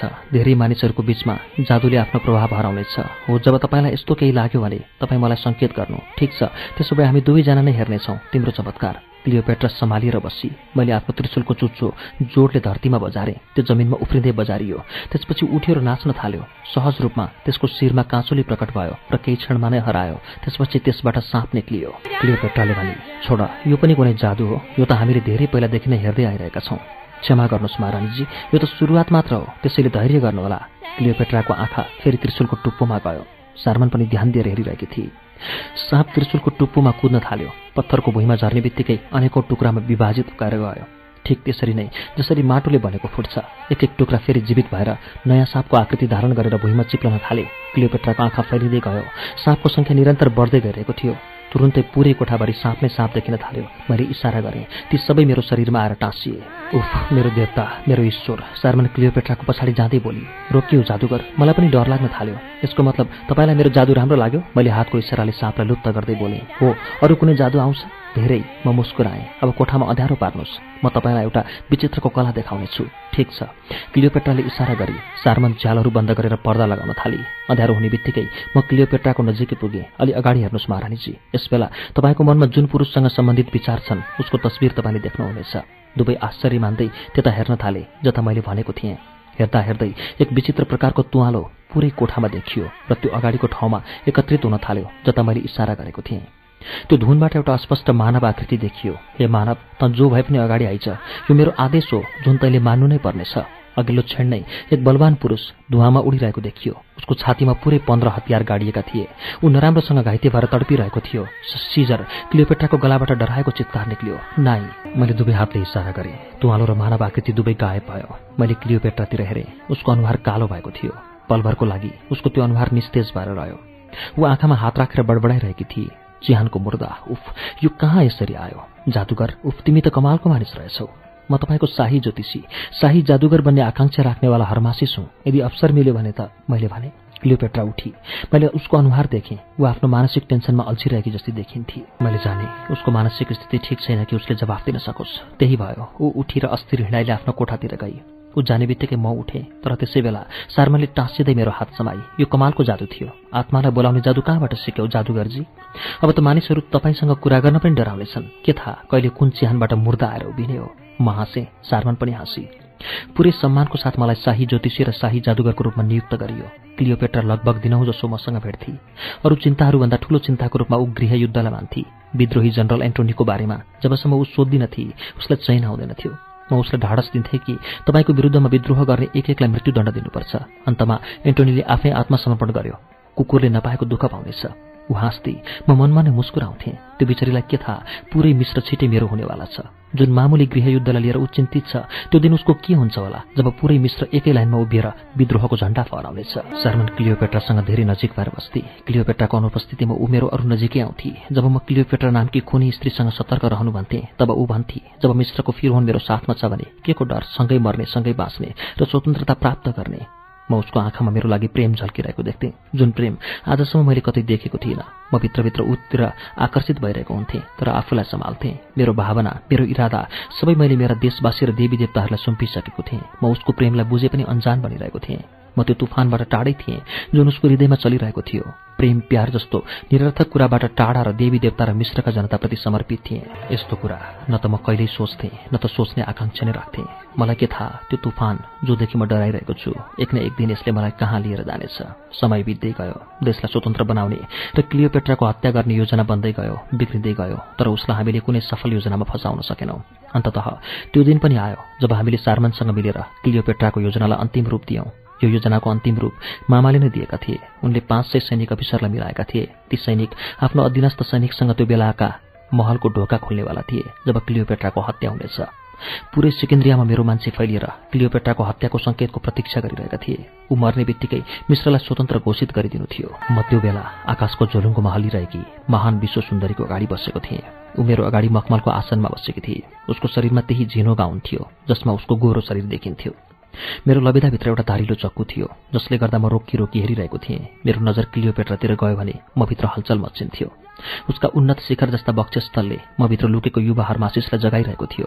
अब मैले उसको यही बक्सेको छेउमा चक्कुले हानेर मार्नुपर्नेछ भन्ने कुरा जब म सम्झिन्थेँ तब नचाहँदा नचाहँदै पनि मेरो मुखबाट ओहो शब्द निस्किन्थ्यो। त्यो अथाह सुन्दरताको भण्डार भएको शरीर केही क्षणमा नै निर्जीव हुनेवाला थियो। ती तलाउ जस्तै सुन्दर आँखा केही क्षणमा नै चेतना शून्य भएर निलो गगनमा उडेर जानेवाला थियो। अहिले जुन अनुहार सुन्दरताको उदाहरण भइरहेको छ त्यही अनुहार मृत्युको पीडाले विवश हुनेवाला थियो। तर तर जब मैले उसलाई मार्नु नै छ भने यस्तो विचारले के फाइदा हुन्छ र? यस सहानुभूतिपूर्ण सोचले के हुनेवाला थियो र? आफ्ना यिनै सोचमा यस्तरी हराएको थिएँ कि मलाई थाहै भएन क्लियोपेट्राको छेउमा बसेर सार्मनले मलाई घुरेर हेरिरहेको। ज्योतिषीजी क्लियोपेट्राले पुकारी। हजुर म जससँग भएँ भन्नुहोस् महारानी कुरा के हो? आज ताराहरूको झगडामा तिमी आफै फस्यौ कि के हो? अथवा सुन्दरताकी देवी? भिनसको कृपा तिमीमाथि पर्यो कि? भिनस युनानी देवताहरूको सुन्दरताकी देवीको रूपमा प्रख्यात छिन्। भिनस एक सुन्दरताकी देवी हो भने म एउटा ताराहरूको दुनियाँमा हराउने मानिस। यदि मैले ताराहरूको भाषामा उसलाई आफ्नो बसमा पारेँ भने उसको महत्व एउटा बलवान तारावाली स्त्रीभन्दा धेरै छैन। मैले भने महारानीले भने ज्योतिषी अहङ्कारी मिश्री मसँग अहङ्कारको भाषा नबोल। क्लियोपेट्रा तिर्मिराएर तर दबेको स्वरमा बोली। स्त्रीको शक्ति उसको सुन्दरतामा निर्भर रहेको हुन्छ। सौन्दर्य एक प्रकारले प्रकृतिको नै एक रूप हो। त्यसैले सुन्दरताकी देवीलाई साधारण मान्ने दृष्टता गरेर तिमी प्रकृतिको सजायको भागीदार बन्न सक्छौ। यति भनेर उसले मलाई तिखा नजरले हेर्न थाली। मेरो शरीरमा सुईले घोचे जस्तै हुन थाल्यो मलाई। मलाई यस्तो महसुस हुन थाल्यो कि जस्तो उसको यौवनको सम्पूर्ण राग मेरो आँखाको बाटो भएर हृदयमा पुगेको छ। म उसँग नजर झुकाउन बाध्य भएँ। यस समय म उसको अगाडि आफैलाई एक्लो महसुस गरिरहेको थिएँ। मेरो हालत देखेर ऊ खितका छोडेर हाँस्न थाली। म निहुरिएर बसेँ। उसको हाँसो ठिक यस्तो थियो जस्तो साँझको आरतीको समय एकैसाथ कैयौँ मधुर घन्टीहरू बजेका छन्। मैले छड्के आँखाले सारमन्तिर हेरेँ आँखाबाट रिसको ज्वाला निस्किरहेको थियो। तपाईँलाई नराम्रो लाग्यो भने क्षमा चाहन्छु महारानी। मेरो उद्देश्य तपाईँलाई ठेस पुर्याउनु थिएन। त्यसो त ताराहरूसँग पहिचान भएको कारण म यति अवश्य जान्दछु कि यदि तिनीहरूको सामना हाम्री महारानीसँग भयो भने उनीहरूले आफ्नो चमक हराउनेछन्। तिमीलाई सौन्दर्यको प्रशंसा गर्न पनि आउँदो रहेछ। म त तिमीलाई सुक्खा मरुभूमि जस्तो कठोर मान्छे सम्झन्थे। तर अब भर्खरै थाहा पाएँ कि तिमी प्रखर बुद्धिमानी पनि रहेछौ। क्लियोपेट्रा खुसी भएकी थिए। शर्मा मेरो टाउकोबाट फुलको ताज झिकेर हरमासिसको टाउकोमा लगाइदेऊ। शर्माले त्यसै गरी त्यो फुलको मुकुट झिकेर दबाईको स्वरमा भनी मिश्रको भावी फिरोन मेरो शुभकामना स्वीकार गर। उसले साउती गर्दै भने त्यहाँ उपस्थित मानिसहरू पनि मलाई बधाई दिन थाले। ती मूर्खहरूलाई के थाहा जसले मलाई यो सम्मान दिएको छ? भोलि बिहान हुने बित्तिकै ऊ मेरो हातको मारले फटपटिएर मर्नेछ। म आफ्ना यिनै सोचाइमा डुबेर आफ्नो कोठामा आएँ। सारमन पनि आइपुगेकी थिए। क्लियोपेट्राको भन्दा पनि पातलो लुगा उसको शरीरमा थियो। धेरै अङ्गहरू त्यो लुगाबाट प्रष्टसँग देखिएको थियो। या भनौँ केही छोपिएकै थिएन। उसको सौन्दर्यको जो उज्यालोले मलाई आकर्षित गर्ने प्रयास गरिरहेको थियो। धेरै ढिलो आयो त मैले उसलाई भने। ऊ मलाई छोड्न मानिरहेकी थिएन। उसको अनुहारको रङ उडेको थियो। ऊ विचारमा हराइरहेकी थिए। उसको कुरा छोडिदेऊ अब। यो बताऊ कि यहाँ हामीले कस कसलाई मार्नुपर्ने हो? तिनीहरूको नाम लिस्टमा छ जर्मनले लिस्ट दिए। यसमा एक बुढो बर्बिहाको पनि नाम छ जसको मृत्युमा मलाई मात्र होइन तपाईँलाई पनि दुःख लाग्नेछ। एउटा कुरा भन सारमान क्लियोपाटालाई कसरी मार्ने? यो कुरा तपाईँलाई मैले भन्नुपर्ने? मिश्रको भावी फिरोन तपाईँ हो। म तपाईँलाई नै के भन्न सक्छु र? सारमान मलाई घुरेर हेरिरहेकी थिए। म सोचिरहेको थिएँ उसलाई विष दिएर मार्ने हो कि? यो असम्भव छ। उसको खाना तिन तिनजना राजवैद्यहरूले चाखेर दिन्छन्। मिश्रको भावी फिरोन यति धेरै करुणाबाण्ड बन तिम्रो दरबारको धारले नै मिश्रको भाग्य लेख्ने काम सुम्पिएको छ। ठिकै छ। तिमी आफ्नो योजना बताऊ। जुन उचित र उपयुक्त होस् म त्यही गर्नेछु। चारमनले भने सुन्नुहोस् भोलि राति तपाईँ आधा रातसम्म ताराहरूको नजर राख्दै क्लियोपेट्राको कोठामा पुग्नुहुनेछ। तपाईँको टाउकोमा शाही ताज हुनेछ जसको कारणले कसैले रोक्ने प्रयास पनि गर्ने छैन हाम्रा सेनाहरू भोलि विद्रोह गरेलाई मार्नको लागि आउँदैछन्। तपाईँले यही खबरलाई एउटा कागजको टुक्रामा लेखेर लाग्नु। उत्सुकतावश ऊ टाउको निहुराएर जब पढ्न थाल्छे तब चक्कुले उसको पिठ्यौमा रोपिदिनु। सावधान रहनु। कुरा गर्दा कुनै लापरवाही नहोस्। यदि ऊ बाँची भने तपाईँको मृत्यु सुनिश्चित छ। त्यसपछि तपाईँ बिना झन्झट आफ्नो बाटो सफा गर्दै महलको पछाडिको जालतिर अगाडि बढ्नुपर्नेछ। त्यहीँ कहान सिप्सा पाँच सय सैनिकको साथमा उभिएका हुनेछन्। उनलाई तत्काल तपाईँले भित्र ल्याउनु पर्नेछ जसले गर्दा महल हाम्रो कब्जामा हुन सकोस्। जर्मनको कुरा सिद्धिएकै थिएन। बाहिर कोही हिँडेको जस्तो आवाज आयो। मैले यसो हेरेको त मेरो आँखा स्तब्ध भयो। अगाडिबाट क्लियोपेट्रा आफ्नो राजसी पाराले आइरहेकी थिए हे देवता सारमालाई लुकाउने ठाउँ छिटो देखाइदेऊ नत्र। कोठाको पछाडि लुका चिन्ता नगरे पनि हुन्छ। म यो बिसको प्यालासँग एक्लै काफी छु। उसले त्यसै गरी मैले उसले दिएको लिस्ट लबेदामा लुकाएर त्यो टेबलतिर गएँ जहाँ प्रख्यात व्यक्तित्वहरूको नक्सा राखिएको थियो। मैले त्यो नक्सामा डुबेको अभिनय गर्ने सुरुवात मात्र गरेको थिएँ। क्लियोपेट्रा भित्र प्रवेश गरी। ज्योतिषीजी क्लियोपेट्राले बोलाए महारानी तपाईँ म खुसी व्यक्त गरे जस्तै गरी तुरुन्तै उठेँ। सुस्वागतम। धन्यवाद हर्माशिष तिमीले मलाई थकायो तर तिमीसँग तिम्रो कोठामा नै आएर भेट्ने चाहना पुरा भयो। अरे यो रुमाल ऊ रोकी मेरो नजर उठ्यो। टेबलमा सारमनको रुमाल राखिएको थियो। म आफूलाई संयमित गर्दै मुस्कुराएँ। ओहो लाग्छ उसले भुलेर गएछ। ऊ को? के तिम्रो प्रेमिका? उसो भए यो रुमाल धेरै भाग्यमानी रहेछ। ल्याऊ यसलाई म गलामा तर होइन यो उचित हुने छैन। यस्तो त तिमीले नै गर्न सक्छौ। तिमी यसलाई या त गलामा लगाऊ या जतनले राख। महारानी यो रुमाल सारमनको हो। सारमन? ऊ त ऊ मलाई भेट्नको लागि आएकी थिए र हतार गर्दै गई मैले रुमाल झ्यालबाट फ्याँक्दै भने मलाई यो रुमालको उपयोग के हुन सक्छ र? के गरेको ज्योतिषी? व्यर्थमा एक सुन्दरीलाई रिस उठायो। ऊ रिसाई भने मलाई कोही रिसाउला भन्ने डर छैन महारानी। उसो भए मेरो फुलको मुकुट पनि यसरी नै फालिदिन्छ होला होइन? असम्भव। त्यो त महारानीले दिएको। एउटा यस्तो अनमोल उपहार हो जसलाई म आफ्नै हातले मुटुमा लुकाएर राख्नेछु। त्यसलाई त्यागिदिने त कुनै प्रश्न नै उठ्दैन। महारानीले भने यो मेरो सौभाग्य हो हरमासिस जो तिमी मेरो उपहारलाई यति धेरै सम्मान दिइरहेका छौ। आऊ यो विशाल झ्यालको छेउमा र मलाई यी ताराहरूको बारेमा सबै गुप्त रहस्यहरू बताऊ। मानिसहरूलाई छाया बनाएर यिनीहरू कसरी र किन घुम्छन्? सबै कुराहरू मलाई बुझाऊ। युनानी कथाहरूमा ती चम्किरहेका ताराहरूलाई मानव आत्माको संज्ञा दिएको छ जुन माथि पुगेर ताराहरूको रूप धारण गर्छन् र सदाको लागि उज्यालो भएर फैलाएर रहन्छन्। मलाई क्लियोपेट्राको यो विचित्र शौखमा आश्चर्य लाग्यो। मैले उसलाई झ्यालको नजिकै लगेँ र बुझाउन थालेँ। जब म चुप लागेँ तब ऊ बोली किन रोकिएको हरमासिस बोलिराख न तिमी। तिमी बोलिरहँदा मलाई कुनै चम्किरहेको ताराहरूभन्दा कम लाग्दैन। तिमीलाई सधैँ यसरी नै हेरिरहँ जस्तो लाग्छ। ठिक छ छोडिदेऊ यी ताराहरूको दुनियाँलाई। यी त सबै वृद्ध अवस्थामा समय बिताउने माध्यम हुन्। युवा अवस्थामा ती सब कुराको जरुरत छैन। मैले भने महारानी यसै विद्याको बलमा त म तपाईँको नजिक छु। यदि मसँग यो रहस्यमय तालिम नभएको भए हरमासिस कतै दूर गल्लीमा घुमिरहेको हुन्थ्यो अथवा निराश भएर अब्दिस फर्किसकेको हुने थियो यति सानो उमेरमा यति धेरै तालिम आश्चर्य लाग्छ। अहिले कति भयो तिम्रो उमेर? महारानीले सोधिन्। छब्बिस सत्ताइसको नजिक। उफ यति सानो आयुमा यति धेरै ज्ञान यही ज्ञानले तिम्रो यो चम्केको युवावस्थालाई मरुभूमिमा परिणत गरिरहेको छ। महारानी म छक्क परेँ। मानिसको सबै स्थितिको ज्ञान मनमा केन्द्रित भएको हुन्छ। यदि मन नै सुक्खा भयो भने सारा जीवन नै निराश हुन्छ। यसैले विद्याले तिमीलाई सुक्खा जमिन बनाइदिएको छ। यस्तो केही पनि छैन महारानी खासमा। महारानीले फेरि भनिन् व्यर्थैमा मलाई सन्तुष्ट पार्ने कोसिस नगर। म महारानी नै नभए पनि मलाई समयले महारानी बनाइदिएको हो। मसँग सम्पत्ति छ तागत छ यो सब भएर पनि म एउटी नारी हुँ। संसारकै सबैभन्दा सुन्दर नारी। मेरो मनभित्र रहेको नारी भावना पनि बहकिन्छ। मभित्र पनि इच्छा र चाहनाहरू हुन्छन्। मेरो मन पनि राजनैतिक षड्यन्त्र युद्ध मारकाट स्वार्थ धोकाबाट दिक्क भएर एकान्तमा कसैसँग सामिप्यता बढाउन चाहन्छ। त्यो बेला पद र प्रतिष्ठाभन्दा टाढा हामी एकअर्काको प्रेमको लागि आतुर भएका प्रेमी हौ। न कोही राजा छ न कुनै रैती। तर दुर्भाग्य हामी राजाहरूको भाग्यमा प्रेम कहाँ लेखेको हुन्छ र?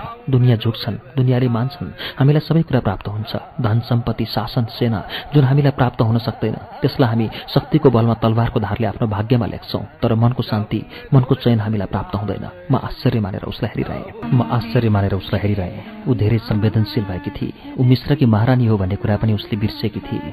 म आफ्नो अगाडि त्यो पत्थरलाई मैन जसरी पग्लिरहेको देखिरहेको थिएँ। उसको कठोरताको कसम पुरै दुनियाँले खान्थे मलाई थाहा छ हरमासिस अहिले तिमीलाई आश्चर्य लागिरहेको होला। तिमी सोचिरहेका होला कि म जस्तै पत्थरको मुटु भएकी महारानीलाई आज के भयो होला? त्यो महारानी जसले आफ्नै पति बेतलम्ब्युस र बहिनी असिनालासम्म बाँकी राखिन।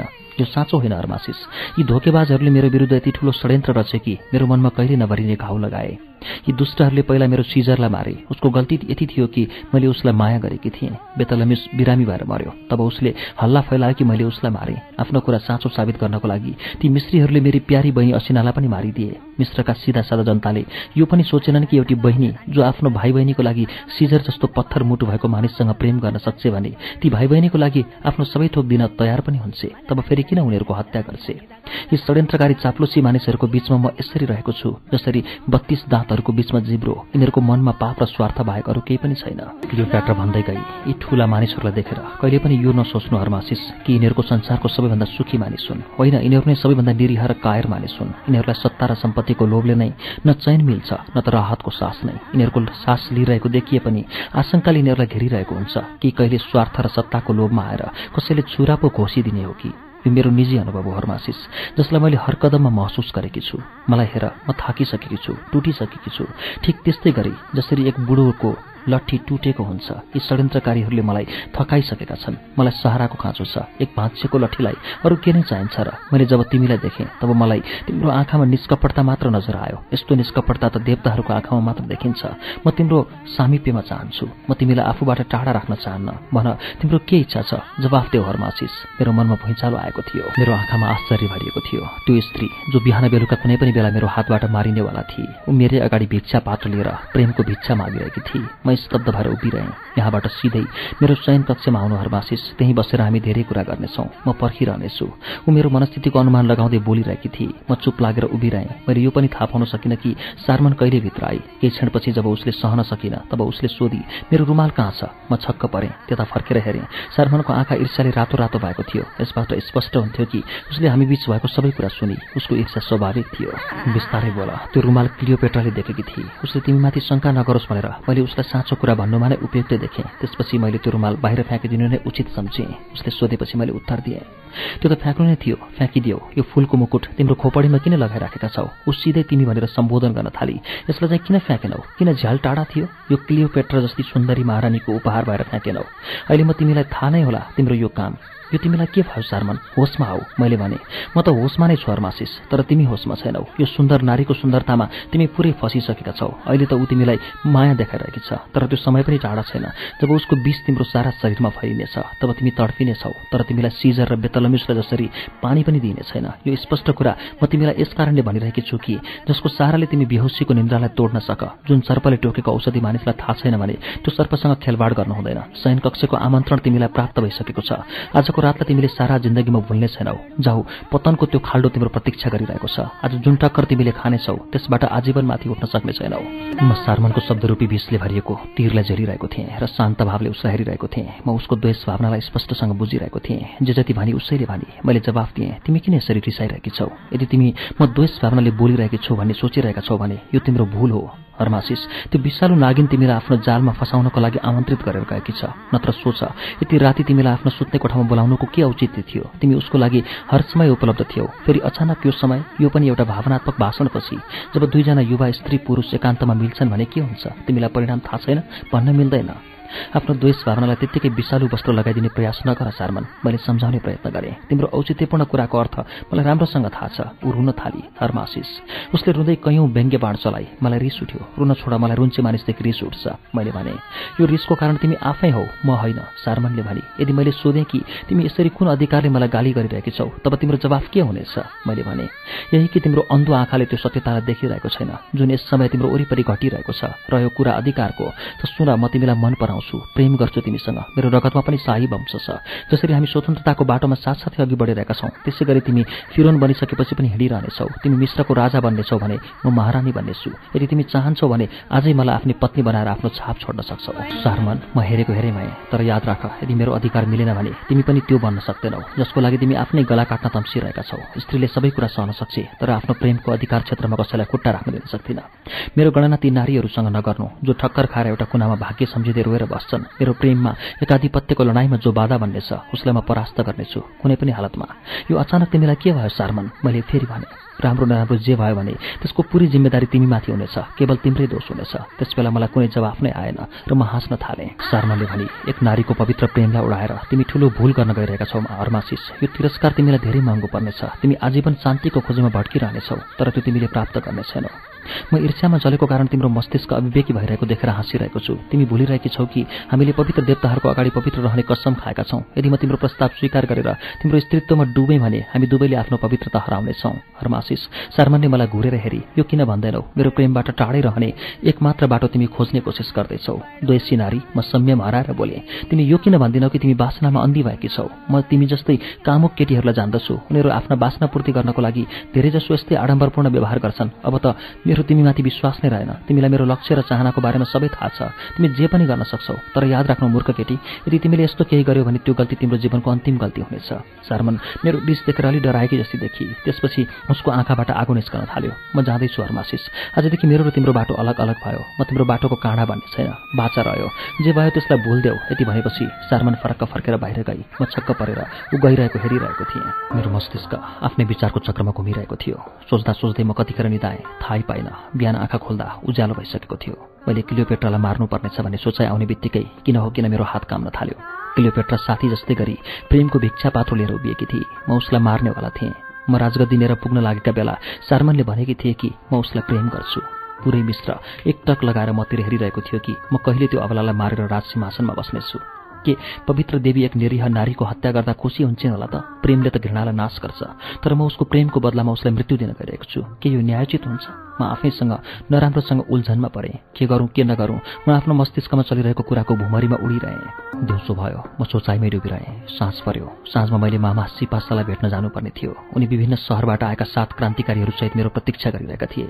म के गरौँ के नगरौँ भन्ने भाव लिँदै त्यहाँ पुगेँ। उनीहरूले राजालाई जसरी नै मलाई अभिवादन गरे मामाले भन्नुभयो पुरै मिश्रले वर्षौँदेखि देखेको सपना आज पुरा हुन गइरहेको छ। देवताहरूको कृपाले तिम्रो चक्कुले धोका नदियोस्। यदि देवताहरूको यही इच्छा छ भने यस्तै हुनेछ। मैले निश्वास छोडेँ। के भन्छौ हरमासिस उता तिमी क्लियोपेट्राको हत्या गर। यता हामी स्वतन्त्रताको झन्डा फहराउनेछौँ। कुनै बाधा त छैन। तपाईँहरू बिर्सिरहनु भएको छ कि? क्लियोपेट्राको एउटा छोरो पनि छ। ऊ मरेपछि उसका वफादारहरूले उसलाई सिंहासनमा बसाउने प्रयास गर्नेछन्। तिमी यसको चिन्ता नगर। त्यसलाई पनि त्यहीँ पुर्याइनेछ। हामी त्यो नागिनको कुनै पनि निशानलाई धरतीमा रहने दिने छैनौँ मामाले भन्नुभयो। यही नै उचित हुनेछ। उसको वंशको नामो निशान मेटिनु नै हाम्रो लागि शुभ हुन्छ। हो हो जबसम्म उसलाई पुरै निस्तेज पारिदिँदैनौँ चैनले बस्ने छैनौँ जस्तो तपाईँहरूको इच्छा। म पनि वातावरणको रङमा रङ्गिएँ। हामी सबै कसम खान्छौँ कि हामीले फेरि आफ्नो कसमलाई दोहोऱ्यायौँ। मेरो मामा खुसीले गदगद हुनुभयो। यसपछि हाम्रो भेट भविष्यमा कहिल्यै हुन सकेन। म त्यहाँबाट बाहिर निस्कँदा पुरै सिकेन्द्रिय र पुरै मिश्र एक विचित्र प्रकारको खुसीमा डुबेर प्रसन्नताको खित्का छोडिरहेको थियो। मैले शीतल सास फेरेँ यो सबै के भइरहेको छ? एक निरीह नारीको हत्याको कल्पनाले नै यति ठूलो खुसी। म मिश्रको राजा बन्नेवाला छु। मलाई अलिकति पनि खुसी लागेको छैन तर उनीहरूलाई यति धेरै खुसी। यदि म साधारण मानिस भएको भए यी सबै जसरी कमसेकम हाँस्न त सक्थेँ खुसी त हुन्थेँ यी सबै झन्झटहरूदेखि टाढै त हुन्थेँ म आफ्नो सोचमा डुब्दै गइरहेको थिएँ। मेरो नजिकै कोही आइपुग्यो मैले डराएर हेरेँ अगाडि आतोबी उभिएकी थिएँ तिम्रो बुबाले सन्देश पठाएका छन् छोरा तिम्रो टाउकोमा धेरै ठूलो खतरा आइलागेको छ अरे। आतोबी म डराएँ। हो छोरा उनले भनेका छन् कि यदि तिमी आफ्नो इरादामा पुरै कायम रह्यौ भने सफलताले तिमीलाई साथ दिनेछ। यदि तिमी अलिकति मात्र यताउताको बारेमा सोच्न थाल्यौ भने न घरको रहनेछौ न घाटको नै आतोबीले भनिन्।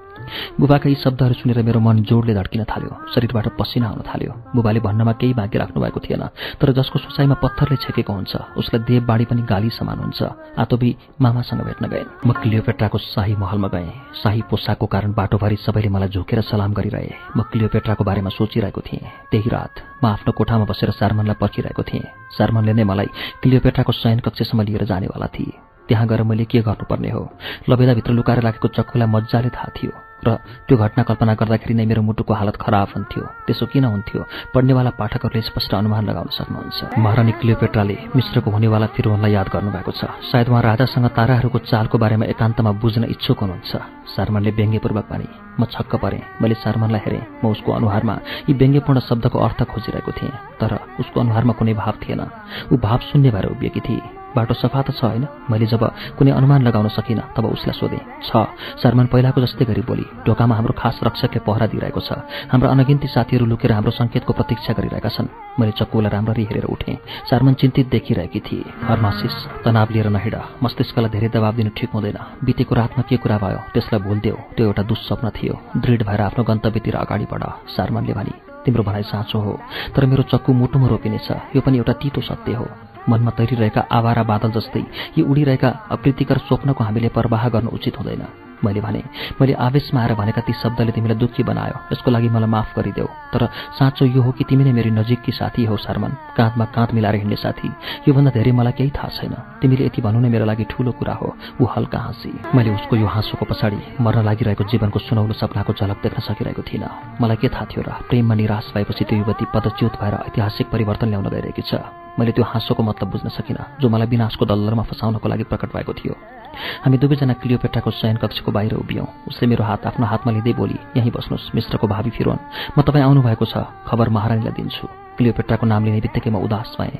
यही शयन कक्ष जसमा ऊ थिए छिट्टै नै उसलाई चिहानमा लिएर जाने बेला हुँदै थियो। धेरै बेरपछि सारमान बाहिर आई तब उसको अनुहार निधौरो थियो खुट्टा लर्खराइरहेको थियो। जौहर मासिस देवी देवताले तिम्रो रक्षा गरून्। उसले कामेको स्वरमा भनी भित्र महारानी तिम्रो प्रतीक्षा गरिरहेकी छन्।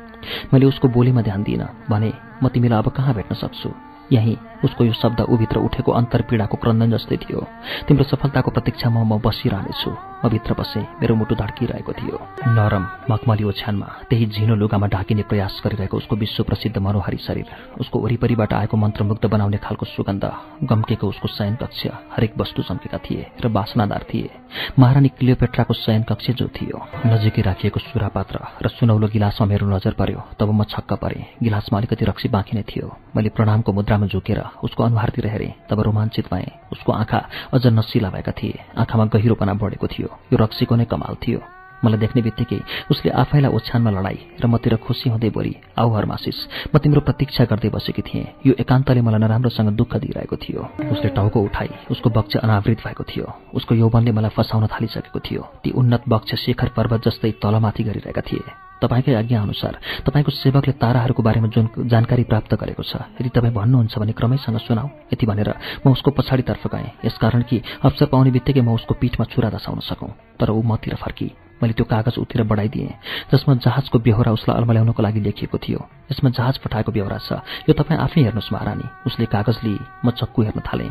ऊ कागजमा झुक्ने बित्तिकै मैले आफ्नो काम गर्नुपर्ने थियो। उसले नझुकिकन सर र त्यसमा आफ्नो दृष्टि गुमाई र चोर आँखाले ऊ मलाई हेरिरही।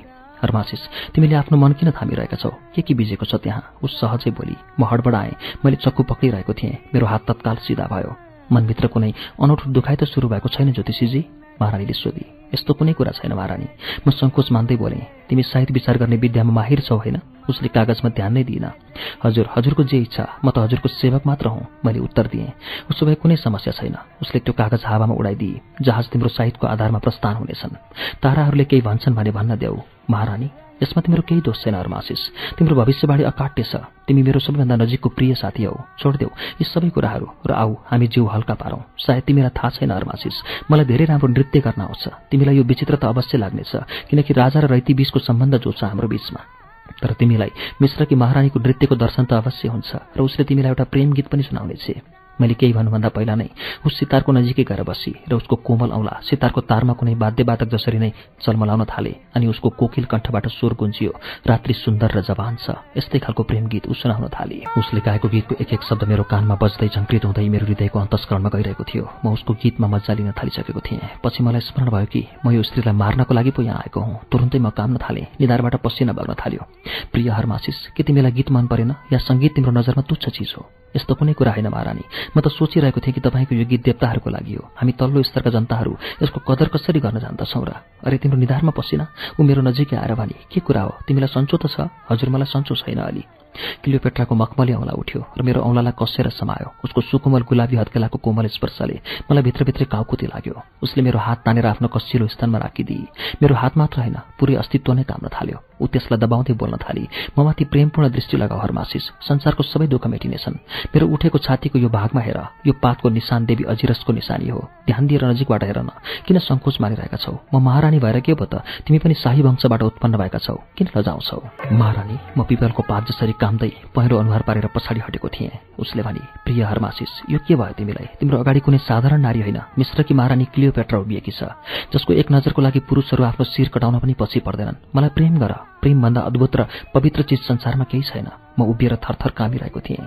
ऊ तुरन्तै मेरो नजिक आई र उसले मलाई अँगालो हाली अनि ऊ मेरो अनुहारमा झुकी। मेरो मुटु धड्किरहेको थियो। यस्तो लाग्दै थियो मेरो मन बन्धन तोडेर बाहिर आउन चाहिरहेको छ। उसको सुगन्धित कपालले मेरो अनुहार छोपिएको थियो। म पछाडि फर्केको थिएँ र ऊ खाटमाथि उभिएर ममाथि झोकेकी थिए। ओछ्यानमा उभिएको कारण उसको उचाइ मेरोभन्दा लामो भएको थियो। मेरो शरीरमा एक चिसो आगो बिस्तारै तात्दै गइरहेको थियो जसले मेरो सुझबुझ हराउँदै जान थाले जस्तो लागिरहेको थियो। ऊ मेरो अरू नजिक हुँदै गइरहेकी थिए। यति नजिक कि उसको तातो श्वास मेरो श्वासमा घुलिँदै गइरहेको थियो। उसको सारा संसारलाई विस्तृत गरिदिने खालको अमृत तुल्य आँखा मेरो आँखासँग जुद्यो। म टाढा धेरै टाढा हावामा उडिरहे जस्तो लाग्न थाल्यो। शरीरमा उठेको बासनाको आनन्दपूर्ण तेज लहरले मेरो पुरै अस्तित्वलाई मेटाइदिएको थियो। म आफ्नो होस हराउँदै गइरहेको थिएँ।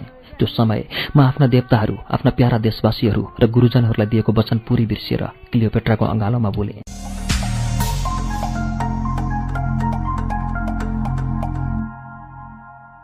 मैले एकपटक फेरि लेख्छु कि म त्यो अपार सुन्दर नारीहरूको सौन्दर्यमा हराएर सबै कुरा बोलेको थिएँ। त्यो अनेक रूप राशि मेरो अङ्गालोमा रहेर मलाई शारीरिक सुख प्रदान गरिरहेको थियो। खासमा भन्ने हो भने मलाई विनाशको गतिमा लिएर गइरहेको थियो।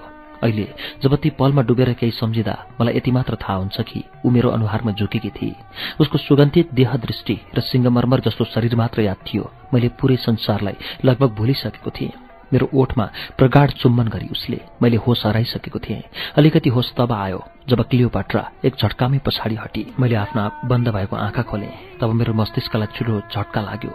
ऊ मेरो चक्कुलाई चम्काएर विचित्र भावले हाँसिरहेकी थिए मेरो सास जहाँको तहीँ रोकियो म स्तब्ध भएँ। उसले मेरो छातीबाट कहिले चक्कु झेकी मैले थाहा पाउनै सकिनँ। अट्टहास गरेर हाँस्दै मेरो देवताहरू आज मैले जतिको ठूलो मोर्चामा सफलता प्राप्त गरेकी छु त्यो त तपाईँहरूले देखि नै सक्नुभएको छ। मैले आज पुरै मिश्रलाई जितेकी छु। यति ठूलो षड्यन्त्र मैले पत्ता लगाएँ। बाहिर त्यो दुष्टका सारा साथीहरू मेरो लास ढलेर ढोका खोल्ने प्रतीक्षामा रहेका छन् तर म क्लियो पाट्रा हुँ। सधैँ मैले हारेको ताजी जितेकी छु। बेवकुफ मानिस अहिलेसम्म यति अवसर पर्याप्त थिएन। किन चक्कु रोपिनस् मेरो ढाडमा? भन के भन्छस्? भन्छस् भने यो चक्कु म तेरो मुटुमा रोपिदेऊ? त ढाडमा रोप्नको लागि इच्छुक थिइस् होइन? त्योभन्दा त यो नै राम्रो। हुनेछ। क्लियोपाट्राले त्यति भनेपछि मैले भने अवश्य त ढिलो नगरिकन यस्तै गर। म बाँच्न चाहन्न म मर्न चाहन्छु। यस्तै नै हुनेछ अभागी फिरवन। उचित चाहिँ म तँलाई जिउँदो छोड्दिन हरामी। उसले मलाई ठेलेर तल लडाइदिए। म यत्तिकै ढलै जस्तो कुनै योद्धा नभएर माटोले बनेको पुत्ला हुँ। उसले मेरो छातीमा आफ्नो बायाँ खुट्टाले टेकेर चक्कुले मेरो छातीमा चलाउन थाली। चक्कुको चुच्चो मेरो छातीमा रोपियो।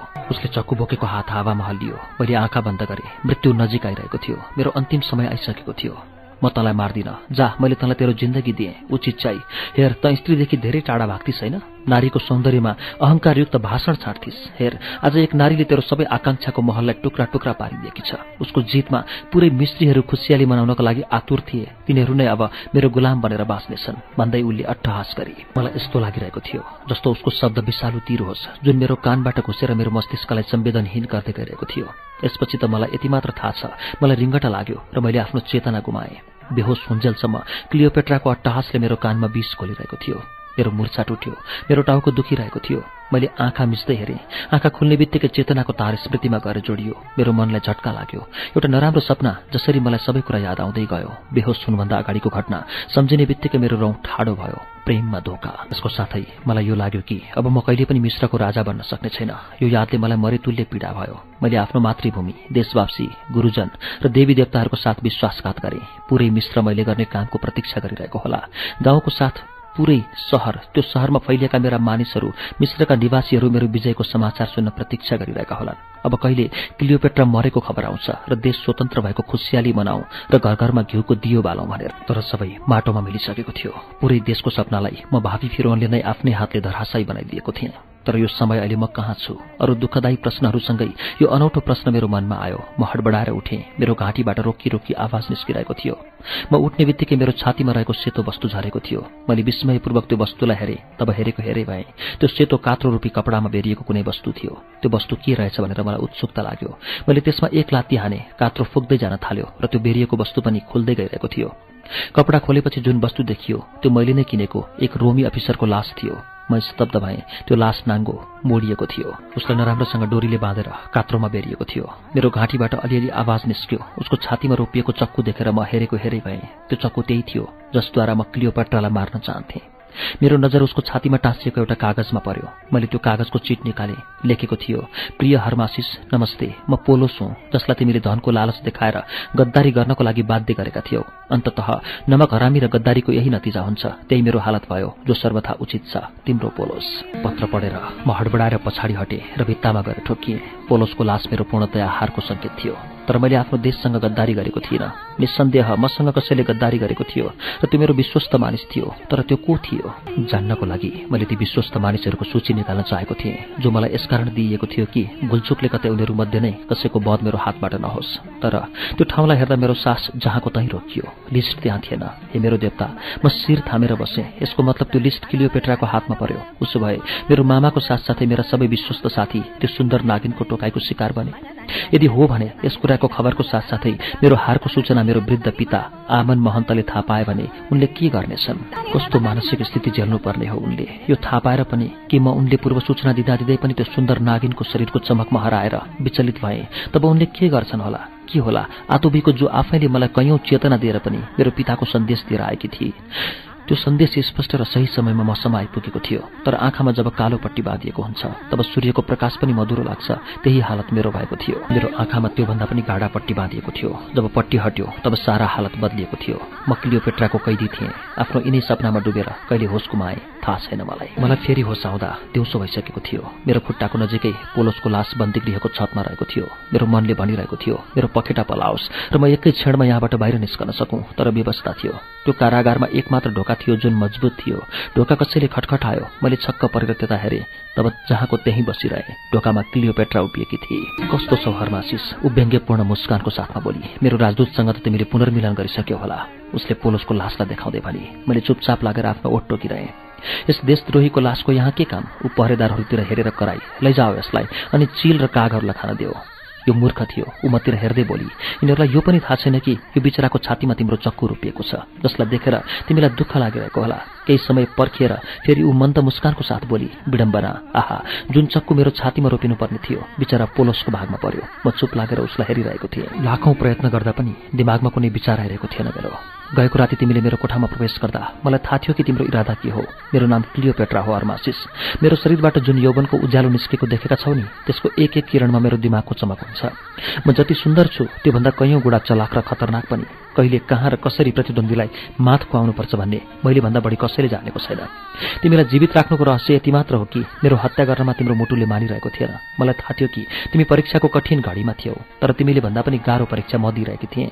तिमीसँग त चक्कु थियो म एक नारी थिएँ निस्सहाय र निशस्त्र मसँग केवल एउटा मात्र हतियार थियो त्यो हो मेरो सौन्दर्य। मैले चाहेको भए एकै क्षणमा तिमीलाई बन्दी बनाएर तिम्रो लक्ष्यलाई मेटाइदिने थिएँ। तर होइन मैले त्यो स्थितिमा तिमीलाई पराजित गर्नु थियो त्यही मैले गरेँ। तिमीमाथि विजय प्राप्त गर्नुभन्दा अगाडि म आफै शङ्काको घेरामा झुलिरहेको थिएँ। जित कसको हुन्छ होला? भन्ने प्रश्न बारम्बार मेरो मनमा आइरहेको थियो। तर हेर आँखा खोलेर हेर हरमासिस म विजयी भएकी छु। ऊ भन्दै गई यस समयमा तिमी मेरो बन्दी गृहमा मेरा बन्दी हौ। बाहिर मेरो रक्षकहरूको सख्त पहरा छ। तिमी चाहेर पनि यहाँबाट भाग्न सक्दैनौ। तिम्रो खुट्टामा यी सुरक्षा चक्रको जन्जिर छैन।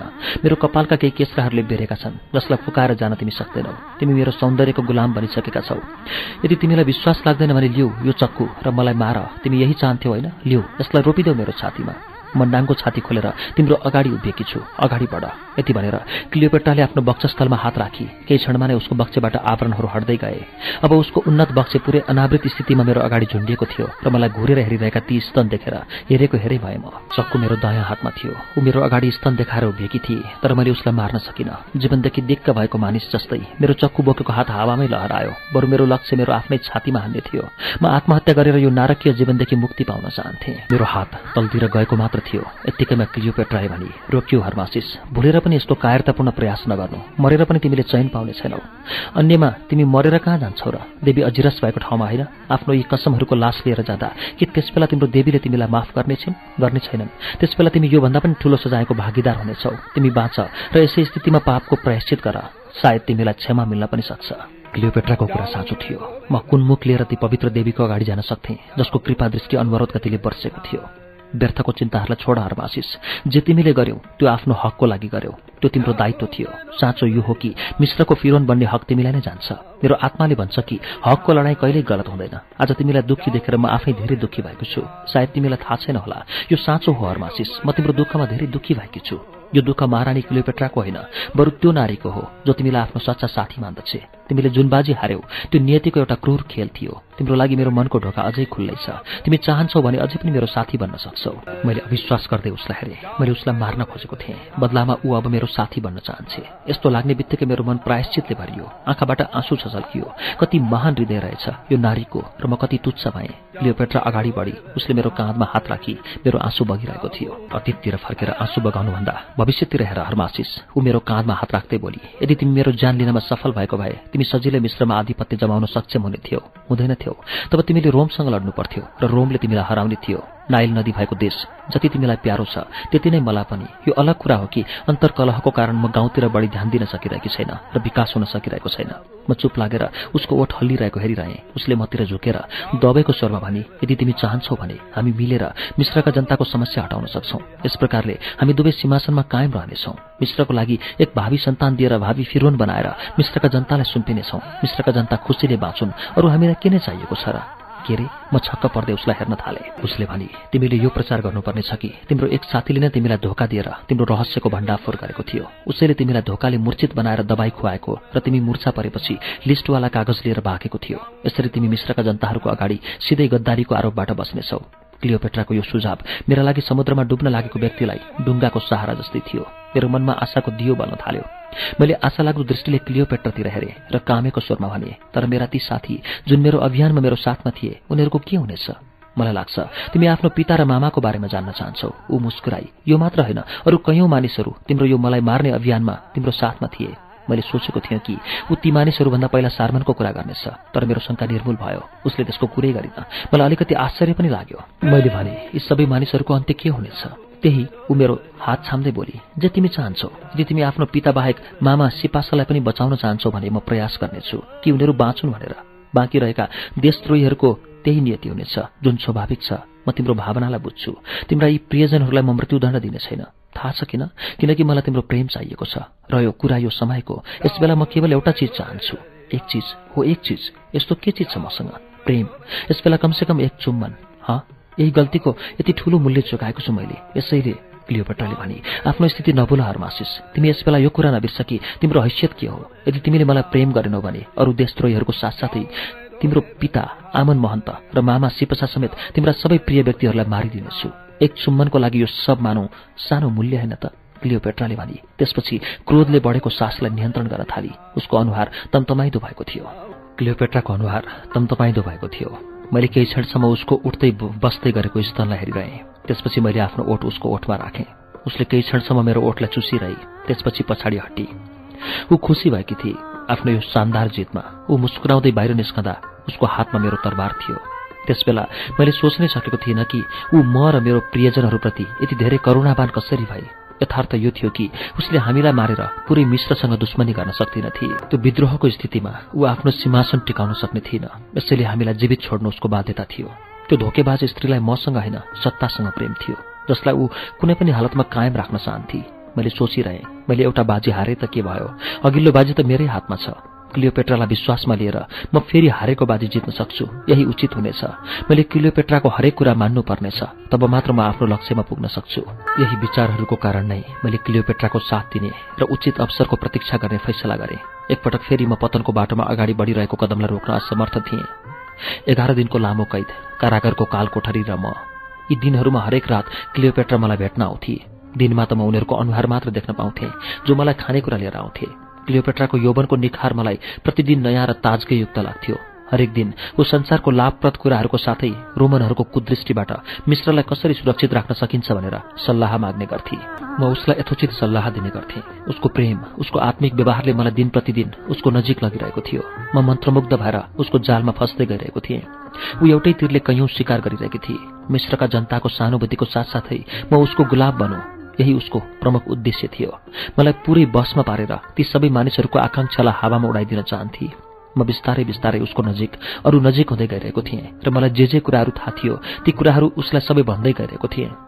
मैले त्यो सबै योजना उसलाई भनिदिएँ। जुन योजना मैले मिश्रलाई स्वतन्त्र बनाउनको लागि बनाएको थिएँ ती दिनहरूमा मैले महसुस गरेँ कि जब ऊ पनि आउँथे रिसाएर आएकी हुन्थे तर पनि त्यो रिस मलाई देखाउँदिन म अरू खुसी हुन्थेँ। रिसाउँदा ऊ अझ राम्री देखिन्थे। हामी दुईजना घन्टौँ कुरा गर्थ्यौँ। ऊ मलाई आफ्नो अँगालोको मायाजालमा फसाइरहेकी थिए। झन्झन यो स्थिति आयो कि एक दिन ऊ मलाई भेट्न आएन भने म बेचैन हुन्थेँ। म उसको सुन्दरताको दास भएको थिएँ। जसले मलाई मिश्रको राजगद्दी देवताहरू र मिश्रको जनतादेखि सदाको लागि टाढा राख्यो। म उसैको दास बनेको थिएँ। एक दिन उस सजिएर शाही पहिरनमा मेरो सामु आई र मसँग टाँसिएर बसी। उसले आफ्नो स्वर्ण शाही मुकुट मेरो टाउकोमा राखी। मलाई आश्चर्य लाग्यो। यो के गरेको? मैले रिसाएर सोधेँ कि यो एउटा कैदीको उपहास उडाउने नयाँ तरिका निकाल्नु भयो महारानी क्लियोपेट्रा? उसले विस्मयपूर्वक मलाई हेरी यो तिमी के भनिरहेका छौ हरमासिस? म तिम्रो उपहास कसरी गर्न सक्छु? यस्तो व्यङ्ग्यपूर्ण कुराहरू तिमीलाई शोभा दिँदैनन्। तिमी मिश्रको फिरोन बन्न योग्य छौ बन्न सक्छौ। कसरी? म छटपटाएँ कसरी हुन्छ यो सब? अब त एउटा मात्र बाटो बसेको छ। त्यो हो कि हामी दुईजना विवाह गरौँ। यो बाहेक अरू कुनै बाटो छैन। यो उपाय अहिले केही समयको लागि उपयुक्त छैन। अहिले हालत उल्टो छ। बाँकी रह्यो। तिमी बन्दी हुने। यो सब मैले तिम्रो ज्यान बचाउनको लागि गरेकी हुँ। यदि मैले यस्तो नगरेको भए मेरा फौजी अफिसर र क्रान्तिको पट्टी बाँधेका तिम्रा साथीहरूले तिमीलाई मारिदिने थिए उसले भनी। मैले चुप लागेर उसको अनुहार हेरिरहेँ। उसको भनाइ युक्तिपूर्ण थियो। तिमी भोलिदेखि स्वतन्त्र हुनेछौ र मानिसहरूको नजरमा तिमी मेरो दास बनेर रहनेछौ। तर तिम्रो दर्जा शाही ज्योतिषीकै हुनेछ। नरिसाउ। मनको सबै शङ्काहरूलाई हटाऊ हाम्रो यो सुमधुर सम्बन्धमा कुनै नयाँ सम्बन्ध कायम नहुन पनि सक्छ। यति भनेर उगाई। क्लियोपेट्राले मलाई आफ्नो सेवक बनाएर पुरै मिश्रमा मलाई नराम्रो बनाएकी थिए तर मेरो आँखाले त्यो बेला यो देख्न सकेन। अर्को दिन क्लियोपेट्रा आइन। ठिक त्यसै बेला सार्मनले बाहिर राखी तब म छक्क परे असफलतापछि पहिलोपल्ट हामी आम्ने सामने भएका थियौँ। उसको अनुहार अँध्यारो थियो तर आँखाबाट ज्वाला निस्किरहेको थियो। माफ गर्नुहोला मेरो भावी फिरोन आज क्लियोपेट्राको ठाउँमा म आफै आउने दृष्टता गरेँ तैपनि त्यो समय अब टाढा छैन। अब ऊ आफ्नो प्यास मेटाउनको लागि तपाईँको अगाडि हुनेछ। म शान्त भएर उभिरहेँ। सार्मनको व्यङ्ग्यलाई मैले राम्ररी बुझिरहेको थिएँ। केही क्षणसम्म म माथि घृणाको वर्षा गरेपछि ऊ केही नरम भई तिमीलाई यो थाहा पाएर खुसी लाग्नेछ कि आजदेखि तिमीलाई कारागारबाट मुक्त गरिँदैछ र साथै तिम्रा कुनै पनि साथीलाई मारिएको छैन। हो ती सबै क्लियोपेट्राको बन्दी भएका छन्। तिम्रो पिता सुरक्षित छन् र मामा शिवसा गायब छन्। उनी जीवित छन् या छैनन् यो ईश्वर नै जानु यो सबको कारण पोलो सो सार्मन। त्यही बदमासले मसँग गद्दारी गरेर मेरो वास्तविकता क्लियोपेट्रालाई भनेको थियो सार्मनले भने। ठिकै छ मैले माने। साँच्चै नै गद्दारी पोलोसले नै गरेको थियो तर यसमा तिम्रो दोष पनि त उसको भन्दा कम छैन। ती दिनहरूको बीचमा जति पनि अवसरहरू मिल्यो त्यति समयमा के तिमी एउटा स्त्रीलाई मार्न सक्दैनथ्यौ? तिमी विख्यात योद्धा हौ। ऊ जति नै चलाक र नागिन भए पनि आखिर निशस्त्र नारी न थिए। महारानी क्लियोपेट्राले बेहोसीको दबाई धोकाले पिलाएकी थिइन्। उसले पिलाएकै होइन बरु तिमीले नै पिएका थियौ। उसको आँखाबाट सारमन मलाई घुर्दै भनिरहेकी थिए विश्व सुन्दरी क्लियोपेट्राको यौवनको रसपान्त गर्यौ मिश्र दास भयो त हुन देऊ तिमीलाई के फरक पर्छ? र सारमन मैले भने बेकारका कुरा गरेर तिमी सत्यताबाट टाढा जान सक्दैनौ। सारमनले भने पोलोसले थोरै मात्र गद्दारी गरेको थियो तर तिमीले त पुरै मिश्रको ढाडमा विश्वासघातको छुरा रोपेका छौ। तिमी लाखौं करोडौँको आशालाई निराशामा बदलिएका छौ। जुन सयौं वर्षदेखि तिम्रो आशामा बाँचेका थिए। मिश्रका ती देवताहरूको अपेक्षामाथि कुठाराघात गरेका छौ। तिनलाई एकपटक फेरि अपमान सहनको लागि छोडिदिएका छौ। देवी अजिरसकोसम्म प्रवाह गरेनौ तिमीले। पुरै मिश्रले तिमीलाई एक्लो दुःख नाशक चुनेका थिए। गद्दार सबैभन्दा ठूलो गद्दार तिमी नै हो। तिम्रो अपराध माफ गर्न लायक छैन सारमनले भने। सारमन म तिर्मिराएँ। जाऊ तिमी यहाँबाट। म केही पनि सुन्न चाहन्न। एक शरीफ कुमारीको सान्निध्यमा तिमीलाई कसरी सहज लाग्थ्यो त? तिम्रो आँखामा त त्यो एउटा बच्चाकी आमा क्लियोपेट्राको नसा छाएको छ। जाऊ उसको खुट्टा मुनि सुतेर कुकुरले जसरी उसको खुट्टा चाट यो मात्र तिम्रो सन्तुष्टिको एकमात्र बाटो हो। हो कहिले मिश्रको जनताको अगाडिबाट हिँड्यौ भने ती गरिब मिश्रीहरूको आँखामा अवश्य हेर्नु तिमीले त्यहाँ तिरस्कार देख्नेछौ। र तिमीलाई पहिलाका र पछाडिका सबै गल्तीहरू याद आउनेछन्। ती मिश्रवासीहरू तिमीसँग कुरा गर्न पनि आफ्नो अपमान भएको मान्नेछन्। म मनमा नै भन्न थालेँ मेरो विचार क्लियोपेट्राको पक्षमा थियो तर सार्मनको कुरामा सत्यता थियो जसको घोचाइको पीडा मैले भोग्नु नै पर्नेछ। एउटा कुरा सोधौँ। धेरै बेरपछि म अप्ठ्यारो मान्दै बोले तिमीलाई क्लियोपेट्राले किन गिरफ्तार गरिन? मेरो नाम सूचीमा थिएन। तिमीलाई लागेको होला कि तिम्रो प्रेम पाउन नसकेको कारणले गद्दारी मैले गरेँ तर यस्तो थिएन। गद्दार पोलोस नै थियो र ऊ आफ्नो परिणामसम्म पुगि पनि सकेको थियो। अब म जान्छु तिम्रो मनकी मालिकनी महारानी क्लियोपेट्रा तिम्रो प्रतीक्षामा बसेकी छ। उसले आफ्नो कुराकानीको समापन व्यङ्ग्य बाढले गरी र त्यहाँबाट गई। म दरबारमा हाजिर हुनको लागि निक्लिएँ तब मलाई कुनै अदृश्य नजरले हेरिरहेको जस्तो लाग्यो। यो स्पष्ट थियो कि अप्रत्यक्ष रूपमा ममाथि कडा नजर राखिएको थियो। मेरो विचार थियो कि क्लियोपेट्राको शाही दरबारमा उपस्थित हुने बित्तिकै मैले अनगिन्ती मानिसहरूको सामना गर्नुपर्नेछ तर यस्तो केही भएन। जो मेरो यथार्थसँग सम्बन्धित थिए ती सबै कि भागिसकेका थिए कि तिनीहरूलाई चुपचाप बन्दी बनाइएको थियो। स्पष्ट थियो कि यो क्रान्तिलाई साह्रै गुप्त रूपमा कारवाही गरिएको थियो। कसैले ममाथि ध्यान दिएनन्। म हर्मासिस मिश्रको भावी सम्राट सेवक जसरी क्लियोपेट्टाको पछाडि गएर उभिए। दिन बित्दै जान थाल्यो। ममाथि पहिला जसरी नै नजर राखिएको थियो। एक दिन एन्टोनीको दूत आयो। उसको नाम वेलस थियो। त्यो धेरै धुर्त र धोकेबाज मानिस थियो। ऊ एन्टोनीको एक सन्देश क्लियोपेट्राको नाममा लिएर आएको थियो। ऊ प्रभावपूर्ण शब्दमा एन्टोनीकै शौर्यको गीत गाइरहेको थियो। त्यसपछि ऊ विश्वविजेता भएको भाव उसको मनमा बसाउँथ्यो। म पूर्ववत क्लियोपेट्राको सिंहासनको पछाडि उभिएको थिएँ। बेलेस प्रवेश गर्ने बित्तिकै ऊ माथि दासीहरूले पुष्प वर्षा गरे। क्लियोपेट्रा बोली महान विजेता एन्टोनीको दूत मिश्रको शाही दरबारमा तिम्रो स्वागत छ। बेलेसको नजर क्लियोपेट्रातिर उठ्ने बित्तिकै उठेको उठे भयो। उसको भयङ्कर मुख केही भन्नको लागि खुल्यो तर बन्द हुन सकेन। ऊ धेरै बेर क्लियोपेट्रालाई हेरी मात्र रह्यो। दूत क्लियोपेट्रा उसको स्थिति देखेर मुस्कुराई। तिमीले मेरो कुराको जवाफ दिएनौ। एसियाको युद्ध यति भारी भयो कि आफ्नो मातृभाषा नै भुल्यो तिमीले? बेलेस उसको रूपजालबाट माथि उठ्दै सिधा भयो। होइन सौन्दर्यकी देवीको अनिग्ध सौन्दर्यमा डुबेर आफ्नो अस्तित्व भुलेको थिएँ मैले। मेरो दावा छ कि तपाईँको सौन्दर्य देखेर पत्थरको मुटु भएका मानिसहरू पनि सबै कुरा भुलेर मैनबत्ती जस्तै पग्लिन्छन्। यदि मेरो होस हवास कायम रह्यो भने म तपाईँको रूपको प्रशंसा गर्ने दृष्टता कहिल्यै गर्ने थिइनँ। तर मनको कारणले बाध्य भए म। तर अहिले त एसियाका विजेता एन्टोनीको सन्देश लिएर आएको छु म। यदि सौन्दर्यकी देवी मिश्रकी महारानी अनुमति दिनुहुन्छ भने श्रीमान एन्टोनीको पत्र पढेर सुनाउने थिएँ। क्लियोपेट्राले भनी अवश्य सुनाऊ। म मार्क एरिस एन्टोनी। मिश्रकी महारानी क्लियोपेट्राको नाममा सन्देश जारी गर्छु कि? उनीले यो भुल्नु हुँदैन। मिश्रको राजगद्दी रोमीहरूको कृपाको फल हो। यदि रोमीहरूको हात टाउकोमा नभएको भए मिश्रको राजगद्दी प्राप्त हुने थिएन। तर अफसोस मिश्रकी महारानी तिमीले हाम्रो उपकारलाई बिर्सिदिएकी छौ र हाम्रो विरुद्ध कासयुब र वरितोसलाई फौजी आदेश दिएर रोमी सरकारलाई समाप्त पार्ने दुस्वप्न देख्यौ। यसैले मिश्रकी महारानी क्लियोपेट्रा तिमीलाई स्पष्ट आदेश दिन्छ कि तत्काल कुलकलियाको शाही सन्देश गृहमा उपस्थित भएर यो वक्तव्यलाई पढेर आफ्नो पक्षको सफाई पेश गर। यस्तो नगरे तिम्रो साथ कस्तो खालको व्यवहार हुन सक्छ र त्यसको के परिणाम मिल्छ पछि थाहा पाउनेछौ। मार्क एरिस एन्टोनी त्यो पत्र पढिसक्ने बित्तिकै क्लियोपेट्राको आँखा सुक्यो। उसलाई स्पष्टसँग धम्की दिएको थियो। एन्टोनीले लगाएको आरोप सरासर गलत हो। यसको कुनै आधार छैन। निर्दोष हुँदाहुँदै पनि मैले कतै जानुपर्छ भन्ने म सोच्दिनँ। यो अवस्थामा न मैले नै आफ्नो सफाई पेश गर्नुपर्ने जरुरत छ किनकि जुन काम हामीले गरेको नै छैन त्यसको सफाई कसरी दिने? हो यदि एन्टोनीको इच्छा छ भने ऊ मिश्र आउन सक्छन्। हामी उनको स्वागत पनि गर्नेछौँ र साँचो कुरा पनि बताउनेछौँ। यही औचित्यपूर्ण पनि छ र न्यायोचित पनि। महारानी गम्भीरतापूर्वक विचार गर्नुहोस्। हाम्रो राजा एन्टोनी धेरै कडा मिजाजका मानिस छन् दूतले भन्यो। यदि तपाईँ मेरो सल्लाह मान्नुहुन्छ भने म यही भन्नेछु कि तपाईँ आफै कुलकलिया जाने कृपा गर्नुहोला नत्र बादशाह एन्टोनी मिश्र आयो भने उनीसँग विशाल सेना हुन पनि सक्छ। त्यो स्थितिमा भएको मिश्रको नोक्सानको जिम्मेवारी सबै तपाईँकै हुनेछ। क्लियोपेट्रा गम्भीर भई बेलस ठिकै भनिरहेको थियो। एन्टोनी एउटा क्रूर मानिस थियो। उसका फैसलाहरू सदैव कठोर हुने गर्थे। दूत उसले केही सोच्दै भने यो मामिला गम्भीर छ। यसमा एकाएक निर्णय दिन सकिँदैन। यसैले यो ठिक हुनेछ कि तपाईँ दस दिनसम्म यहीँ बस्नुहोस्। हाम्रो शाही पाहुना भएर। यस समयको बिचमा सोच विचार गरेर हामी तपाईँलाई जवाफ दिनेछौँ। हजुरको जो इच्छा बेलसले भन्यो क्लियोपेट्रा सोचमा डुबी। म क्लियोपेट्राको कोठामा पुग्दा ऊ धेरै चिन्तित मुद्रामा यताउति हिँडिरहेको पाएँ। महारानी कुरा के हो? हर्मासिस तिमी ठिक गर्यो तिमी आएर। तिमी त्यो एकमात्र साथी हौ जसलाई म पूर्ण भरोसा गर्न सक्छु। एन्टोनीले मलाई धम्की दिएको छ। एन्टोनी नामको राक्षस अर्धपागल र क्रूर छ। तर ऊ यति बहादुर पनि छ कि सम्पूर्ण एसियामा उसले विजय प्राप्त गरेको छ। मादक पदार्थको साथसाथै आइमाईप्रति लिप्त पनि छ ऊ। जे जस्तो भए पनि अन्तत त्यो मानिस त हो नि। भोगविलासमा लिप्त हुने मानिसलाई युद्धमा पराजित गर्न धेरै सजिलो छ मैले भने। म पनि यो कुरा मान्छु क्लियोपेट्राले टाउको हल्लाई हामी एन्टोनीसँग धावा बोलेर उसलाई परास्त गर्न सक्छौँ।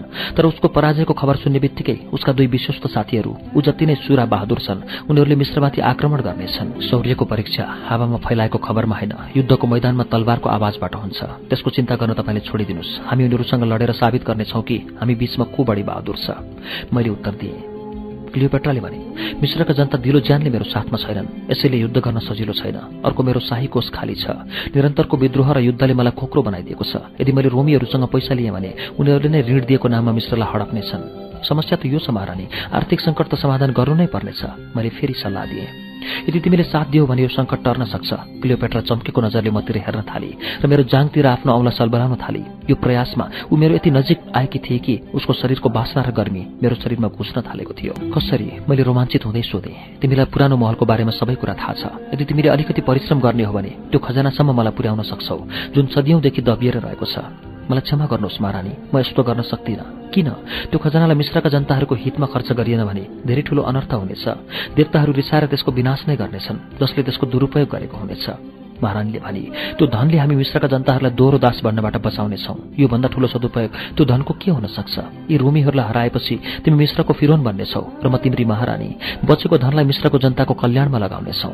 म अड्केर बोले महारानी तिम्रो आँखाले भनिरहेको छ कि तिमीलाई खजनाको बारेमा सबै कुरा थाहा छ। ऊ मेरो ओठमा आफ्नो ओठ राख्दै बोली छिट्टै जाउँ मेरो फिरोन। यदि हामीलाई ढिलो भयो भने मिश्र हातबाट निक्लनेछ। म नाजवाफ भइसकेको थिएँ। सुन्दर नागिनले एकपल्ट फेरि मलाई आफ्ना मिठा कुराले फसाएकी थिए। टुटे फुटेको खण्डहर पुराना महलका टुक्राहरू छेउछाउमा बनेका राजवंशहरूको समाधि तिनीहरूको बीचबाट हाम्रो समूह गइरहेको थियो। क्षतिग्रस्त भित्ता बाहेक कैयौं यस्ता भित्ताहरू अहिलेसम्म जस्ताको तस्ती थिए जसमा समयको प्रभाव देखिरहेको थियो। म बाहिर उभिएँ। मेरो पछि पछि आइरहेको समूह पनि रोकियो। लियोपाट्रा मेरो पछि पछि आएर मेरै बराबरीमा उभिएर बोली के हामी त्यो ठाउँमा पुगिसकेका छौँ जहाँ खजाना लुकेको छ? हो महारानी म गम्भीर स्वरमा बोले। यो महलको समाधि मुनि त्यो खजाना गाडेर राखेको छ तर गम्भीरतापूर्वक सोच्नुहोस् त्यो खजाना लिएर पुग्नुभन्दा पहिला हामीले अनेकौं कठिनाई पार गर्नुपर्नेछ। तिमी साथमा छौ भने कसरी कठिन हुन्छ? मिश्रको फिरोन हौ तिमी जति मानिस चाहिन्छ लिएर जाऊ र खजाना लिएर आऊ म यहीँ प्रतीक्षा गर्छु।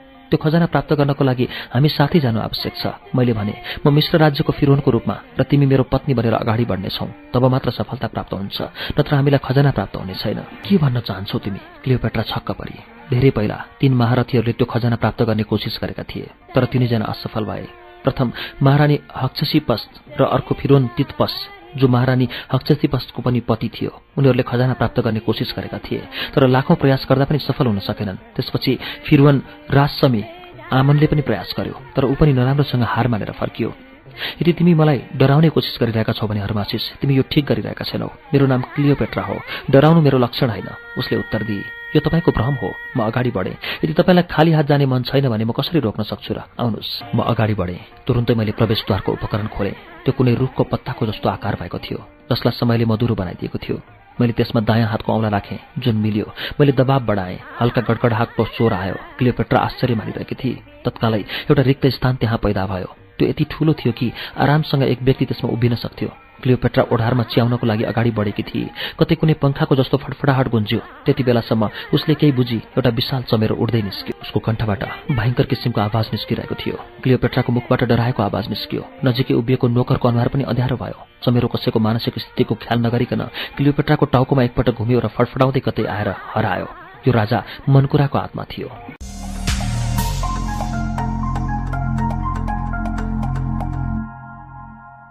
राजा मनकुराको आत्मा हाम्रो सोचाइ बदल्नको लागि हामीलाई भयभीत बनाउन आएको थियो। किनकि क्लियोपेट्रा नै खजानाको प्रमुख इच्छुक थिए। यसैले उसैले यो विचित्र भएको सामना गर्नु परेको थियो। त्यही क्षणको लागि त क्लियोपेट्राले केही सोच्नै सकिरहेकी थिइन। ऊ डराएको बेला मैले उसको हातमा काँधमा हात राखेको थिएँ। मैले भने नडराउनुहोस् महारानी भित्र जाउँ। एउटा कुराको सधैँ ध्यान राख्नु। भित्र जे देखिन्छ त्यसको बारेमा कहिल्यै कसैसँग कुरा नगर्नु। यसको हामी सबैले कसम खानुपर्नेछ। हामी कसम खान्छौँ। क्लियोपेट्रा र यहाँ ल्याएको एउटा नोकर दुवै एकैसाथ बोले हामी तिनैजनाले मसाल बाल्यौँ र भित्र छिर्न थाल्यौँ। यो खजानाको रहस्य। मलाई मेरो पिता आमन महन्तले बताएका थिए। त्यो नक्साको नक्कल पनि मसँग सुरक्षित थियो जुन पिताले मलाई दिनुभएको थियो। कतै खुट्टाको बलले घिस्रेर कहिले चौपाए जसरी चार हात खुट्टा टेकेर हामी एउटा कुवाको नजिकै पुग्यौँ। म त्यो बेला कुवातिरको बाटोबाट समाधितिर जान लागिरहेको थिएँ। यो समाधि धेरै पुरानो थियो। हेर ऊ मेरो काँध चलाउँदै बोली म तिमी बिना यति बेग्र हुन्छु कि भन्न पनि सक्दिनँ प्रेमको आगो नै यस्तो हुन्छ महारानीजी म मुस्कुराएँ। त्यसै बेला मेरो नजर भित्तामा लेखिएको लेखोटमा पर्यो। मैले मसालको उज्यालोको त्यहाँ लेखिएको कुरा पढेँ। त्यहाँ लेखिएको थियो श्रीमान म राससमी आमन आफ्नो शासनकालमा यहाँसम्म आइपुगेको छु। म दृढ विचारको मालिक हुँ। ठुलोभन्दा ठुलो विषय परिस्थितिमा मैले आफ्नो होस गुमाइन मलाई धनको आवश्यकता थियो तर म मन कुरा र अरू देवताहरूलाई दुःखी बनाउन सक्दिनँ। त्यसैले खजनालाई हात नलगाइकन नै म फर्किएर जाँदैछु। यदि कुनै मभन्दा विशाल हृदय भएको फिरोन यहाँसम्म आयो भने यो खजना प्राप्त गर्नेछ। कुनै कठिनाई छैन। यदि ऊ अलिकति मात्र पनि चुक्यो भने ज्यान गुमाउनेछ। तपाईँले सकुशल खजना प्राप्त गर्न सक्नुहोस् र सकुशल जीवित बाहिर निक्लन सक्नुहोस्। त्यही मेरो शुभकामना छ। नमस्ते। त्यो लेखेको म पढ्दै थिएँ। तर खजाना त्यो कहाँ छ? क्लियोप्याट्रा मेरो पछाडि बसेर त्यो लेखट पढिरहेकी थिए। जवाफमा म अगाडि देखेको सेतो पत्थरतिर बढेँ। त्यसमा पनि केही शब्द लेखेको जस्तै देखियो। क्लियोप्याट्रा मसँगै थिए। हामी दुवैजना त्यो पत्थरको नजिकै पुगेका मात्र थियौँ। मैले वायुको तीव्र दबाव र विचित्र प्रकारको संसारहाट सुने। त्यसपछि हावाको एउटा तीव्र झोक्का आयो र अगाडि भएको बाकसको ढक्कन हावामै उडेर गयो। क्लियोपेट्रा डराई र उसको आँखा ठुला ठुला भए। बाकसमा एउटा लास थियो जसको टाउको सुनले बनेको थियो। नडराउनुहोस् मैले क्लियोपेट्राको काँधमा हात राखेँ। यो राजा मनकुराको लास हो। ऊ यही समाधिमा सुतिरहेको छ साथै सदा जीवित रहनेछ। बाहिर जुन चमेरो तिमीले देखेकी थियौ त्यो मनकुराको आत्मा थियो। होइन उसको मुखबाट कामेको स्वर निस्कियो। यो लासलाई बाहिर निकाल्नमा मेरो सहायता गर। मैले त्यसो भनेर अगाडि बढेँ। हामीले लास बाहिर निकाल्यौँ। बाकस हटाउने बित्तिकै एउटा अर्को पत्र हाम्रो हातमा आयो। त्यसमा लेखेका केही शब्द यस प्रकार थियो। यहाँसम्म आइपुगेका फिरोन ध्यान दिएर सुन। सपनामा मैले पहिला नै देखेको थिएँ कि म पछिको फिरोन विदेशी आक्रमणकारीहरूको पन्जामा पर्नेछ र मिश्रमा विदेशीहरूको साम्राज्य हुनेछ। यी विदेशीहरूको भिडबाट जुन मिश्रको फिरोन मिश्रका जनतालाई ध्यानमा राखेर मिश्रलाई स्वतन्त्र बनाउनको लागि यहाँसम्म आइपुग्नेछ उनै यो खजनाको अधिकारी हुनेछ। उसको मद्दत गर्नको लागि मैले यति धेरै धन यहाँ लुकाएर राखेको छु कि जसबाट उसको सबै कठिनाइहरू समाधान हुनेछ र मिश्रको जनताको कल्याण हुनेछ। यदि तिमीमा मिश्रको स्वतन्त्रताको लागि सङ्घर्ष गर्ने ताकत र वीरता छ भने अगाडि बढ र नडराइकन मेरो लासलाई चिरेर खजाना निकाल। पत्रमा अगाडि लेखिएको थियो तर सावधान यदि तिम्रो मनमा अलिकति मात्र पनि कलुस उत्पन्न भयो र तिमीले यो धन मिश्रको हितमा लगाएनौ र अन्यत्र खर्च गर्यौ भने मृत्यु तिमीदेखि टाढा छैन तिमी नष्ट हुनेछौ। यसैले एकपटक राम्ररी सोच्नुमा नै तिम्रो कल्याण छ के साँच्चै तिमीलाई निर्देशित उद्देश्य पूरा गर्नको लागि धनको आवश्यकता परेको हो? गम्भीरतापूर्वक विचार गर। मैले क्लियोपेट्रालाई हेरेर भने यदि तिमी यो धनको उपयोग मिश्रको स्वतन्त्रताको लागि गर्नको लागि चाहिएको हो भने लिएर जाऊ नत्र दुःखद परिणाम मृत्युपछि पनि हामीलाई छोड्ने छैन। क्लियोपेट्रा उभिएर सोच्न थाली। म उसलाई हेरिरहेको थिएँ। क्लियोपेट्राले भने फर्क्यौँ हर्मासिस मलाई डर लाग्न थाल्यो। मैले राहतको सास फेरेँ। लासलाई फेरि बाकसमा नै राखेँ र ढक्कन लगाउन थालेँ। पर्ख हर्मासिस यी हिरा मलाई धेरै प्यारो लागिरहेको छ। म यिनीहरूलाई लिन्छु। मन कुराको लासलाई घुरेर हेरिरहेकी थिए। तिमी पुरै खजना राख्न सक्छौ। बरु तिमी शर्त पुरा गर र सबै निर्णय तिमी स्वच्छ हृदयले गर। मेरो हृदय स्वच्छ छ उसले आँखामा चमक ल्याएर भनी म राजा मनकुराको लासको क्रिया खान सक्छु तर तिम्रो अनुहार किन निदौरो भएको? मैले भने म सामान्य नै छु। डराउनु पर्ने कुनै कारण मेरो अगाडि छैन। जुन सिद्धान्त तपाईँको अगाडि छ त्यो मानवको स्वार्थभन्दा माथि छ। निर्णय तपाईँकै हातमा छ। म यो धन लिएरै जानेछु। ऊ त्यो धन सम्पदालाई हेरेको हेरै थिए त्यति बेलासम्म। हामीले त्यो तिन हजार वर्ष पुरानो लासलाई चार हात लगाएर पुनः उठाउँदा हाम्रो हात कामेको थियो। अहिले लास पुनः उठाएका मात्र थियौँ कि एउटा विशाल चमेरो फेरि उड्यो र हाम्रो टाउको वरिपरि घुम्न थाल्यो। त्यसको पखेटाको फटफट गरेको आवाजले सबै वातावरणमा त्रास फैलाइदिएको थियो। क्लियोपेट्रा चिच्चाई र दौडेर म भएको ठाउँमा आएर टाँसी। मैले आश्वासनपूर्ण दृष्टिले उतिर हेरेँ तब आश्चर्य लाग्यो। ऊ मेरो अँगालोमा लुकेर अरू भयभीत भइरहेकी थिए। ऊ हेर त भूत मैले त्यो दिशातिर हेरेँ। अँध्यारोमा एउटा सेतो छाया म भएतिर आइरहेको थियो। मैले बुझिहालेँ कि त्यो मनकुराको आत्मा थियो जुन अधोमृत शरीरलाई हेर्न आएको थियो। हाम्रो स्पर्शको कारण उसले थाहा पाउनु स्वाभाविक हो। त्यो सेतो छाया मसालको उज्यालोमा आएर हरायो। हे देवता यो भूतको वासस्थान रहेछ। यी प्रेतहरूले कतै हामीलाई मारिदिने त होइनन्। क्लियोपेट्रा थरथरी कामिरहेकी थिए म उसलाई अङ्गालोमा हालेर फर्किनको लागि हिँडेको थिएँ। पर्ख हर्मासिस यति सबै गरिसकेपछि खजना नलिकन जानु ठिक हुने छैन। मैले हेरेँ उसको आँखामा लोभको चमक थियो। म त केवल उसको सौन्दर्यको जालमा फसेर छटपटाउन मात्र सक्थेँ। त्यसपछि हामी मनकुराको लासको पट्टी खोल्न थाल्यौँ। कात्रोभित्रबाट सुनको त्रिशुल झऱ्यो। क्लियोपेट्रा त्यसलाई टिपेर चुम्न थाली। कात्रोको अन्तिम तह मनकुराको लासमा यसरी टाँसिएको थियो कि हामीले त्यसलाई खोल्न सकिरहेका थिएनौँ। हामी लासको कात्रो तानिरहेका थियौँ। चक्कु लासमा रोप्ने बित्तिकै मसालको गन्ध कैयौँ गुणा बढ्यो। क्लियोपेट्राले चक्कु बोकेको हातलाई झट्का दिए चर्र चिरी। एउटा तीको आवाजसँगै मनकुराको लास बक्सेसम्म चिरा पर्दै गयो। उसले चक्कु निकाली र त्यो लासभित्र लुकाएर राखेको हिरा जवारातहरूलाई हेरेको हेरे भई यति धेरै हिरा जवारत एकै ठाउँमा उसले कहिले पनि देखेकी थिएन। साँच्ची नै उसको अगाडि अकुत सम्पदा थियो जुन उसले पुरै जीवनमा देखेकी थिएन। मैले एक नजर उतिर हेरेँ। उसको आँखामा लोभको चमक स्पष्टसँग देखिएको थियो। म निहुरिएँ र लासबाट कात्रो हटाउन लागेँ। कात्रो हट्ने बित्तिकै तीन हजार वर्ष पुरानो मनकुराको अनुहार देखियो। त्यो अनुहारमा तेज एक विशेष चमकको रूपमा अझै कायम थियो। त्यो चमकता शौर्यताको स्पष्ट छाप थियो। एकपटक हेर्ने बित्तिकै लाग्थ्यो कि मनकुरा आफ्नो जीवित अवस्थामा गजबको आत्मशक्तिको मालिक थियो होला साँचो पनि थियो। उसको आफ्नो जमानाको शौर्यपूर्ण गाथा आज पनि मानिसहरू याद गरिरहेका छन्। क्लियोपेट्राले हिरा जवाहरात समेटिसकेकी थिए। तब हाम्रो नजर नजिकै रहेको एउटा सानो सन्दुकमा पर्यो। हामीले देख्यौँ त्यसमा सुन चाँदी र मुद्राहरू राखेका थिए। हामी लोभले अन्धो भइसकेका थियौँ। म त त्यो समय मिश्रको राजगद्दीको फिरोन बनेको थिएँ र क्लियोपेट्रा मेरी महारानी। आफ्नो बुद्धिले खजाना पूर्णतया प्राप्त भएपछि मलाई क्लियोपेट्रा मिल्नेवाली थिए। साथै मलाई मिश्रको फिरोन पनि घोषित गरिदिने भनेकी थिए। मैले त्यो सुन चाँदीले भरिएको सन्दुक उठाएँ र मिश्रको नोकरलाई राख्न दिएँ। त्यसबेला क्लियोपेट्रा र मलाई यति पनि होस् थिएन कि हामी मनकुराको लासलाई जथाभावी चिरफार गरेर अपमान गरिरहेका छौँ जसको परिणाम महँगो साबित हुन सक्थ्यो। हामी खजनाले भरिएर बल्ल तल्ल त्यो कुवानेर आइपुगेका थियौँ कि हाम्रो टाउकोमा पखेटाको भयङ्कर फटफटाहाट गुन्जियो हाम्रो रौँ ठाडो भयो। एउटा कालो ठुलो चमेरो भयङ्कर आवाज निकालेर हाम्रो टाउको वरिपरि घुमिरहेको थियो। त्यो हाम्रो टाउको छेउबाटै गयो तब हामीलाई तीव्र दबाव स्पष्टसँग महसुस भयो। हे मेरा देवता क्लियोपेट्राको मुखबाट भयङ्कर चिच्याहाट निस्क्यो र ऊ मतिर आएर टाँसी। मसालको उज्यालोमा मैले देखेँ उसको अनुहार पहेँलो भएको थियो। नडराउ यो डोरी कम्बरमा बाँधेर तुरुन्तै कुवामाथि पुग। म निडर भएर बोलेँ त्यसपछि हामी माथि चढ्दै गयौँ। चमेराको पखेटाको फटफटाहट शान्त भइसकेको थियो। हामीले बाहिर निस्केर त्यो हप्सी नोकरलाई खोज्यौँ जसलाई भित्र जानु अगाडि हामीले बाहिर छोडेर गएका थियौँ। हामीले मसाल घुमायौँ तब एउटा प्रस्तर प्रतिमामा हाम्रो नजर रोकियो। आँखा स्तब्ध भएर अगाडिको भयङ्कर दृश्य हेरिरहेको थियो। नोकर भित्तामा ढाड टेकाएर बसेको थियो। उसको आँखा डरले फाटिएको थियो। यस्तो लागिरहेको थियो कि उसले भयङ्कर दृश्य देखेको होस्। मसालको उज्यालोमा हाम्रो नजर उसको अनुहारभन्दा केही तल पुग्यो। तब हामी झनै छक्क पर्यौँ शरीरमा पसिना छुट्न थाल्यो। त्यो नोकरको घाँटीमा त्यही कालो चमेर टाँसिएको थियो। उसको आँखाबाट रिसको आगो निस्किरहेको थियो। उसको चुच्चो भयङ्कर रूपमा बाहेको थियो। त्यो नोकरको घाँटीबाट रगतको धारा बगिरहेको थियो। चमेरोको दुवै पन्जा उसको गलाको दुवैतिर भित्रसम्म गाडिएको थियो। हामी मूर्ति जस्तै भएर त्यो दृश्य हेरिरहेका थियौँ। त्यो चमेरो भयङ्कर ढङ्गले कराउँदै उड्यो र तल कुवातिर गयो। जाने बेलामा त्यसले त्यो नोकरको टाउको परिक्रमा गर्यो। ऊ मनकुराको समाधितिर गयो। ऊ जाने बित्तिकै क्लियोपेट्रालाई रिङ्गट लाग्यो र ऊ भुइँमा लडेर मुर्छा परी। उठ क्लियोपेट्रा तत्कालै उठ। मनकुराको आत्मा फर्केर आएर हामीलाई आक्रमण गर्नुभन्दा पहिला नै हामीले यो ठाउँ छोडिसक्नुपर्नेछ। अलिकति पनि ढिलो गऱ्यौँ भने हाम्रो समाधि यहीँनिर हुनेछ।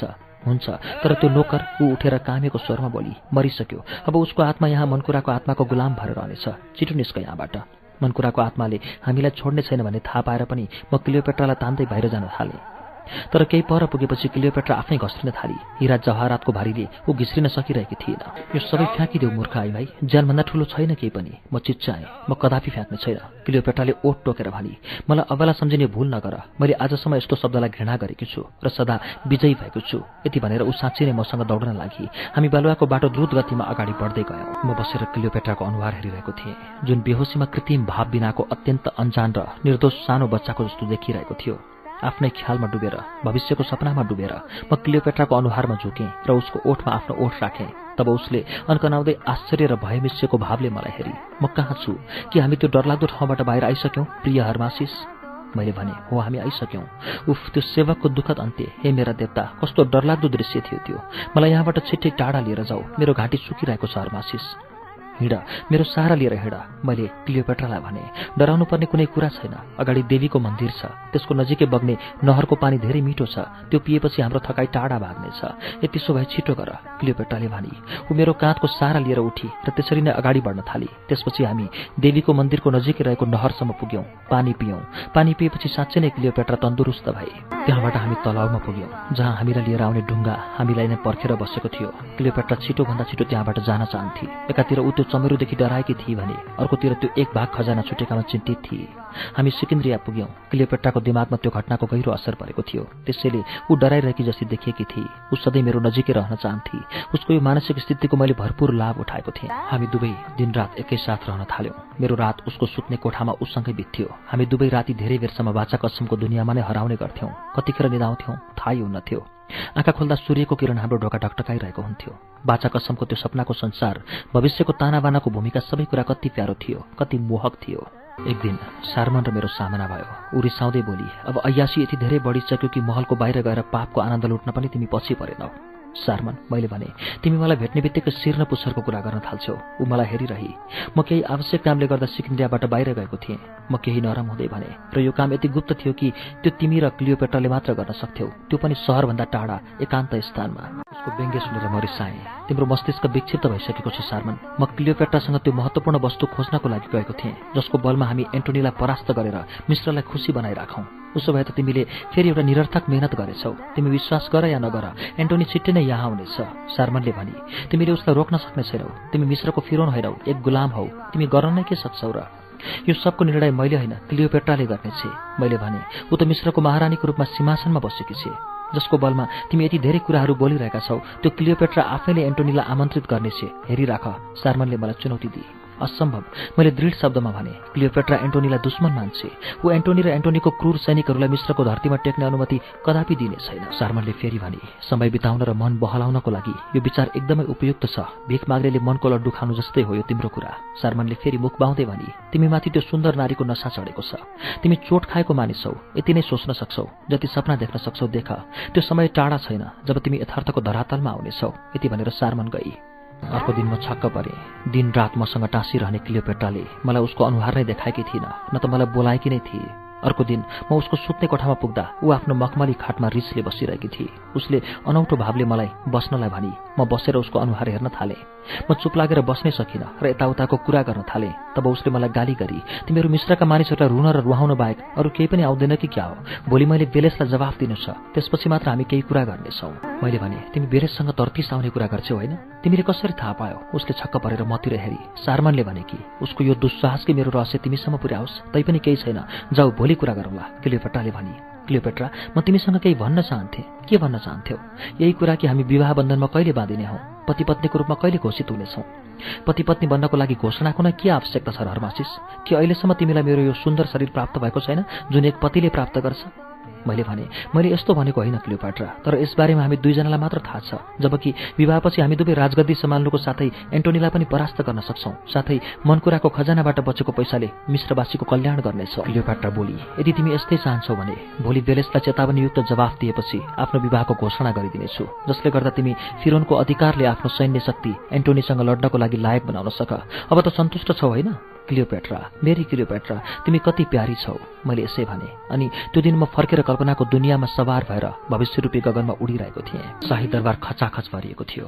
यस विशेष दिनमा क्लियोपेट्राले मानिसहरूलाई बस्नको लागि छुट्टै व्यवस्था गरेकी थिए। म दासहरूको पङ्क्तिमा उभिएर प्रफुल्लित मनले क्लियोपेट्रातिर हेरिरहेको थिएँ। मलाई क्लियोपेट्राको जवाफको प्रतीक्षा थियो।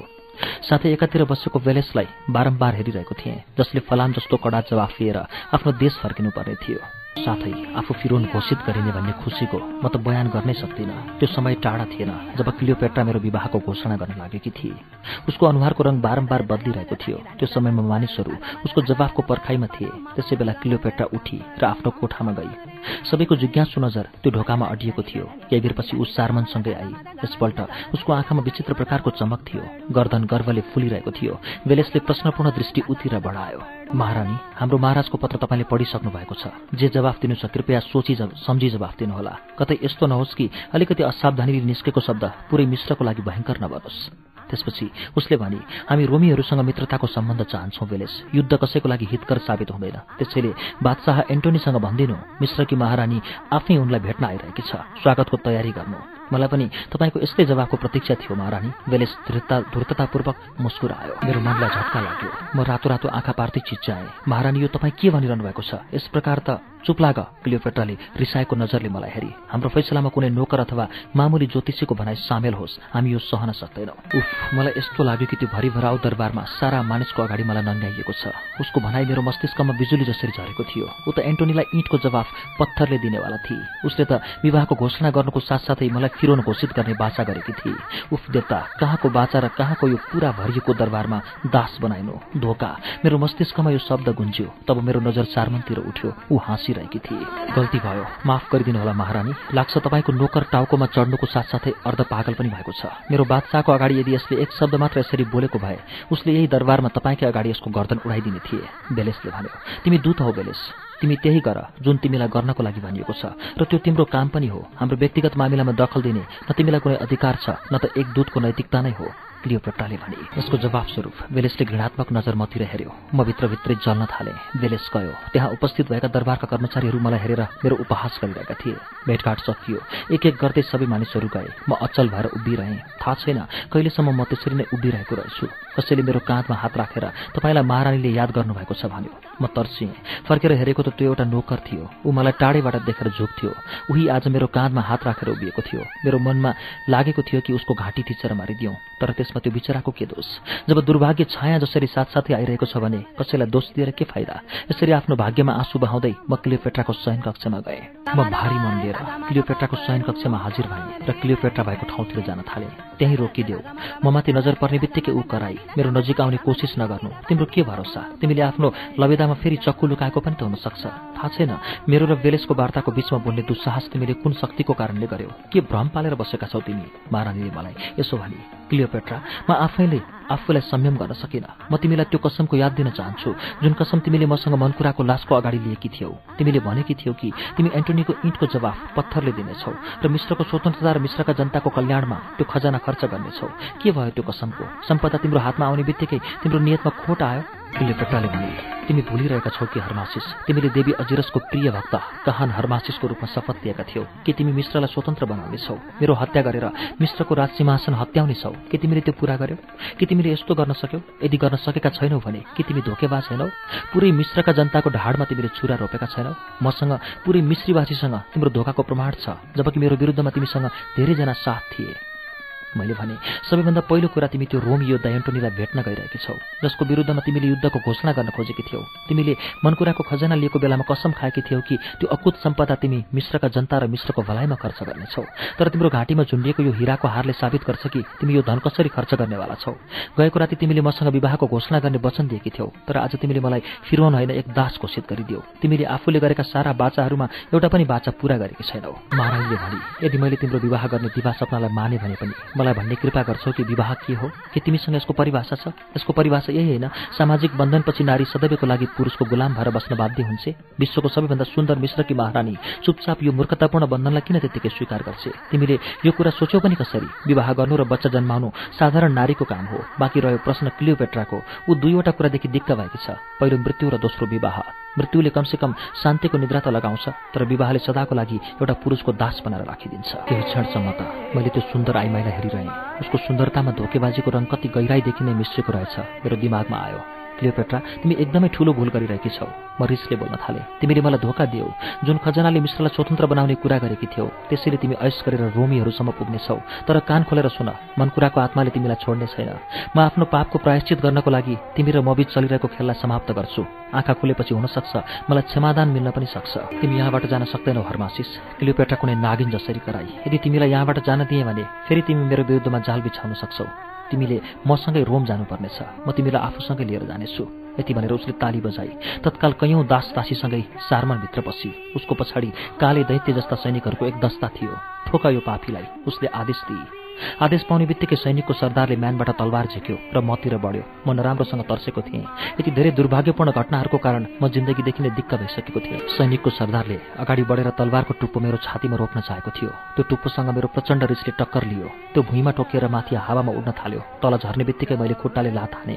ऊ भुइँमा लड्यो। अरू सैनिकहरू आफ्नो सेनापतिको यो हालत देखेर आँखामा आगोको मुस्लो निकाल्दै म भएतिर आउन थाले। मैले नजिकैको सैनिकको कम्मरबाट तलवार झिकेँ र उसको छातीमै रोपिदिएँ। स्तब्ध भएर तेस्रो अगाडि बढ्यो। मैले उसको गर्दन नै छुटाइदिएँ चौथो पाँचौँ छैठौँ जति पनि सैनिक त्यहाँ थिए मैले सबैलाई मारेँ। दासदासीहरू मेरो विकराल रूप देखेर भाग्न थाले। तब सैनिकहरूको एक ठुलो दल त्यहाँभित्र देखा पर्यो। उनीहरूभित्र आउने बित्तिकै म्यानबाट तलवार झुके र मलाई घेरेर झम्टन थाले। उनीहरूको इरादा खतरनाक थियो। ती सबै एकैजुट भएर मलाई मार्न चाहन्थे। मलाई यो बुझ्न धेरै बेर लागेन कि ती राक्षसहरूसँग बस्न असम्भव छ।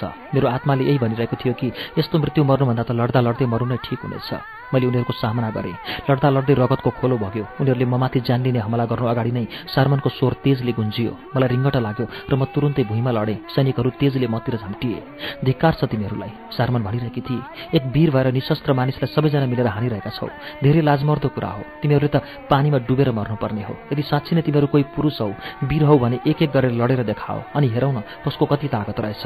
सबै सैनिकहरू जहाँको त्यहीँ बसे। चारमनले मेरो टाउको आफ्नो कानमा राखी र रगत बग्न नदिने असफल प्रयास गर्न थाली। मैले तिरमिराएको आँखाले हेरेँ। क्लियोपेट्रा हामी दुवैलाई मार्ने आँखाले हेरिरहेकी थिए। क्लियोपेट्रा मेरो रगतको प्यासी भनेर बसेकी थिए।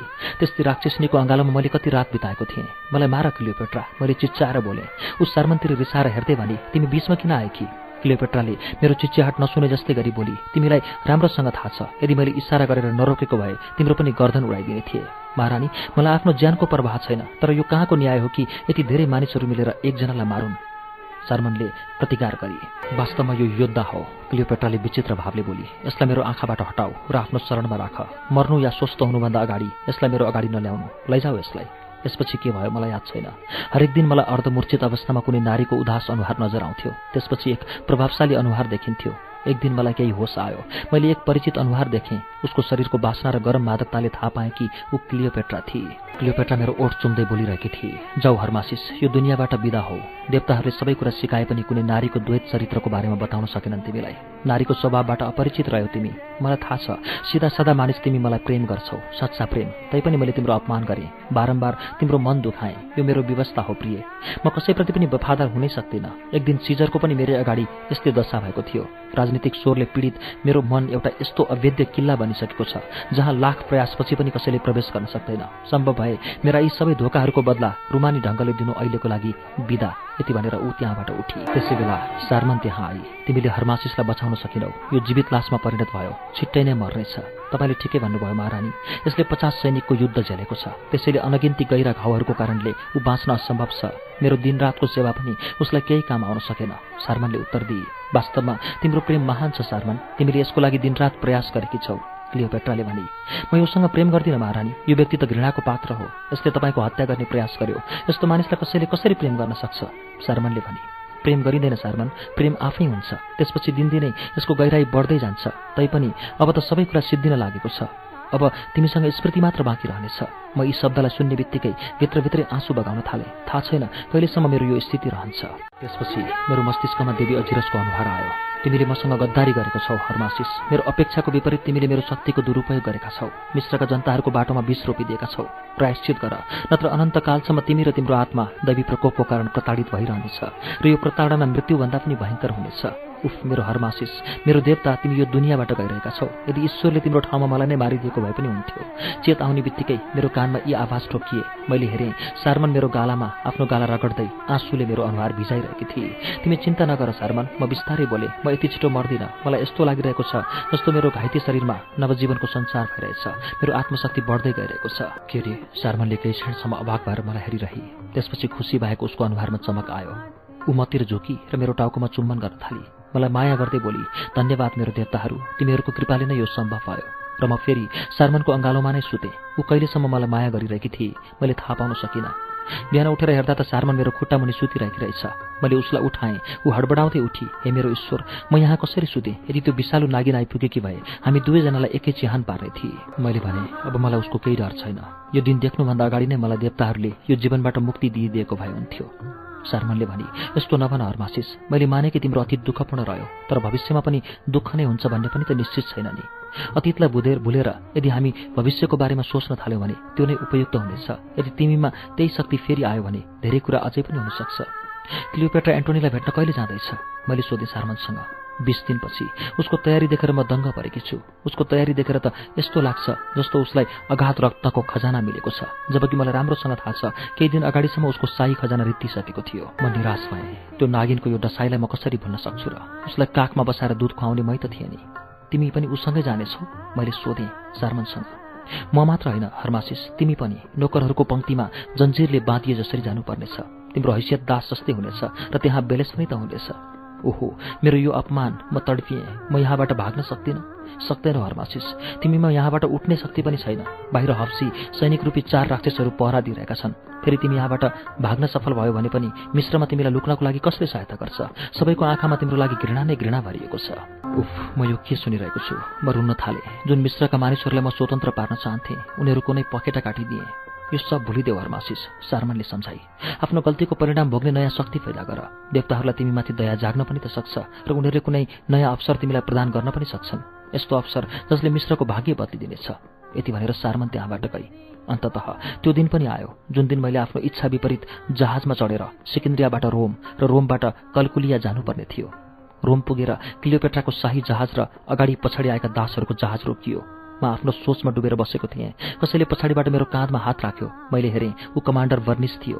यो यात्राको समयमा ऊ मेरो साथी बनिसकेको थियो। उसले भन्यो मेरो हरमासिस आज म सोध्छु कि मेरो प्रहारबाट तिमी मरेको भए म देवताहरूलाई के मुख देखाउने थिएँ? यति सिधा र बहादुर मानिसलाई हानेर मेरो आत्माले सदा मलाई धिक्कारिरहेको हुने थियो। तर के गरौँ? क्लियोपेट्राले यही आदेश दिएकी थिए। तिमीले आफ्नो कर्तव्य निभाएका हौ वर्निस यसमा तिम्रो के दोष? साथै सर्वप्रथम हिर्काएको त मैले थिएँ। त्यो मार मैले आजसम्म भुलेको छैन। साँच्चैको गजबको शक्ति छ तिमीमा तर महारानीसँग तिम्रो झगडा कसरी भयो? अब त ऊ तिमीप्रति यति धेरै शङ्कालु भएकी छ कि यदि तिमी भाग्यौ भने हामी सबैलाई मार्ने धम्की दिएकी छ। त्यो विषालु नागिन हो वर्निस र नागिन एक दिन त एक दिन आफ्नै विषको जालमा परेर सकिनेछ हर्मासिस तिम्रो लागि मेरो एक प्रस्ताव छ। हामी दुवै डुङ्गा चढेर यहाँबाट कतै टाढा जाउँ। त्यहाँबाट तिमी मसँग मेरो देशमा हिँड। त्यहाँको ठाउँ धेरै राम्रो छ। मेरो भतिजीसँग विवाह गरेर तिमी शान्तिपूर्वक जीवन बिताउन सक्छौ। मैले भने होइन साथी यस्तो गर्नु हुँदैन। मैले लामो सास फेरेँ। मेरो सास मिश्रको दुर्भाग्य सौभाग्यसँग जोडिएको छ। उसले भन्यो जस्तो तिम्रो इच्छा त्यसो त तिमी त्यो सुन्दर नारीसँग सतर्क भएर रहनु। म तिम्रो साथी हुँ र सदा रहनेछु। मैले लामो सास लिएँ र चुपचाप बसेँ।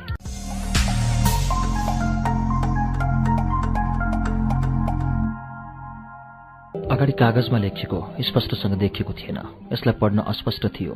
त्योभन्दा अगाडि भाषाविदहरूले हर्मासिसको वक्तव्यलाई लेखेका थिए। क्लियोपेट्राले आफ्नो जहाजमा नै एन्टोनीलाई खानाको लागि आमन्त्रित गरेकी थिए। ऊ आयो।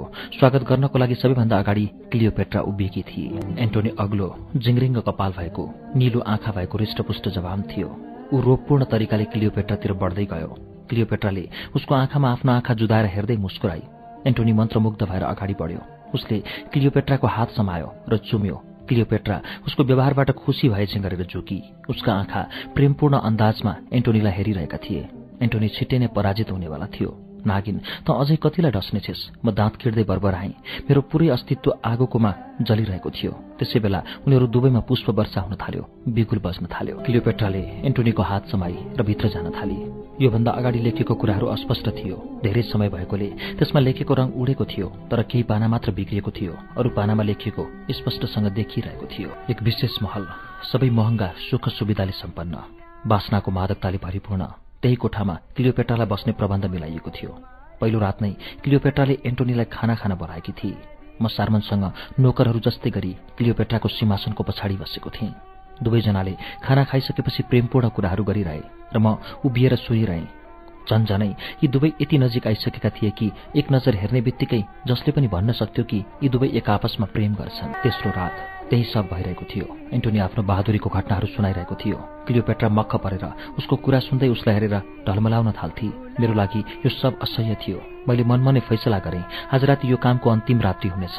भोलि क्लियोपेट्राले मेरो ज्यान नै लिए पनि म उसको लागि यो काम गर्ने छैन। एन्टोनीले सोध्यो महारानी प्रिय महारानी यति धेरै अगाध सम्पदा तपाईँले कहाँ पाउनुभयो? जसलाई तपाईँ बिना सङ्कोच खर्च गरिरहनु भएको छ।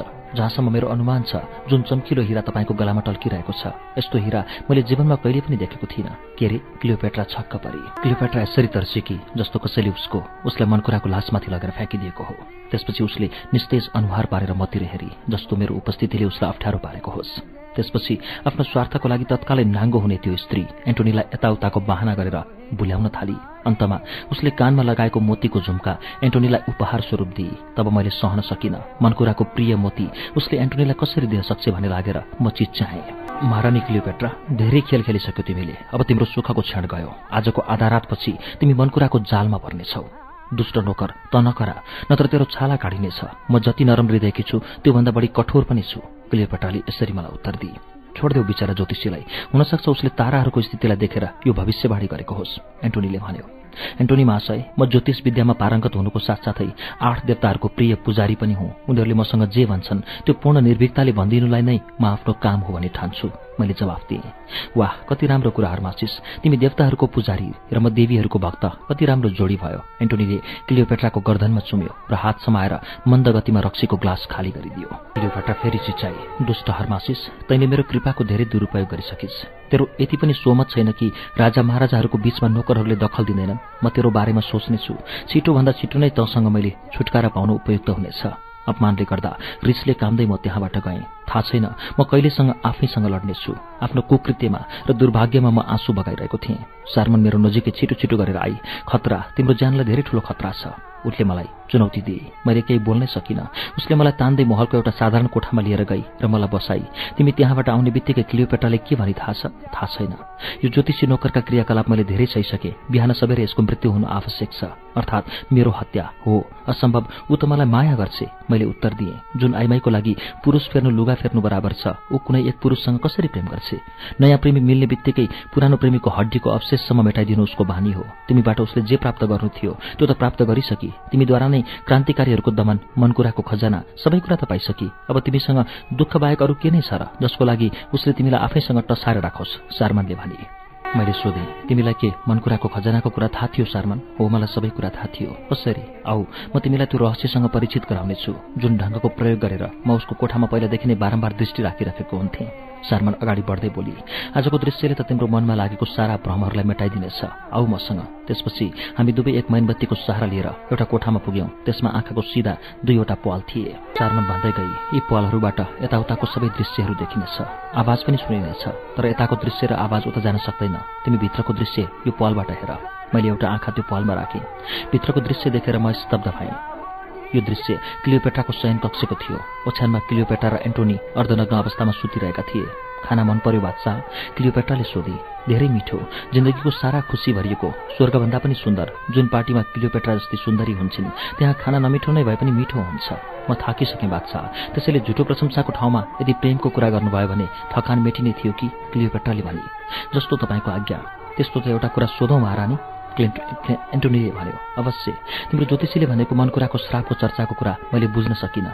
केही दिन अगाडि एउटा रक्षकले उसको टाउकोमा डन्डाले हानिदिएको थियो। त्यसै बेलादेखि उसको दिमागको कुनै भाग ठप्प भएको छ तर पिर नगर्नु। भोलि बिहानै म उसलाई सदा सदाको लागि मारिदिनेछु। क्लियोपेट्राले मेरो बारेमा त्यसो भनेको सुनियो। क्लियोपेट्राले भने अरे होइन मार्नु पर्दैन। बिचरा युवा नै छ। त्यो माथि दया गर। त्यसो त त्यो केटो पागल जस्तो पनि त छैन। राम्रो आत्मशक्ति भएको जस्तो देखिन्छ। यस्तो लाग्छ साँच्चै नै उसलाई देवी देवताको शक्ति प्राप्त भएको छ। क्लियोपेट्राले भनी साँचो भन्दै हुनुहुन्छ उसको अनुहारमा विद्वताको छाप छैन तर मिश्रका विद्वानहरूमध्ये पहिलो स्थानमा नै पर्छ ऊ। शाही सन्तति हो। उसले मेरो हत्याको योजना बनाएको थियो तर मैले थाहा पाएँ उसको विद्वतालाई ध्यानमा राखेर नै मैले उसलाई मृत्युदण्ड दिनुभन्दा गुलाम बनाउँछु भन्ने सोचेँ। म ऊबाट मिश्रको प्राचीन काल र ताराहरूको रहस्य सिक्न चाहन्छु। एन्टोनीले भन्यो कतै उसले तिमीसँग प्रेम त गर्दैनथ्यो मैले उसको अनुहारमा यस्तै भाव देखेको थिएँ। होइन यस्तो कुरा होइन। यी किताबका किराहरू प्राय सन्की मिजाजका हुन्छन्। अहिलेको लागि उसको चिन्ता गर्न छोडिदेऊ। बिहानमै उसलाई ठेगाना लगाइदिनेछु। हेर त आधी रात पनि भयो। हो हो एन्टोनी ऊ जादुगर पनि हो र तान्त्रिक पनि। उसको दिमाग विक्षिप्त छ। उसले जे पनि गर्न सक्छ। मलाई केही क्षण अगाडि यस्तो लागिरहेको छ जस्तो हामीलाई कसैले चियाएर हेरिरहेको छ। तिमी पर्ख म उसलाई मृत्युको खबर सुनाएर अहिले नै आउनेछु। अरे छोडिदेऊ त्यो मूर्खलाई। अब हामी एकअर्काको अङ्गालोमा हराउँ। आजदेखि एन्टोनी तिम्रै भयो तिम्रो दास। दास होइन रोमको साथसाथै मिश्रको पनि महाराज क्लियोपेट्रा हाँसी। हामी दुवैजना मिलेर अब मिश्रको राज्य चलाउनु पर्छ तर एउटा समस्या छ क्लियोपेट्राले देखाए। के समस्या? एन्टोनीले प्रश्न गर्यो। तिम्री श्रीमती कालरा उनले के सोच्ने छिन् ऊ एक बहादुरकी श्रीमती हो र बहादुरको श्रीमती र प्रेमिकाहरूमा आपसी सम्बन्ध हुँदैन। न त उसले यसमा कुनै आपत्ति नै जनाउनेछ। तिमी मेरो एकमात्र प्रेमिका हौ। कुनै कोठी नै त खोलेको होइन नि मैले। तर तिमी भन कि तिमी आफ्नो दास एन्टोनीलाई प्रेमको भिक्षा दिनेछौ त? एन्टोनीले क्लियोप्याटासँग प्रश्न गर्यो। मेरो जीवन त तिम्रो लागि नै बाँचिरहेको थियो होला एन्टोनी। पहिलोपल्ट कुनै पुरुषको चरणमा सर्वस्व सुम्पिरहेको छु। भर्खर मात्र समर्पणको भाव ममा आएको छ क्लियोपेट्राले आफ्नो पाकपटुता चलाए। अनि फेरि दुवै आलिङ्गनबद्ध भए। क्लियोपेट्रा उसको शरीरसँग खेलबाड गर्न थाली। उसले एन्टोनीका वस्त्रहरू एक एक गरेर फुकाल्न थाली। जब उसलाई पुरै विवश नबनाई तब उसको मुख र जिब्रो बेसरी चुस्न थाली। त्यसपछि एन्टोनीको छातीमा आफ्नो जिब्रो चलमलाई भने उसले दाहिने हात चाहिँ एन्टोनीको कम्बरमुनि फिराउँदै थिए। एन्टोनी भने उसका ती उन्नत छातीका दुई शिखरहरू माडमोड पार्दै थियो तर एकैछिनमा उसले क्लियोपेट्राको नाइटोदेखि तल बडो कलात्मक ढङ्गले आफ्नो हात चलमलाउन थाल्यो। क्लियोपेट्रा मन त सुस्केर लिँदै थिए। केही बेरमै एन्टोनीको विशाल शरीर क्लियोपेट्रामाथि सवार भयो अनि सबै कुरा पनि म चिच्याउँदै थिएँ बेस्या कहीँ थाहा छैन कतिजनालाई प्रेम गर्छु भनेर फसाउँछ यसले। कति मानिसको अगाडि नाङ्गी भएर मेरो शरीर पवित्र छ भन्ने गर्छ यसले। सारमनले भने हर्मासिस अब यी कुराहरूमा के नै रहेको छ? र हिँड हामी जाउँ। रात धेरै भइसक्यो। सारमनले जलेको स्वरमा भने जाउँ सारमन अब अरू हेर्नको लागि के नै बचेको छ र? केही बेरपछि म त्यत्तिकै टाउको झुकाएर बसेँ। म आफैसँग लज्जित थिएँ। आज पहिलोपल्ट मलाई महसुस भइरहेको थियो कि मैले मनकुराको कसमलाई तोडेर धेरै ठूलो भूल गरेको थिएँ। मैले आफ्नो राजसिंहासन गुमाएको थिएँ। अब म जाउँ भने पनि कथा जाउँ। म त त्यो स्त्रीसँग प्रेम गर्थेँ जो अरू कसैकी भइसकेकी छ। धोका। धोका मात्र थियो मलाई। यति ठूलो धोकामा मेरो मन विक्षिप्त भएर रोइरहेको थियो। मेरो आँखाबाट टप टप आँसु बगिरहेको थियो। म रोइरहेको देखेर सारमन दौडेर आई। ऊ पनि रोइरहेकी थिए। सारमनले मलाई सम्झाए नरो हर्मासिस रोएर केही हुनेवाला छैन। म तिमी रोएको हेर्न सक्दिनँ। अब त भोलि बिहान हुने बित्तिकै त्यो आई मैले तिमीलाई मार्नेछ। यो राम्रो हुनेछ सारमन। म पनि मर्न चाहन्छु। होइन यो राम्रो होइन यो धेरै नै राम्रो हुनेछ किनकि यसले क्लियोपेट्राको जित र तिम्रो हार हुनेछ। म त्यो आइमाईले जितेको हेर्न चाहन्न म त त्यो आइमाईसँग बदला लिन चाहन्छु। बदला मैले अचम्म मान्दै सोधेँ हो बदला सारमनले जवाफ दिए। तिमी ठिक भनिरहेकी छौ सारमन। म मरेर उसलाई सजाय मिल्दैन। उसले जुन पाप गरेकी छ त्यसको सजाय त उसलाई दिनु नै पर्छ। म पनि उसँग बदला लिनेछु अवश्य लिनेछु। सारमन यो पनि याद राख्नु कि बदला एउटा यस्तो तीर हो जसले चलाउनेलाई पनि घाइते बनाइदिन्छ। अब यो सोच्ने समय छैन। बिहान हुनुभन्दा अगाडि नै तिमीले यहाँबाट निक्लेर भाग्नुपर्नेछ। नत्र भने याद राख क्लियोपेट्राले तिमीलाई छोड्ने छैन। तर सारमन म कसरी जाउँ? यदि म यसरी नै निक्ले भने क्लियोपेट्राका सैनिकहरूले मलाई पक्लनेछन् त्यसको प्रबन्ध मैले गरिसकेकी छु। भोलि बिहान एउटा जहाज सेकेन्द्रिया गइरहेको छ। तिमी एउटा रोमी व्यापारी भनेर त्यो जहाजबाट निक्लनेछौ। मैले जहाजको कप्तानसँग पनि कुरा गरिसकेको छु। ठिक छ सारमान। मेरो अन्त जे भए पनि मलाई यसको चिन्ता छैन। तिमी मलाई मेरो हालमा छोडिदेऊ। अब त मलाई केवल तिम्रो चिन्ता लागिरहेको छ। मेरो अन्तको बारेमा सोचेर केही फाइदा छैन। यदि तिमी यो ठाउँबाट बचेर निस्क्यौ भने बुझ्नु हामीले विजय प्राप्त गर्यौँ हरमासिस यति भनेर सारमान गई। ऊ गएपछि मेरो शरीरमा लागेको बदलाको आगो अरू गाडा भयो। यो आइमाईले मलाई धोका दिएकी छ। र साथै देवताहरूलाई पनि। यो आइमाईलाई यदि उसको पापको सजाय नदिने हो भने यो पनि एउटा पाप नै हुनेछ। केही बेरपछि सारमान कपडाको एक बण्डल कम्बरमा बोकेर आइरहेकी थिए जसमा एउटा शाही मिस्त्री व्यापारीको पहिरन थियो। जुन लगाएर मैले यो महलबाट बाहिर निस्कनु पर्ने थियो। सारमानको तेज दिमागको म जति नै प्रशंसा गरे पनि कम नै हुनेछ। उसले मेरो भाग्ने प्रबन्ध धेरै होसियारीपूर्वक गरेकी थिए। केही क्षणमा नै मैले शाही व्यापारीको लुगा लगाएर आफूलाई पुरै बदले मलाई यो पहिरनमा देखेर सारमान पनि एकपटक छक्क परेकी थिए। उसले पनि चिन्न सकिरहेकी थिएन। मलाई चिनिसकेपछि उसले अन्तिम पटक केही सिक्काको थैली दिए जुन मेरो बाटो खर्च थियो। म बारम्बार उसको उदास अनुहार हेरिरहेको थिएँ। सायद यो उदासीको कारण छुट्टिनु थियो। हामी एकअर्कादेखि टाढा भइरहेका थियौँ। फेरि मेरो टाउकोमा मृत्युको छाया मडारिरहेको थियो जसको सबैभन्दा बढी दुःख चारमनलाई नै लागेको थियो। हर्मासिस यदि मबाट अन्जानमा कुनै भूल भएको भए कृपया मलाई माफ गरिदेऊ। थाहा छैन अब हामी कहिले भेट्नेछौँ? भेट हुन्छौँ या हुँदैनौ? यो त अब देवताहरूलाई नै थाहा होला। यसैले यो समय म तिमीलाई एउटा गोप्य कुरा भन्न चाहन्छु जुन कुरा सुनेर तिमी उदास हुनेछौ। मैले उसलाई हेरेँ। ऊ मेरो अगाडि हात जोडेर कामदै बसेकी थिए। उसको अनुहारको रङ पहेँलो भएको थियो।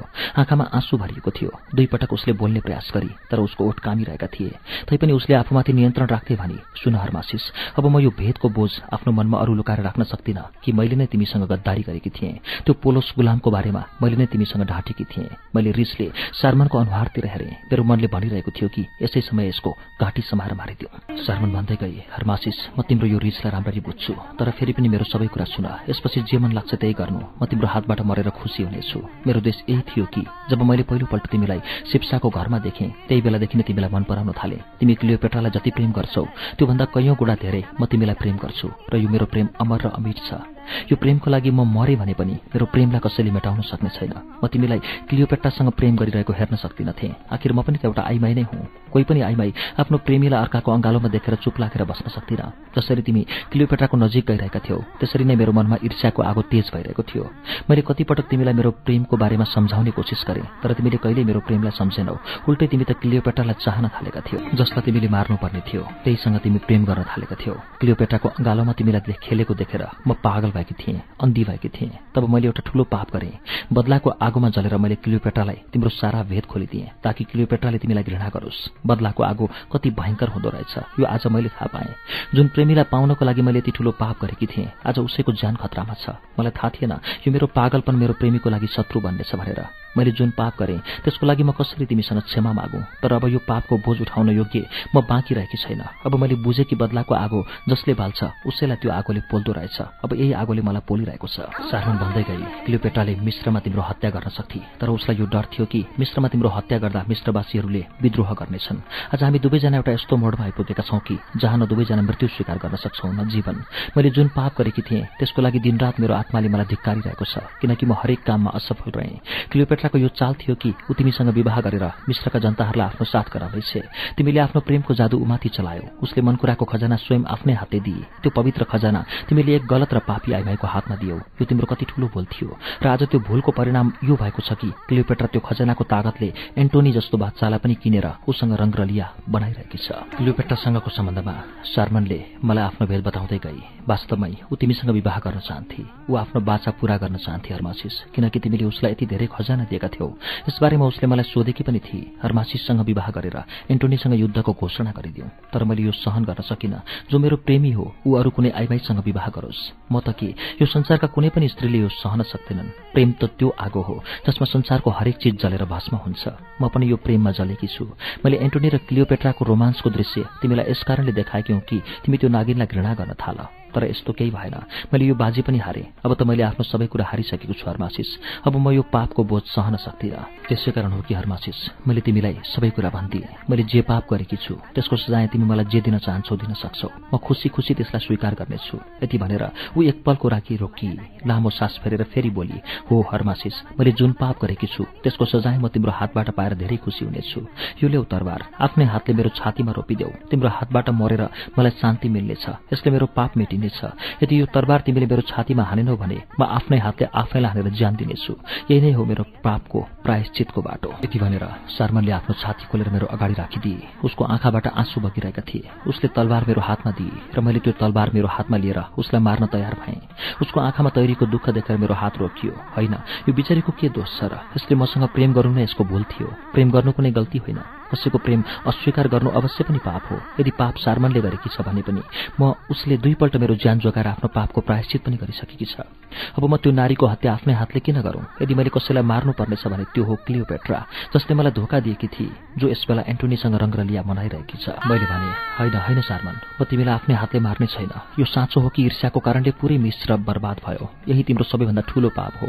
तिमी मर्ने छैनौ बरु सारा उमेर बाँचेर आफ्नो पापको आगोमा जलिरहनु। हर्मासिस यो सब नभन अब मैले आफ्नो पाप स्वीकार गरिसकेकी छु। यदि तिमी फिरोन बनेको भए तिमीले मलाई अस्वीकार गर्ने थियौ। यसमा कुनै शङ्का नै थिएन तर अब तिमी चारैतिरबाट सङ्कटमा घेरिएका छौ। अब तिम्रो साथ म मात्र दिनेछु। हेर म ती हेर हर्मासिस म पनि सुन्दरतामा कम छैन। मेरो प्रेम झोटो छैन। तिमी मलाई आफ्नो दासी बनाएर पनि राख्न सक्छौ। हिँड।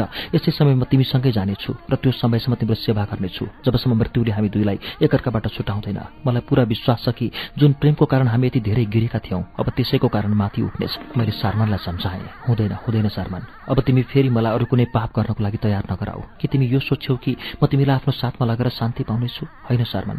तिमी जब मेरो अगाडि हुनेछौ तब मलाई तिम्रो एक एक गल्ती याद आइरहनेछ। म यो सोचिरहनेछु कि मेरो विनाशको कारण केवल तिमी हौ। यो यादले मलाई हर समय जलाइरहनेछ। यसैले तिमी यहीँ बस्छ फेरि यो पनि त जरुरी छ कि यदि हामीले अझै मिश्रलाई स्वतन्त्र बनाउने प्रयास गर्नु छ भने तिमी त यहाँ हुनु आवश्यक छ। म अवश्य बदला लिएरै छोड्नेछु। तिमी एकपटक फेरि कसम खाऊ कि तिमी मलाई धोका दिने छैनौ। म कसम खान्छु हरमासिस। यदि मैले तिमीलाई धोका दिएँ भने देवताले मलाई यो दुनियाँमा जिउँदै चलाइदिउन्। तिम्रो हात समातेर जुन मेरो प्रेमीको हो फेरि म वचन दिन्छु म जबसम्म जीवित रहनेछु तबसम्म केवल तिम्रो आज्ञाको पालन गर्नेछु। सारमनको कसमले मलाई खुसी बनायो। धेरै राम्रो सारमन धेरै राम्रो। अब म जान्छु तिमीलाई देवताहरूको साथ छोडेर गइरहेको छु। अब तिमीले आफ्नो कसम याद राख्नु।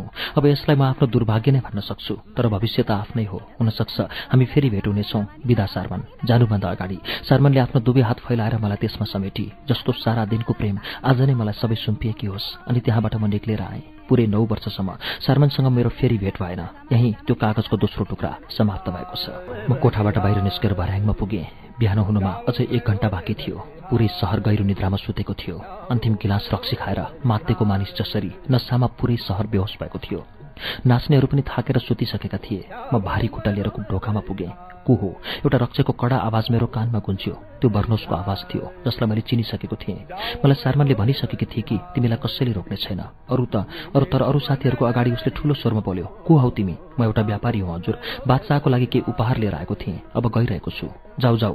आज हिजो आएका व्यापारीहरू पनि राति नै महलबाट निक्लेर गइसके। यी दासीहरू पनि व्यापारीहरूसँग आनन्द लिइरहेका हुन्छन्। जाऊ। फेरि उसले मेरो कान नजिकै आएर भन्यो हर्मासिस निक्लेर जाऊ। कतै कुनै समस्या नहोस्। लाग्छ क्लियोपेट्राले आज पहरा कडा बनाइदिएकी छ। उसको कुरा सुनेर म हाँसेँ र अगाडि बढेँ। पर्खिने समय मसँग थिएन। म सागरको किनारमा पुग्दा अगाडिको जहाज हिँड्नको लागि घन्टी बजाइरहेको थियो। म दौडेर गएर त्यसमा चढेँ र जाने बित्तिकै जहाजको कप्तानलाई सारमानको चिठी दिएँ। उसले त्यो चिठी पढ्ने बित्तिकै मलाई विचित्र नजरले हेऱ्यो तर केही बोलेन। हातले इसारा गरेर मलाई बस्नको लागि भन्यो। जहाज हिँडिरहेको थियो तर अचानक तुफानले जहाजलाई घेर्यो। त्यो तुफानको गति धेरै तेज थियो जसको कारण जहाजका सबै कर्मचारीहरू डराएका थिए। उनीहरूले यो जहाजलाई फर्काएर फेरि त्यही किनारमा ल्याउने प्रयास गरे तर हावाको गति तेज भएको कारण त्यो जहाजलाई फर्काउन पनि गाह्रो भयो। बिहान हुन्जेलसम्ममा हावा पनि धेरै कम भइसकेको थियो तर त्यो समयसम्म हाम्रो जहाजको पखेटा उडिसकेको थियो। अहिलेसम्म त त्यो हावाको सहाराले मात्र चलिरहेको थियो। अगाडि एउटा टापु देखिरहेको थियो। त्यो टापुको ठूलो ठूलो ढुङ्गा देखेर सबैजना डराइरहेका थिए। यी सबैले मतिर हेर्दै भने यो मानिस अलक्षण रहेछ। सायद कोही जादुगर नै होला। यो जहाजमा बस्ने बित्तिकै हामी सबैजना मृत्युको घेरामा फस्यौं। सबैजना जम्बा भएर म भएतिर दौडाउँदै आएर भने यो अलक्षण मानिसलाई समुद्रमा फ्याँकिदिउँ नत्र भने हामी सबैजना मारिनेछौँ।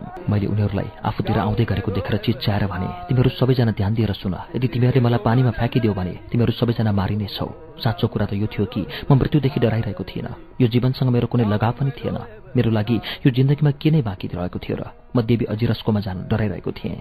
मैले ती मानिसहरू आफूतिर आएको देखेर आँखा बन्द गरेँ र त्यही भयो जे उनीहरू चाहन्थे। ती सबैजना मिलेर मलाई उचालेर समुद्रमा फ्याँकिदिए। मैले देवीलाई हात जोडेँ प्रार्थना गरेँ अब मलाई आफूसँगै बोलाउनुहोस् तर मेरो भाग्यमा अहिले नै मर्न लेखेको थिएन। उनीहरूले मलाई पानीमा फ्याँक्ने बित्तिकै म पौडी र पानीबाट बाहिर आएँ। त्यसै बेला मेरो हातमा एउटा लट्ठी आयो र म त्यही लट्ठीको सहारा लिएर पानीमा पढाउँदै किनारसम्म आइपुगेँ। यस्तै काठको सहारा लिएर सानोमा हामी नाइल नदी वारपार गर्ने गर्थ्यौँ। केही क्षणसम्म म त्यो काठको सहाराले पौडिरहेको थिएँ।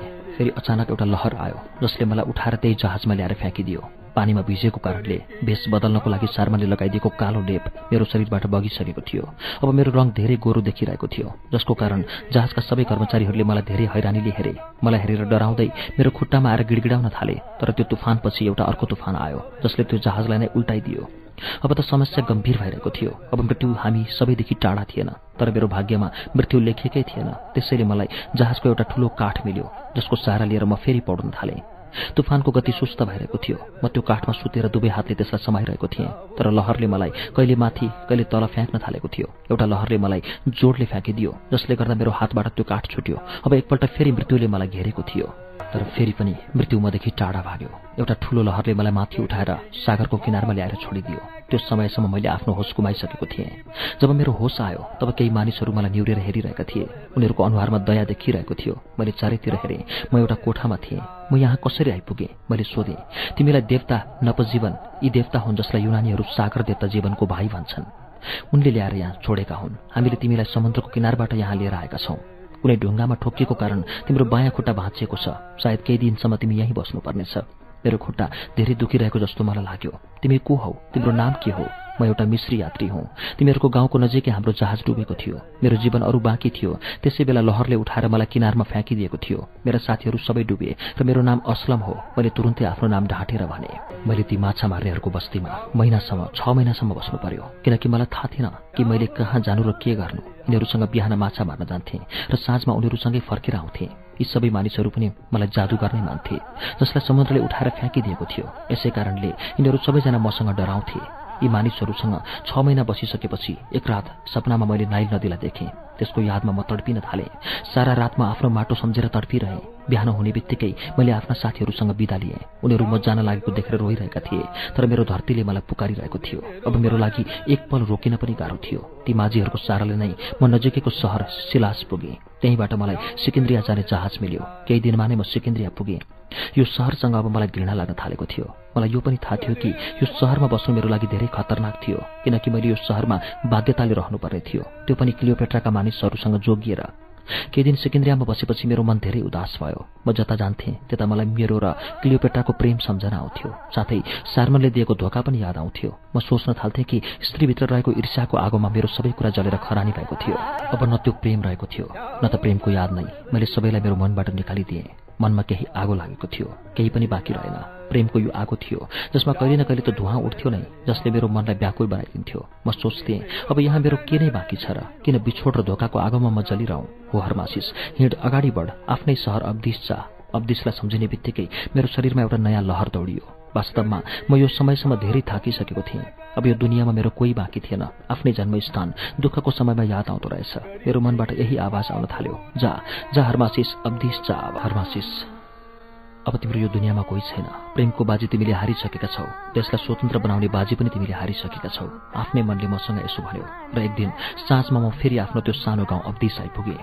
त्यही गाउँ थियो त्यही सानो सहर तर यहाँ बस्ने मानिसहरू पहिलाका भन्दा केही बदलिएका देखिरहेका थिए। सबैभन्दा पहिला म मेरो घर गएँ। बाटोमा सायद कसैले मलाई चिनेनन्। म घर पुग्दा मेरा पिता आफ्नै पलङमा बसिरहेको देखेँ। उनी यसरी बसेका थिए जस्तो उनको शरीरमा जान नै छैन। के भयो यिनलाई? अनुहारको चाउरी देखेर यस्तो लाग्थ्यो जस्तो त्यो कुनै सुकेको लासको अनुहार हो। मलाई यो बुझ्न धेरै बेर लागेन कि मेरो पिता अन्धा भइसकेका थिए। उनको यो हालत देखेर म सोच्न थालेँ। उनी मलाई आफ्नो दृष्टिविहीन आँखाले हेरिरहेका थिए। मेरो सारा शरीर काँपिरहेको थियो। म डराइरहेको थिएँ। कुन मुखले उनलाई बोलाउँ? अब उनलाई के भनौँ? कसरी भनौँ कि मैले देवताहरूलाई धोका दिएँ? तपाईँलाई धोका दिएँ? मैले भाग्नु नै उपयुक्त हुने जस्तो लाग्यो र म फर्किएँ। कहाँ गइरहेको छस्? गद्दार हर्मासिस। मैले नै आफ्ना देवी देवताहरूको शक्तिले तानेर धेरै टाढाबाट तँलाई बोलाएको हुँ। म दृष्टिविहीन भइसकेको छु। यो मेरो जीवन विष बनिसकेको छ तर पनि म तेरो खुट्टाको चाल र तेरो आवाज सुन्नको लागि बाँचेको छु। पिताजीले भन्नुभयो। पिताजी के तपाईँ मलाई चिन्नुभयो? तपाईँ त दृष्टिविहीन भइसक्नु भएछ फेरि कसरी मलाई चिन्नुभयो? मैले प्रश्न गरेँ यो त के सोधिरहेको छ शर्माशिष हाम्रो प्राचीन विद्यालय राम्रोसँग जानेर पनि त्यसै विद्याको शक्तिले मैले तँलाई यहाँ बोलाएको हुँ ताकि तेरो पाप तँलाई सुनाएर तेरो मुखमा थोक्न सकौँ। तैँले देवताहरूलाई धोका दिएको छस्। आफ्नो देशसँग गद्दारी गरेको छस्। यसै पापको बदलामा तँलाई श्राप दिनको लागि नै म यहाँ बाँचेको छु। पिताजी तपाईँ यति धेरै कठोर नभन्नुहोस्। मलाई त पापको सजाय धेरै पहिला प्राप्त भइसक्यो। म त पहिलादेखि नै यति दुखी छु कि अब ममा अरूको दुःखको बोझ उठाउने शक्ति बाँकी रहेको छैन। म त हारिसकेको छु टुटिसकेको छु। तपाईँले ममाथि दया गर्नुहोस्। मेरो आँखाबाट आँसु बगेर भुइँमा खसिरहेको थियो। म पिताजीसँग याचना गरिरहेको थिएँ। पिताजीले भने दया गर्ने त्यो पनि तँलाई। आफ्नो मामा सिपसाको सम्झना छ तँलाई जसलाई त्यो बेस्याका सैनिकहरूले मारे। होइन यो झुटो हो म चिच्चाएँ। अब तेरो चिच्याहट र कराईले केही हुनेवाला छैन किनकि तेरो कारण हाम्रा सबै देशभक्तहरू मारिसकेका छन्। यति मात्र होइन तैँले त पवित्र मनकुराको शाही खजना पनि त्यसलाई दिइसकिस्। अब कुन मुखले लिएर त दयाको भिख मागिरहेको छस्। चरित्रहीन त त शाही वंशको कहान मात्र थिइस्। एक अयास धोकेबाज आइमाईको लागि तैँले आफ्नो विनाश गरिस् देशसँग गद्दारी गरिस् आफ्ना साथीहरूलाई धोका दिइस्। अब म कुन मुखले तँलाई आफ्नो छोरो भनौँ? तेरो पापको खबर सुनेर म रुँदा रुँदा दृष्टिविहीन भएको हुँ। म आफ्नै हातले तँलाई तेरो पापको सजाय दिन चाहन्छु ताकि म शान्तिले मर्न सकौँ। यति भनेर उनी आफ्ना दुवै हात फैलाएर उठे ताकि मेरो घाँटी थिच्न सकुन्। जोड जोडले रुँदा दौडदा उनी लर्खराएर लडे। लड्ने बेलामा उनको मुखबाट हल्का आवाज निस्क्यो साथै उनको मुखबाट रगतको धारा बहन थाल्यो। मैले दौडेर गएर उनको टाउको मेरो काखमा राखेँ। आफ्नो लामो लबेदाको छेउले उनको मुखमा लागेको रगत सफा गर्न थाले। ओ हरमासिस यदि त जन्मने बित्तिकै मरेको भए हुन्थ्यो। उनले मेरो हातमा उनको प्रेम भरिएको हात राखे। उनको आँखाबाट आँसु बगिरहेको थियो। हरमासिस त मेरो नजिकै छ छैन? हो पिताजी म तपाईँको अभागी छोरो तपाईँकै नजिक छु। अभागी पापी जसले न कहिले आफूले सुख पायो न तपाईँलाई नै सुख दिन सक्यो। हरमासिस अब म गइरहेको छु। अझ पनि तसँग समय छ। त्यो पापी आइमाईसँग बदला लिनु। मेरो आत्माले शान्ति तब मात्र पाउनेछ। जब त त्योसँग बदला लिनेछस् बदला भित्र मैले अलिकति सुन लुकाएर राखेको छु। आतोले तँलाई देखाइदिनेछन्। यति भनेर पिताजी सधैँको लागि शान्त भए। म उनको लाससँग टाँसिएर रुँदै बसेँ।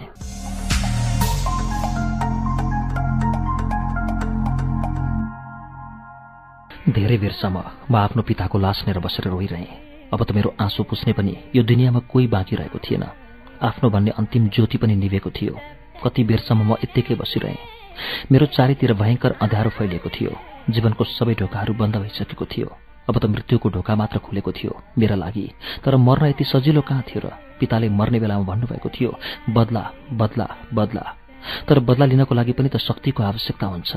त्यो शक्ति त मलाई देवी माताले मात्र दिन सक्छन्। म त्यसै बेला भित्र देवीको मूर्ति अगाडि गएँ र दुवै हात जोडेर पूजा गर्दै बोले मलाई माफ गर माता शक्ति मलाई माफ गरिदेऊ। म केही समयको लागि पथभ्रष्ट भएको थिएँ। मैले जे गरेँ त्यसलाई आफ्नो बच्चाको भूल सम्झेर माफ गरिदेऊ देवी माता। अचानक मेरो कानमा आवाज आयो। साथै मन्दिरमा आरती भइरहेको जसरी कैयौं घन्टीहरू एकैसाथ बज्न थाले।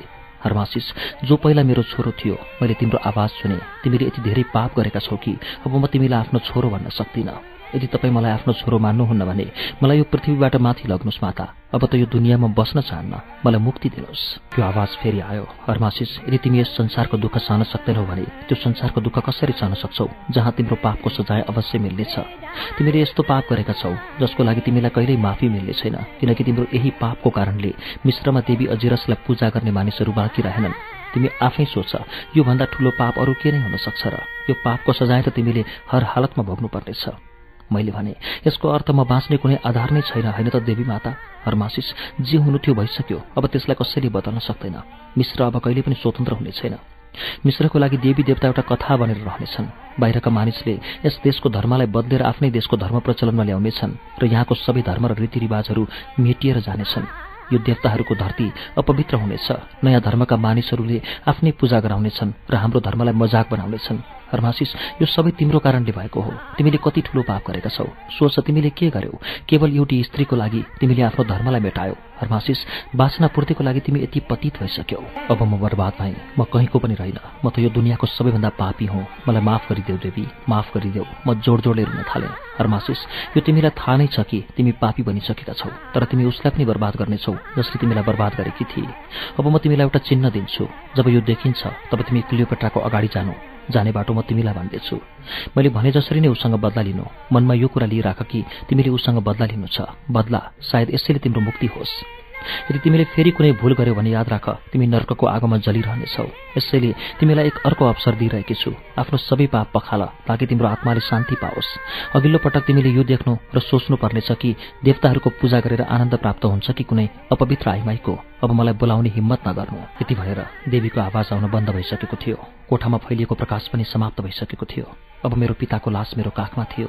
देवीको आवाज बन्द भए पनि मेरो मनमा एउटा नयाँ प्रकाश उत्पन्न भयो। देवीले मलाई अर्को एउटा अवसर दिइन्।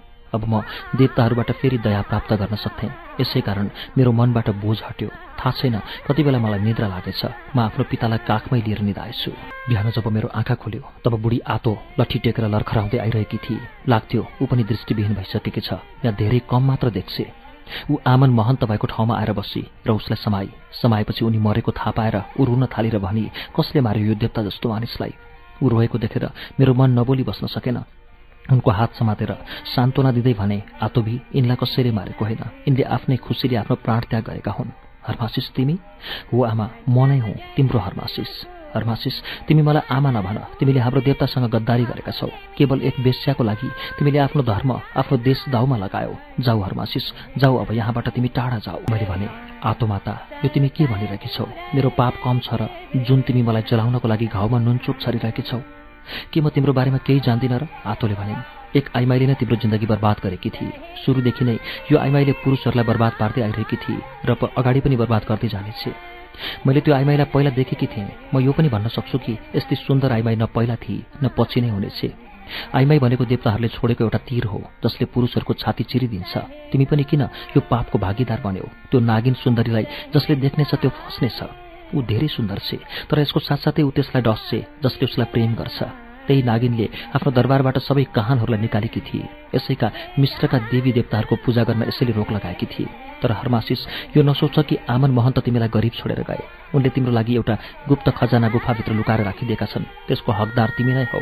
मैले तिम्रो दुःख बुझेकी छु हर्मासिस। अहिले आतो पनि यस्तो स्थितिमा छे जे म गर्न सक्छु त्यो सहयोग तिम्रो लागि गर्नेछु। मेरो पिताले मलाई छोडेर गए आमा। मैले दुःख भरिएको स्वरमा भने तिमी यिनको चिन्ता नगर। जे हुनु थियो भइसक्यो। यिनले आफ्नो लागि शाही बाकस पहिलादेखि नै बनाएर राखेका थिए जसलाई तिम्रा पूर्वजहरू गाडेकै ठाउँमा लगेर गाडिनेछ। पिताको बाकस गाड्ने बेलामा मैले पनि आतोसँग पिताकै छेउमा गाडिदिनु भन्ने इच्छा व्यक्त गरेँ। त्यसपछि म पुरै दुई महिना बिस दिन आतो माताको घरको एक गुफामा लुकेर अनुकूल समयको प्रतीक्षा गरिरहेँ। मेरो दारी जुङ्गार कपाल धेरै लामो भएको थियो। म पुरा दिन देवी माताको चरणमा बसेर प्रायश्चित गरिरहन्थेँ। जो भुलेर भट्केर यहाँ आउँथ्यो म उसलाई आफूले सकेको सहयोग गर्थेँ। झनै झनै मानिसहरू मलाई एक तपस्वी मान्न थाले। मलाई तपस्वी ठानेर पूजा गर्नेको संख्या बढ्न थाल्यो। मैले अलिकति खरानी उठाएर दिएँ भने त्यो मानिसको लागि कल्याण हुन्थ्यो। यसमा विश्वास र आस्थाको कमाल थियो। म यही चाहन्थेँ हरमासिसलाई लुकाएर एउटा नयाँ व्यक्तित्व निर्माण गर्नु मेरो ध्येय थियो। हरमासिस मर्यो भनेर बुढी आतो आमाले धेरै पहिला नै प्रचार गरिदिएकी थिइन्। क्लियोपेट्राको डर हराओस् भन्ने म चाहन्थेँ।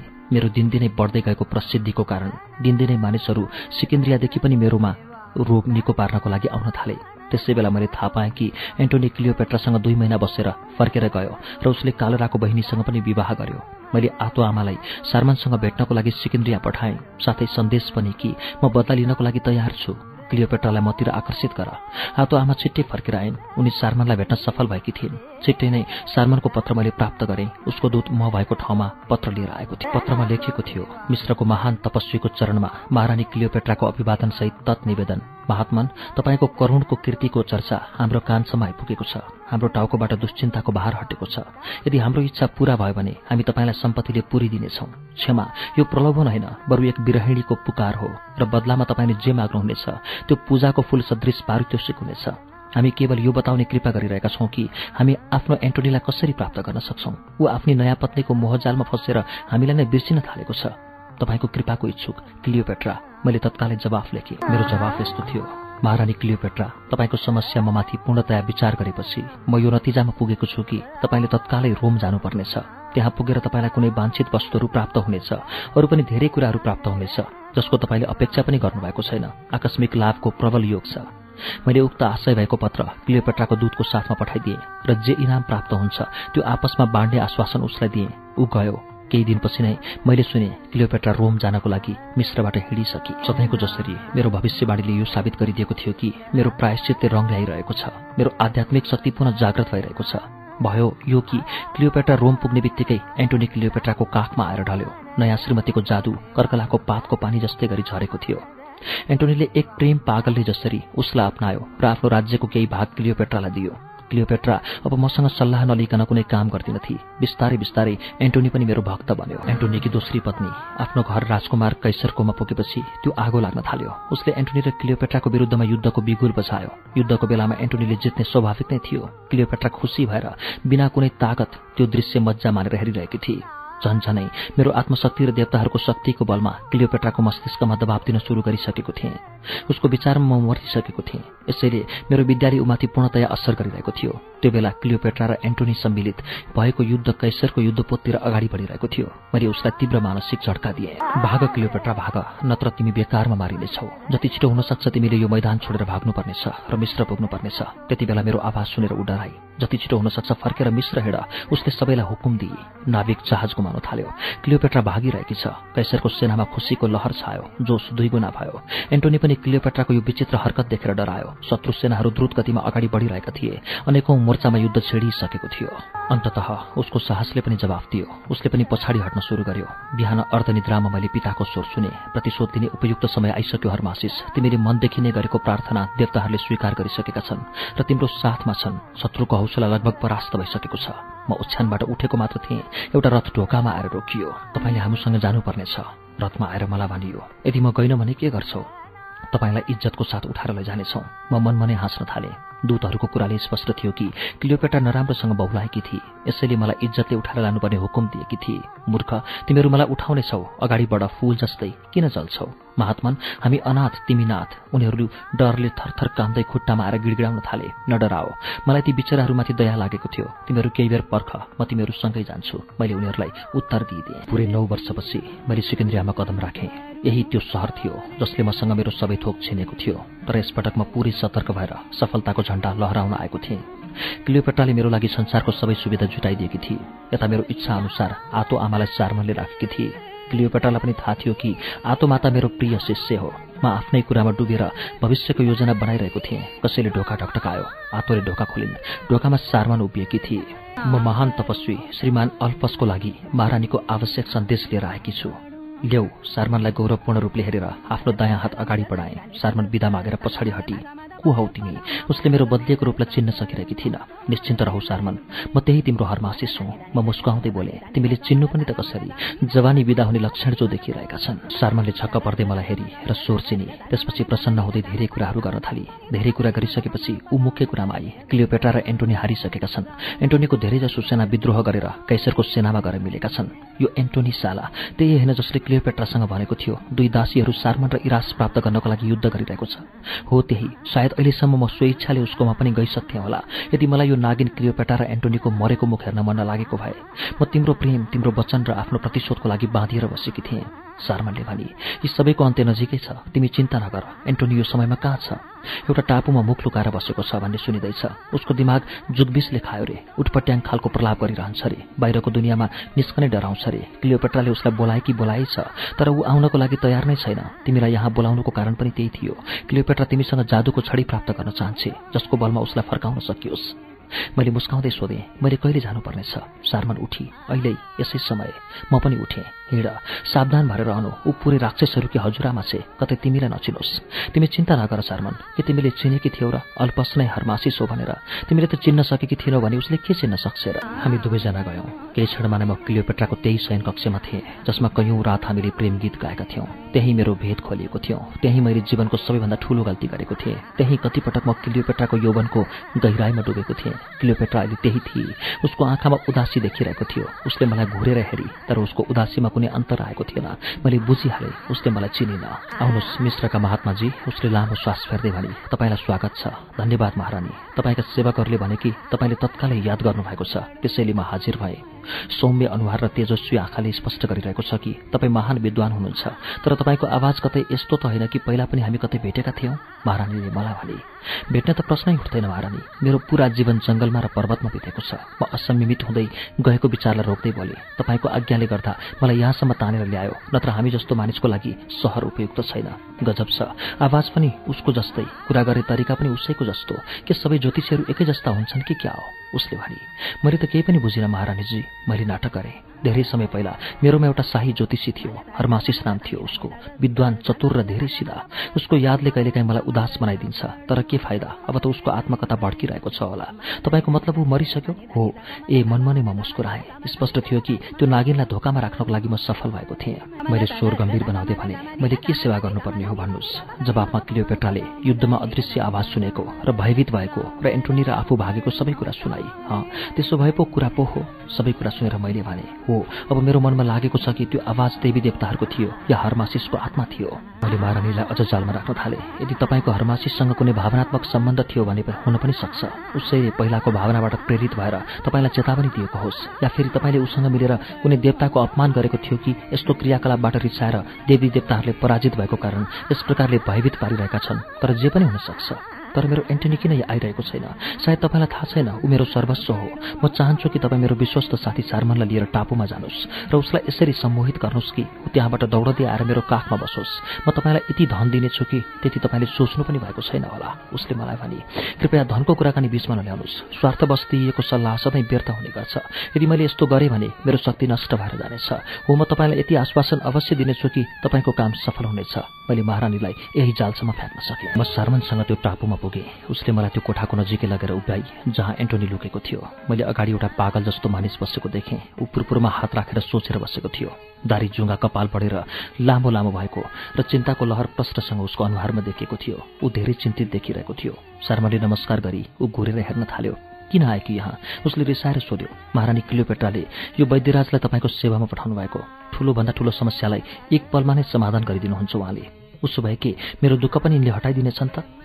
अवश्य यसमा कुनै शङ्का नै छैन शर्माले जवाफ दिए। उसो भए यो भन यिनको देवताहरूको प्रयोग गरेर मेरो सान र वैभव फर्किनेछ जुन एन्टोनी आफ्नो जीवनमा कहिल्यै हारेको थिएन। उसको इज्जतमा दाग लागेको छ। त्यो मेटिन्छ? अह मेटिने छैन। छैन यिनीसँग मेरो कुनै रोगको उपचार छैन। मेरो उपचार मसँग छ र त्यो हो मृत्यु उसले यति भन्यो। यति भनेर ऊ नजिकै राखेको तलवारतिर झम्ट्यो र आफ्नो गलामा हान्न थाल्यो। उसले आफूलाई प्रहार गर्नुभन्दा पहिला मैले झम्टेर त्यो तलवार खोज्छेँ एन्टोनी यसरी मऱ्यो भने त सारा बनी बनाउ योजना असफल हुन्थ्यो। मैले प्रभावशाली शब्दमा भने तिमी मऱ्यौ भने एन्टोनी तिम्रो निधारमा लागेको यो कालो दाग अरू गाडा हुनेछ। मानिसहरूले भन्नेछन् कि एन्टोनी कायर थियो यसैले उसले आत्महत्या गर्यो। होइन उसको स्वर काम्यो। यति मात्र होइन तर अलिकति क्लियोपेट्राको बारेमा पनि सोच्नुहोस् जसले आफ्नो सबै कुरामा तपाईँलाई समर्पित गरिन् र तपाईँकै सहारामा बाँचिरहेकी छिन्। यदि तपाईँ मर्नुभयो भने कैसरले क्लियोपेट्रालाई हत्या हुनेछ एन्टोनीको अनुहारमा भुइँचालो आयो। त्यसपछि ऊ चिच्यायो नाइ बरु म मर्छु तर क्लियोपेट्रालाई अरू कसैको अँगालोमा गएको हेर्न सक्दिनँ। मैले भने क्लियोपेट्रालाई अरूको हुन नदिन। तिमी जिउँदो हुनु जरुरी छ। मर्नु होइन। तिमी वीर हौ। जित हार जस्तो उतार चढाव त प्रत्येक राजाको जीवनमा आउने गर्छ। तर तिनीहरूले बहादुरी साथ यो परिस्थितिको सामना गर्छन्। तिमी जस्तो मुख लुकाएर आत्महत्याको प्रयास गर्दैनन्। म के गरौँ महात्माजी? ऊ छटपटायो फर्केर मिश्र हिँड क्लियोपेट्रासँग। ऊ आँखा बिचाएर तिम्रो बाटो हेरिरहेकी छ। तर म त्यहाँ गएँ भने कैसरले पराजित राजा भनेर मलाई कैद गर्नेछ। यस्तो त तब हुन्छ जब तिमी यसरी नै मुख लुकाएर यहाँ बस्नेछौ। आज नभए भोलि त उसलाई थाहा हुनेछ कि तिमी यहाँ लुकेका छौ जबकि सत्यता यो हो कि अहिले तिमी पुरै हारिसकेका छैनौ। अहिले तिमीसँग मिश्रको सेना छ र मिश्रको सेनामा अझै पनि यति शक्ति छ कि उनीहरू सानातिना राजालाई हराउन सजिलै सक्छन्। हो त नि एन्टोनीको अनुहारमा रक्त सञ्चार भयो। ल्याउ यो विशेष दबाई हो खाऊ यो अमृत हो। मैले दबाईको सिसी उसलाई दिएँ। अमृत हो या विष? एन्टोनीको आँखा झुक्यो। कतै यस्तो त होइन त्यो धुर्त महारानी मेरो काटिएको टाउको कैसरको सेवामा पठाउन चाहन्छे म उसको प्रेममा पागल भए पनि प्रेमको नाममा पुरुषहरूलाई बेवकुफ बनाउने उसको कहानी मैले धेरै सुनिसकेको छु। यो तिम्रो भ्रम हो एन्टोनी हेर यति भनेर मैले द्रव्यको एक घुटको पिएँ। एन्टोनीले सिसी खोसेर एकै सासमा सबै सिसी खाली गरिदियो। केही क्षणमा नै उसको आँखाको तेज फर्कियो। कुनै घोर अँध्यारोमा बत्ती भले जस्तै गरी उसको अनुहारमा चमक आयो। एन्टोनीले भन्यो महात्माजी साँच्चैको यो दबाई अमृत नै हो रहेछ। म भित्र हराएको आत्मबल एकत्रित भइरहेको छ। अब म त्यही पुरानो एन्टोनी भएको छु जो न पहिला कहिल्यै हारेको थियो न अब कहिल्यै हार्नेछ। स्याबास मैले त्यो एसिया विजेताको ढाड थप्त अब जाउँ साधु महाराज। कहाँ? क्लियोपेट्राकोमा। एन्टोनीले जवाफ दियो। सार्मनले आश्चर्यपूर्वक मतिर हेरी। म हल्का मुस्कुराए। एन्टोनी मेरो एन्टोनी मेरो प्रियतम तिमी कहाँ गएका थियौ? तिमी बिना क्लियोपेट्रा कसरी बाँच्छे भन्ने पनि तिमीलाई याद रहेन? एन्टोनी पुग्ने बित्तिकै क्लियोपेट्रा हामी दुवैजनाको अगाडि उसलाई सुमिरहेकी थिए। म सोच्न थालेँ क्लियोपेट्रा जस्तै सुन्दर नागिनलाई बुझ्नको लागि स्वयं जगत निर्माताले नै पृथ्वीमा जन्म लिएको भए सायद उनै क्लियोपेट्रालाई बुझ्ने पहिलो पुरुष बनिने थियो। त्यो रात एन्टोनी आएको खुसीमा एउटा ठूलो भोजको आयोजना गरिएको थियो। त्यसमा रक्सी र मासुको व्यवस्था प्रचुर मात्रामा गरिएको थियो। पुरै रात रक्सीको मधोसीमा डुब्न उद्यत भएको थियो। सारमन छिटो छिटो म भएको ठाउँमा आए। उसले भने क्लियोपेट्राले धेरै कडा किसिमको विष मगाएकी छ। मलाई बुझ्न गाह्रो भएन कि एन्टोनीको दिन अब पूरा भइसकेको छ। तैपनि म सोचाइको झोलुङ्गोमा हल्लिरहेँ। सारमन विष लिएर गई। केही बेरमा उसले भने क्लियोपेट्राले एउटा ताज त्यो विषमा डुबाएर राखेकी छ। भोजमा आएका प्रमुख अफिसरहरूको साथसाथै युनानी रोमी धनाड्य सेटहरूको एउटा ठूलो जमघट थियो त्यहाँ। म पनि त्यो विचित्र नाटक हेर्नको लागि त्यो पार्टीमा उपस्थित भएँ। त्यो विषालु ताजले कसको ज्यान लिने हो मैले हेर्नु थियो। क्लियोपेट्रा एन्टोनीलाई धेरै रक्सी पिलाइरहेकी थिए यदि कैसरले हामीमाथि विजय प्राप्त गर्यो भने हामी भारततिर जानेछौँ। त्यहाँका बासिन्दा मिश्रका जनता जस्तै सिधा साधा र सरल छन्। त्यहाँ हामीलाई कुनै अप्ठ्यारो पर्ने छैन। क्लियोपेट्रा एन्टोनीसँग दबेको स्वरमा भनिरहेकी थिए एन्टोनी उसको प्रेम देखेर दङ्गदास थियो। एउटा कुरा प्रिय एन्टोनी क्लियोपेट्राले भने हाम्रो अर्थमन्त्री बिडिसिस सबै सम्पत्ति कैसरलाई दिन गोप्य रूपमा दिन लागिरहेको छ। यो विषालु ताजलाई रक्सीमा हालेर उसलाई पिलाइदेऊ। उसलाई यही सजाय मिल्नुपर्नेछ अर्थमन्त्री बिडिसिस आयो। सम्राट एन्टोनी तिम्रो सेवाबाट प्रभावित भएर तिमीलाई आफ्नै हातले रक्सी पिलाउन चाहन्छन् महारानी बिडिसिसको स्वर कामिरहेको थियो। त्यसै बेला एन्टोनीले रक्सी भरेर ताज अगाडि बढायो। बिडिसिस बिस बनिसकेको रक्सी पिउन थाल्यो। तर ऊ त्यो गिलास खाली गरेर हिँडेको मात्र के थियो ऊ लडेर तडपिन थाल्यो। कहीँ नभएकी बेस्या। तैँले मलाई बिस दिइस। याद राख योभन्दा पनि नराम्रो अन्त्य हुनेछ तेरो। बिडिसिस चिच्चाइरहेको थियो। ऊ क्लियोपेटालाई समाएर निचोर्न चाहन्थ्यो तर ऊ हाँस्दै परतिर सर्न थाली। बिडिसिस भर्याङ समाएर उक्लन थाल्यो। केही बेरपछि जब ऊ शान्त भयो तब एन्टोनीले आश्चर्य मान्दै सोध्यो यो कस्तो खेल खेल्यो तिमीले? यसको अर्थ के थियो? यसको अर्थ यो थियो कि एउटा गद्दारलाई यसरी नै सजाय दिइन्छ र तिमीलाई विश्वास दिलाउनु थियो? तिमी आफ्नो मनबाट यो भ्रम हटाइदेऊ कि म तिमीलाई समाप्त गर्न चाहन्छु? यदि मैले यस्तो चाहन्थेँ भने बिडिसिसको ठाउँमा तिम्रो लास लडिरहेको हुने थियो। तर तिमीलाई केही हुनुभन्दा पहिला आफै मरु भन्ने म चाहन्छु। क्लियोपेट्रा मेरी रानी एन्टोनी मक्क परेर। क्लियोपेट्राको काखमा गयो। बस्दै बोल्यो तिमी मेरी हौ केवल मेरी क्लियोपेट्रा उसँग उत्तिकै टाँसी जस्तो सबैको अगाडि उसलाई आत्मसात गर्न चाहेकी होस्। रक्सीको नसामा बढ्दै गइरहेको अयासी एन्टोनीले कैसरसँग सन्धि गर्नको लागि दूत पठायो। कैसर उद्वारा आत्मसमर्पण नगरेकोमा रिसाएको थियो। उसले दूतसँग भेट्न नै मानेन। यसरी युद्ध निश्चित भयो। क्लियोपेट्राको विश्वासमा माथि बढिसकेको थियो। मेरो सल्लाह बिना ऊ कतै जान्न थिए। मैले आफ्नो ख्यातिको फाइदा उठाउँदै सबै शिष्यहरूलाई मिश्रको जनतालाई भड्काउन लगाएँ। यिनीहरूमा सैनिकहरू पनि थिए। कैसरले क्लियोपेट्रालाई एउटा गुप्त सन्देशमा भन्यो कि यदि क्लियोपेट्राले एन्टोनीको हत्या गरिदिने हो भने ऊ मिश्रको वरिपरि देखिने पनि छैन। तर त्यो विचित्र कि आइमाई एन्टोनीलाई छोड्नको लागि तयार नै थिइन थाहा छैन के सोचिरहेकी थिए कुन्नी त्यो विशालु स्त्रीले। परिणामस्वरूप कैसरको भयानक हमला भयो। एक एक गरेर कैयौं सहर उसको कब्जामा गयो। मिश्रका सेना ती रोमनहरूको क्रूर हमलाबाट जोगिनको लागि भाग्न थाले। कैसर सिकिन्द्रियाको नजिकै ठिक अगाडि आएर बस्यो। एन्टोनी त्यो समयमा रातिको नसाले लट्ठ भएको थियो जब सार्मनले उसलाई यो सूचना सुनाए कि कैसरले सिकिन्द्रियालाई घेरिसक्यो। एन्टोनी अब रिसले आगो भयो। उसले तलवार झेक्यो। पवित्र देवताहरूको कसम म तँलाई छोड्ने छैन क्लियोपेट्रा। तैँले मसँग गद्दारी गरिस्। होइन मैले गद्दारी गरेकी छैन? क्लियोपेट्रा दृढ स्वरमा बोली। भोलेर पनि यस्तो नगर्नु नत्र पछुताउने छौ। मैले सोच्न पनि सकेकी थिइनँ कि सेनापति सिलियोकस त्यो दुष्ट कैसरसँग गएर मिल्नेछ र उसको सेना सिकिन्द्रियामा घेर्न सफल हुनेछ। उसका स्वास्नी छोराछोरी यहीँ छन्। यिनीहरूलाई म अहिले नै कैद गराउनेछु। एन्टोनी टाउको समाएर बस्यो। सार्मन मुस्कुराई। यो सब काम उसैको हो। क्लियोपेटाले बुझे कि अब ऊ बस्न सक्ने छैन। कैसरले कि उसलाई मार्नेछ कि बन्दी बनाउनेछ। उसले आफ्नो समाधिको अवस्था गरी र मेरो अगाडि आई। तिमी सफल हुन सकेनौ अल्पस। तिम्रा सबै भविष्यबाट यो दुःखको समयमा गलत साबित भयो। अब तिमी मेरो लागि यस्तो विष ल्याइदेऊ जसलाई जिब्रोमा राख्ने बित्तिकै मेरो मृत्यु होस्। साथै मलाई थोरै मात्र कष्ट होस्। तपाईँ चिन्ता नगर्नुहोस् महारानी। म यस्तै दबाई दिनेछु जसले कुनै कष्ट दिने छैन र तपाईँलाई मृत्युको निन्द्रा लगाइदिनेछ। मैले उत्तर दिएँ। त्यसपछि बाहिर स्वर मचियो एन्टोनी अमर रहन्। हामीले हेऱ्यौँ अगाडि एन्टोनी घोडामा सवार भएर नग्न शरीर लिएर उभिएको थियो। के कैसर परास्त भयो? क्लियोपेट्राले सोधी। कैसरको कुनै दूत सन्धि प्रस्ताव लिएर आएको छ। दूतभित्र आयो। उसले एन्टोनीलाई नमस्कार गर्यो र कैसरको एक चिठी थमायो। क्लियोपेट्रा पनि एन्टोनीसँगै पत्रमा न्युरी पत्रको व्यवहार यस प्रकारको थियो। एन्टोनीलाई कैसरको नमस्कार तिमी साहसी हौ र वीर पनि छौ। तिम्रो सौर सौर्यताको जति प्रशंसा गरे पनि कम छ। तिमी मेरो हातबाट मारियो भन्ने मेरो मनले चाहँदैन तर तिमी मर्नको लागि किन हतार गरिरहेका छौ? केसरको तर्फबाट तिमीलाई प्रणाम। यो दुई मुखे साँपलाई मैले जानेको छु। पत्र सिद्धिने बित्तिकै एन्टोनी चिच्चायो एकातिर बहादुर भन्छ अर्कोतिर मार्ने धम्की दिन्छ। त्यसपछि एन्टोनी आँखाबाट आगो वर्षाउँदै बाहिर निस्क्यो। म पनि उसँगै गएँ। उसले आफ्ना सबै सैनिकहरूलाई आफूतिर एकत्रित गर्यो र नाङ्गो तलवार नचाउँदै गर्छ्यो मेरा बहादुर साथीहरू आजसम्म एन्टोनी तिमीहरूको सहयोगले कहिले हारेको छैन तर आज यो नाथे कैसरले मलाई मार्ने धम्की दिएको छ। मैले फैसला गरेको छु कि या म लडाईँ जितेर आउँछु या प्राण त्याग्नेछु। यदि म मरेँ भने मेरो खजनालाई सबैले बराबर बाँडेर लिनु नत्र सधैँको जसरी विजय हाम्रो साथमा हुनेछ। बोल तिमीहरूलाई डरपोकको जिन्दगी चाहिन्छ कि वीरताको मृत्यु? मृत्यु सबैले एक स्वरमा भने जित या मृत्यु? अब हाम्रो राजा मर्न र मार्नको लागि हाम्रो अगाडि उभिएको छ भने हाम्रो पाइला कसरी पछाडि हट्न सक्छ? एन्टोनीले आँखा चम्क्यो।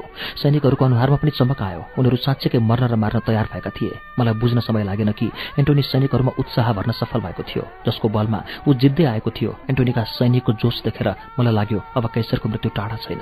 तर एन्टोनीको जित मेरो हार थियो। यसैले म पनि उसलाई विजयी भएको देख्न चाहन्थेँ।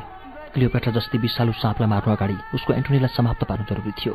एन्टोनी जाने बित्तिकै म सैनिकहरूको नजिकै गएँ। सैनिकहरूमध्ये जसले मलाई चिन्थे उनीहरू छक्क परे। सुन साथीहरू तिमीहरू शान्त भएर बस्नु किनकि म जान्दा जान्दै तिमीहरूलाई मृत्युको मुखमा जाँदै गरेको हेर्न चाहन्न।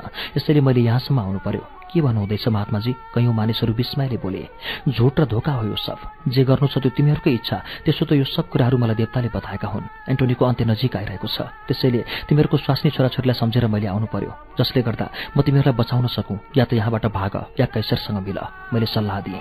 यो साधु गद्दार छ र झुटो कुरा बोल्छ। एक सैनिक अफिसर चिच्चायो भाग साधु रूपी शैतान हामीहरू तँलाई साधु मानेर नै छोडिरहेका छौँ। यो अटल सत्य हो। तिमीहरू मान या नमान मैले त साँचो कुरा भनेको हुँ। मैले बताएँ यदि यो कुरा साँचो हो भने यसको सबुत देऊ। कस्तो सबुत? देवताहरूले कुनै यस्तो निशानी जसबाट हामीलाई विश्वास हुन सकोस् कि तिमी साँचो बोलिरहेका छौ? केही क्षणसम्म म सोचिरहेँ। त्यसपछि मैले देवी मातालाई ध्यान गरेँ। ती देवी माताले मलाई मात्र होइन सबैलाई दर्शन दिइन्। यो चमत्कार देख्ने बित्तिकै एन्टोनीको सैनिकमा भागदौड शुरू भयो। एकै क्षणमा मैदान खाली भयो। बिहान एन्टोनी आफ्नो सेनाहरूको साथमा कैसरको सेना भएको ठाउँतिर अगाडि बढ्यो। साथै ऊ जोसिलो भाषणको घुट पनि आफ्ना सेनाहरूलाई पिलाइरहेको थियो। तर युद्धको मैदानमा पुग्ने बित्तिकै उसका सेनाले सेतो झण्डा लहराएको देखेर उसको पाउ भारी भयो। पुरै सेनाको विद्रोहात्मक रवैया देखेर एक क्षणको लागि स्तब्ध भयो। त्यसपछि ऊ युद्धभूमिबाट भाग्नुमा नै आफ्नो भलाइ हुने सोचेर भाग्न थाल्यो। म टाढै बसेर एन्टोनीको हार र मेरो जितको तमासा हेरिरहेको थिएँ। त्यसपछि सार्मनको साथमा महलतिर गएँ। त्यसै बेला एन्टोनी बहुला जस्तो भएर मेरो नजिक आयो। हारेको कारणले उसको अनुहारको रङ बदलिएको थियो। ऊ घोडामा चढेर चिन्तित मुद्रामा हाम्रो अगाडि उभिएको थियो। कैसरको विजयी सेना तेजसँग महलतिर आइरहेको थियो। एन्टोनीका वफादार सैनिकले उसलाई आएर भने महाराज हिँड्नुहोस् कैसरका सैनिकहरू तपाईँको खोजीमा यहाँ आइरहेका छन्। उनले मसँग भने साधु अल्पस जाऊ तिम्रो महारानीलाई मेरो अन्तिम प्रणाम सुनाइदेऊ। यो भनिदिनु कि उसले हामीलाई धेरै धोका दिए। हँ धोका दिनु त त्यो नागिनको सबैभन्दा पहिलो काम हो। आजसम्म उसले धोका पाएको अरू कसैलाई के नै दिएकी छ र? मैले मनमा नै भने अनि सार्मनलाई लिएर क्लियोपेट्राकोमा गएँ। के खबर लिएर आयो? हाम्रो ज्योतिषी? क्लियोपेट्राले मलाई देख्ने बित्तिकै सोधी खबर त नराम्रो छ। यस समय एन्टोनीले आफ्नो हार स्वीकार गरिसकेको छ। उसले जाने बेलामा मलाई तपाईँको लागि सन्देश छोडेको थियो कि? तपाईँले उसलाई धोका दिनुभयो अरे? यो कुरा झुटो हो। मैले एन्टोनीलाई धोका दिएकी छैन ऊ कराई। तर अब उसले भनेर त केही हुनेवाला थिएन। महारानी जो हार्छ ऊ दुःखी हुन्छ। फेरि एन्टोनी जस्तो बहादुर मानिस जसले तीन चौथाइ दुनियाँमा विजय पाएको थियो उसको मनलाई झन् कति ठूलो दुःख लागेको होला। अब तपाईँ आफै यस विषयमा सोच्नुहोस्। म के सोच्न सक्छु र? अब मैले सोच्नको लागि बाँकी नै केही छैन। मैले जीवनको अन्तिम बाजी पनि हारेँ। म एन्टोनीसँग भेट्न चाहन्छु। ऊ मलाई छोडेर किन गयो? क्लियोपेट्राले भने। त्यसै समयमा केही सैनिकहरू रगतले लतपतिएको एन्टोनीको शरीर लिएर आइरहेका थिए। क्लियोपेट्रा त्यो लासलाई देख्ने बित्तिकै चिच्चाई। उसको चिच्चाई दुःखपूर्ण थियो। यसलाई तल झारेर मेरो काखमा राखिदेऊ। यो मेरो प्रेमी हो। एन्टोनीलाई केही हुनै सक्दैन। मसँग नभेटिकन यसलाई केही हुनै सक्दैन। यो मेरो प्रेमी हो। कुनै पनि प्रेमी आफ्नो प्रेमिकासँग नभेटिकन कतै जान सक्दैन। लिएर आओ मेरो प्रेमीलाई। म उसलाई मेरो काखमा राखेर प्रेम गर्नेछु। क्लियोपेट्राले इसारा गरे। उसको इसारा पाउने बित्तिकै सैनिकहरूले रगते लतपतिको लास उसको काखमा राखिदिए। ऊ उसको मुखलाई चुम्न थाली। रक्सी ल्यायो। एन्टोनीको मृत्युले दुःखले कराउन थालियो। एन्टोनी तिमी मेरो काखमा छौ। हेर त मेरो काखमा आउने बित्तिकै तिम्रो ज्यानमा नयाँ जीवन आउन थालेको छ। यति भनेर क्लियोपेट्राले उसको मुखमा रक्सीको बोतल राखिदिए। रक्सीको घुटको पिउने बित्तिकै एन्टोनीमा साँच्चैकै नयाँ ज्यान आएको थियो। उसले कामेको आवाजमा भन्यो यो कोठा खाली गरिदियो। क्लियोपेट्रा तिमी मसँग सुत र आज अन्तिम समयमा सबै लुगा फुकाला। आज हामी मृत्युको पीडामा रात मनाउनेछौँ। अन्तिम रात मोज गर्नेछौँ। आऊ क्लियोपेट्रा। क्लियोपेट्राले आफ्नो नाङ्गो शरीर एन्टोनीको कुम कामेको अँगालोमा हालिदिए र आफ्नो ओठ एन्टोनीको ओठमा राखिदिए र फेरि एकाएक एन्टोनीको टाउको एकातिर झुक्यो। क्लियोपेट्रा स्तब्ध भई उसलाई आफ्नो एक्लोपनको आभास भयो। जुन एन्टोनीको काँधमा हतियार राखेर उसले आफू अरू शक्तिशाली बन्ने योजना बनाएकी थिए त्यो योजना एन्टोनीको मृत्युसँगै सकिएको थियो। क्लियोपेट्रा एक्लै भएकी थिए। मिश्रका जनता विद्रोह गर्न थालेको उसलाई थाहा थियो। उनीहरूको विद्रोहबाट अब ऊ बच्न सक्ने स्थिति थिएन। उसलाई लागेको थियो कि उसले मिश्रको जनताको अदालतमा उभिनुपर्नेछ र मिश्रका जनताले उसलाई कैसरलाई सुम्पिदिनेछन्। कैसरले फेरि उसलाई माफी दिनेवाला थिएन। आफ्नी बहिनीको अपमानको बदला लिनको लागि नै उसले आफ्नो ज्वाइँ एन्टोनीलाई मृत्युको मुखमा पुर्याइदिएको थियो। उसकी बहिनीको घर बर्बाद गरिदिने काम क्लियोपेट्राले गरेकी थिए। अनि अब ऊ क्लियोपेट्रालाई किन माफ गर्छ? उसले मनमा एउटा निर्णय लिए। आफूले गरेको निर्णय अनुसार उसले रातो कपडामा एन्टोनीको लासलाई लपेटी र यो लासलाई बाकसमा राख्न लगाई। यो बाकस यति ठुलो थियो कि यसमा अर्को एउटा बाकस हटाउन सक्थ्यो। त्यो बाकसलाई पत्थरको विशाल सन्दुकमा क्लियोपेट्राले राख्न लगाई। उसको इच्छा थियो कि ऊ मरेपछि एन्टोनीसँगै गाडियोस्। म पनि मरेपछि हामी दुवैजना एउटै समाधिमा रहनेछौँ। उसले आफ्नो इच्छा सारमनसँग व्यक्त गरी यसपछि ऊ दुःखको सागरमा डुबी जगमगाएको महल पनि अब उसलाई अँध्यारो लाग्न थालेको थियो। मृत्युको कालो छायाले हर समय आफ्नो पिछा गरिरहे जस्तो उसलाई लागेको थियो। केही दिनपछि उसको दरबारमा कैसरको दूत उपस्थित भयो र केसरको सन्देश सुनायो। आजको तीन दिनपछि बादशाह केसर तपाईँलाई भेट्न आउनुहुनेछ।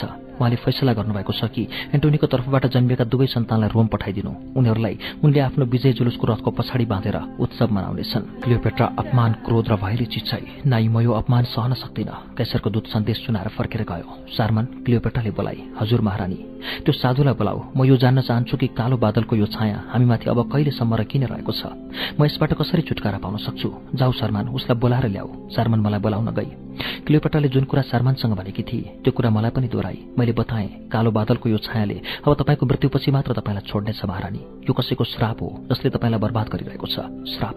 कसको श्राप? उसले छक्क परे झैँ गरेर सोधी। म यो कुरा भन्नलाई असमर्थ छु महारानी। तपाईँ नै याद गर्नुहोस् तपाईँले कोसँग यति ठूलो विश्वासघात गर्नुभएको थियो? तपाईँले अवश्य नै कसैलाई धोका दिनुभएको छ? लाग्छ यो मिश्रका सम्पूर्ण जनताहरूको श्राप तपाईँलाई लागिरहेको छ। ओहो उफ। क्लियोपेट्रा बेचैनी र चिन्ताले भरिएको भावमा आफ्नो टाउको थाम्दै बोली। उसको अनुहारमा छटपट्टिको भाव स्पष्ट रूपमा देखिएको थियो। उसले आफ्नो टाउको थामी। उस जीवनमा पहिलोपल्ट यति हताश देखेकी थिए। मलाई उसको यो हालत देखेर सन्तोष प्राप्त भएको थियो। सारमन उसले सारमनतिर हेरी। हजुर महारानी सारमनले भने जाऊ मेरो त्यो चाँदीको भाँडो लिएर आऊ जुन मेरो सुत्ने कोठामा राखेको छ। सारमनलाई थाहा थियो कि त्यसमा एउटा खतरनाक सर्प थुनिएको छ। तर क्लियोपेट्राले यसलाई किन मगाएकी हो? यसलाई के गर्नु थियो? यो सारमनलाई केही थाहा थिएन। केही क्षणपछि उसले त्यो भाँडो लिएर क्लियोपेट्रालाई दिए। सारमन हजुर महारानी तिमीलाई हरमासिस थाहा छ? याद छ महारानी? मलाई लाग्छ यो उसैको श्राप हो जसको आत्मा सदैव मेरो पिछा गरिरहेको छ। यो हरमासिस को थियो महारानी? मैले नचिने चाहिँ गरी सोधेँ। यो एउटा विचित्र कहानी छ साधुजी। म तिमीलाई पनि अवश्य बताउनेछु। मेरो अन्त नजिक आइसकेको छ। यसैले म झुटो बोल्ने छैन। हरमासिस तिमी जस्तै धेरै ठूलो विद्वान थियो। ऊ धेरै सुन्दर नौजवान थियो। तर मैले हरमासिस विरुद्ध षड्यन्त्र रचेँ। ऊ मलाई यो राज सिंहासनबाट हटाएर आफ्नै सिंहासनमा बस्न चाहन्थ्यो। ऊ आफ्नो षड्यन्त्रमा सफल पनि हुने थियो तर त्यो दिन राति मेरो वफादार दासी सारमनले आएर मलाई सबै कुरा भनिदिए सारमन आफै पनि त्यो षड्यन्त्रमा सामेल थिए तर ऊ हरमासिसलाई प्रेम गर्थे। जब हरमासिसले उसको प्रेमीलाई अस्वीकार गर्यो तब उसले बदला लिनको लागि उसको षड्यन्त्रको पर्दाफास गरेकी थिए। यही होइन त सारमन? हो महारानी सारमनले स्वीकार गरी मैले मनमा नै सोचेँ तब मेरो शङ्का गलत थिएन। मैले मनको भावलाई लुकाउँदै सोधेँ अनि के भयो त महारानी? के तपाईँले हरमासिसलाई मृत्युदण्ड दिनुभयो? होइन होइन ऊ छिटो छिटो बोली मैले हरमासिसलाई मृत्युदण्ड दिइनँ बरु उसलाई आफ्नो प्रेमजालमा फसाएर मैले उसबाट दुनियाँको सबैभन्दा ठूलो मनकुराको खजना हासिल गरेँ। त्यो खजनाको भेद हरमासिसलाई मात्र थाहा थियो। मैले उसको सहयोग लिएर त्यो खजना प्राप्त गरेँ फेरि मैले उसलाई अपमानित मात्र गरिनँ। उसलाई आफ्नो तल्लो श्रेणीको सेवकमा नियुक्त गरेँ। एक रात जब मैले उसको हत्या गर्न खोजेकी थिएँ तब ऊ त्यहाँबाट भागिसकेको थियो। पछि थाहा पाइयो कि ऊ मरिसक्यो तर मलाई सधैँभरि उसँग डर लागिरहेको हुन्थ्यो आज लागिरहेको छ जस्तो उसको आत्मा यो बेला मेरो वरिपरि भट्किरहेको छ। सायद ऊ मलाई तडपेको हेर्न चाहन्छ तर म मेरो जिन्दगीमा न तडपेर बाँचेँ न तडपेर नै मर्नेछु। यति भनेर उसले विषालु गोमन सर्प भएको भाँडो खोली र त्यसमा हात हाली सर्पले उसको हातमा टोकिदियो। क्लियोपेट्रा त्यसको पीडाले तडपिन थाली तडपेको स्वरमा भनी म जलिरहेको छु साधु अल्पस म गइरहेको छु विदा विदा क्लियोपेट्रा। उसलाई मर लागेको देखेर म बोले मनकुराको खजनालाई तपाईँले राम्रो काममा खर्च गर्नुपर्ने थियो तर तपाईँले त्यो धनलाई आफ्नो ऐयासीमा खर्च गर्नुभयो। यो उसैको श्राप हो र मिश्रका जनताको श्राप जसको कारण तपाईँलाई यो पीडा भइरहेको छ मृत्यु आएको छैन। मलाई ध्यान दिएर हेर्नुहोस् चिन्नुहोस् म को हुँ? तिमी क्लियोपेट्राका आँखाले मलाई चिने र उसले भाइ हरमासिस। हो क्लियोपेट्रा म। मैले नै बदला लागि तिम्रो सबै कुरा बर्बाद गरेँ। मैले नै एन्टोनीको सेनालाई विद्रोह गर्नको लागि उक्साएको थिएँ। हेर क्लियोपेट्रा मैले आखिरमा आफ्नो बदला लिएरै छोडेँ। जुन सारमन मेरो विरुद्ध थिए ऊ पनि आज मसँग मिलेकी छ। ओ हर्मासिस मेरो हर्मासिस तिमी मलाई प्रेम गर्थ्यौ। औ एकपटक मेरो छातीमा टाँस्यौ जसमा तिमी कति रात टाउको राखेर सुतेका थियौ। आज फेरि एकपटक मेरो छातीमा टाउको राखेर सुत। त्यसै समय एउटा ठूलो चमेरो कोठामा सेर्यो। त्यो त्यही चमेरो थियो जुन हामीले मनकुराको चिहानमा देखेका थियौँ। ऊ क्लियोपेट्राको ताजमा मडारिन थाल्यो र यसको साथसाथै उसको कण्ठबाट हल्का चिच्चाहट निस्क्यो। ऊ फेरि कहिले नउठ्ने गरी सुती हर्मासिस मैले आफ्नो काम पूरा गरिदिएँ। आज मेरो सबै पाप मेटियो। म पनि अब बिदा चाहन्छु। यति भनेर सार्मनले आफ्नो लुगामा लुकाएर राखेको बिस पी मैले देख्दा देख्दै सार्मन र क्लियोपेट्राको त्यही अन्त भयो। मैले पनि त दुनियाँभरिको पाप गरेको थिएँ। ती मानिसहरूको सजाय मैले पाउनेछु तर मेरो कारणले देशवासीहरूले जे सहनु पर्यो त्यसको सजाय मलाई सायद मृत्युपछि मिल्नेछ। ओ मेरा प्यारा मिश्रका बासिन्दाहरू। म देखिरहेको छु कि विदेशी सेनाले मेरो देशको धरतीमा पाइला टेकिरहेका छन् धार्मिक स्थलको अपमान गरेका छन् र पनि देवताहरू चुप लागेरै बसेका छन्। अब त देवी देवताहरू केवल कथा बनेर रहनेछन्। देवी देवताहरूलाई भुलेर मानिसहरूले आफ्नो परलोक बिगारिरहेका छन्। म आफै पनि यो संसारबाट गइरहेको छु। मैले क्लियोपेट्टासँग आफ्नो बदला लिएँ तर उसको प्रेमको साथसाथै अब त सबै कुरा समाप्त भइसक्यो छ। अब त स्मरणको रूपमा यो कागजलाई लेखेर छोड्दैछु ताकि ताकि आउने पिँढीहरूलाई केही शिक्षा मिलोस्। अघिल्लो पिँढीले यो सबै कुराहरू पढेर उचित निर्णय लिन सकुन् र आफू पाप गर्नबाट जोगी हुन्। यही नै मेरो एकमात्र उद्देश्य हो।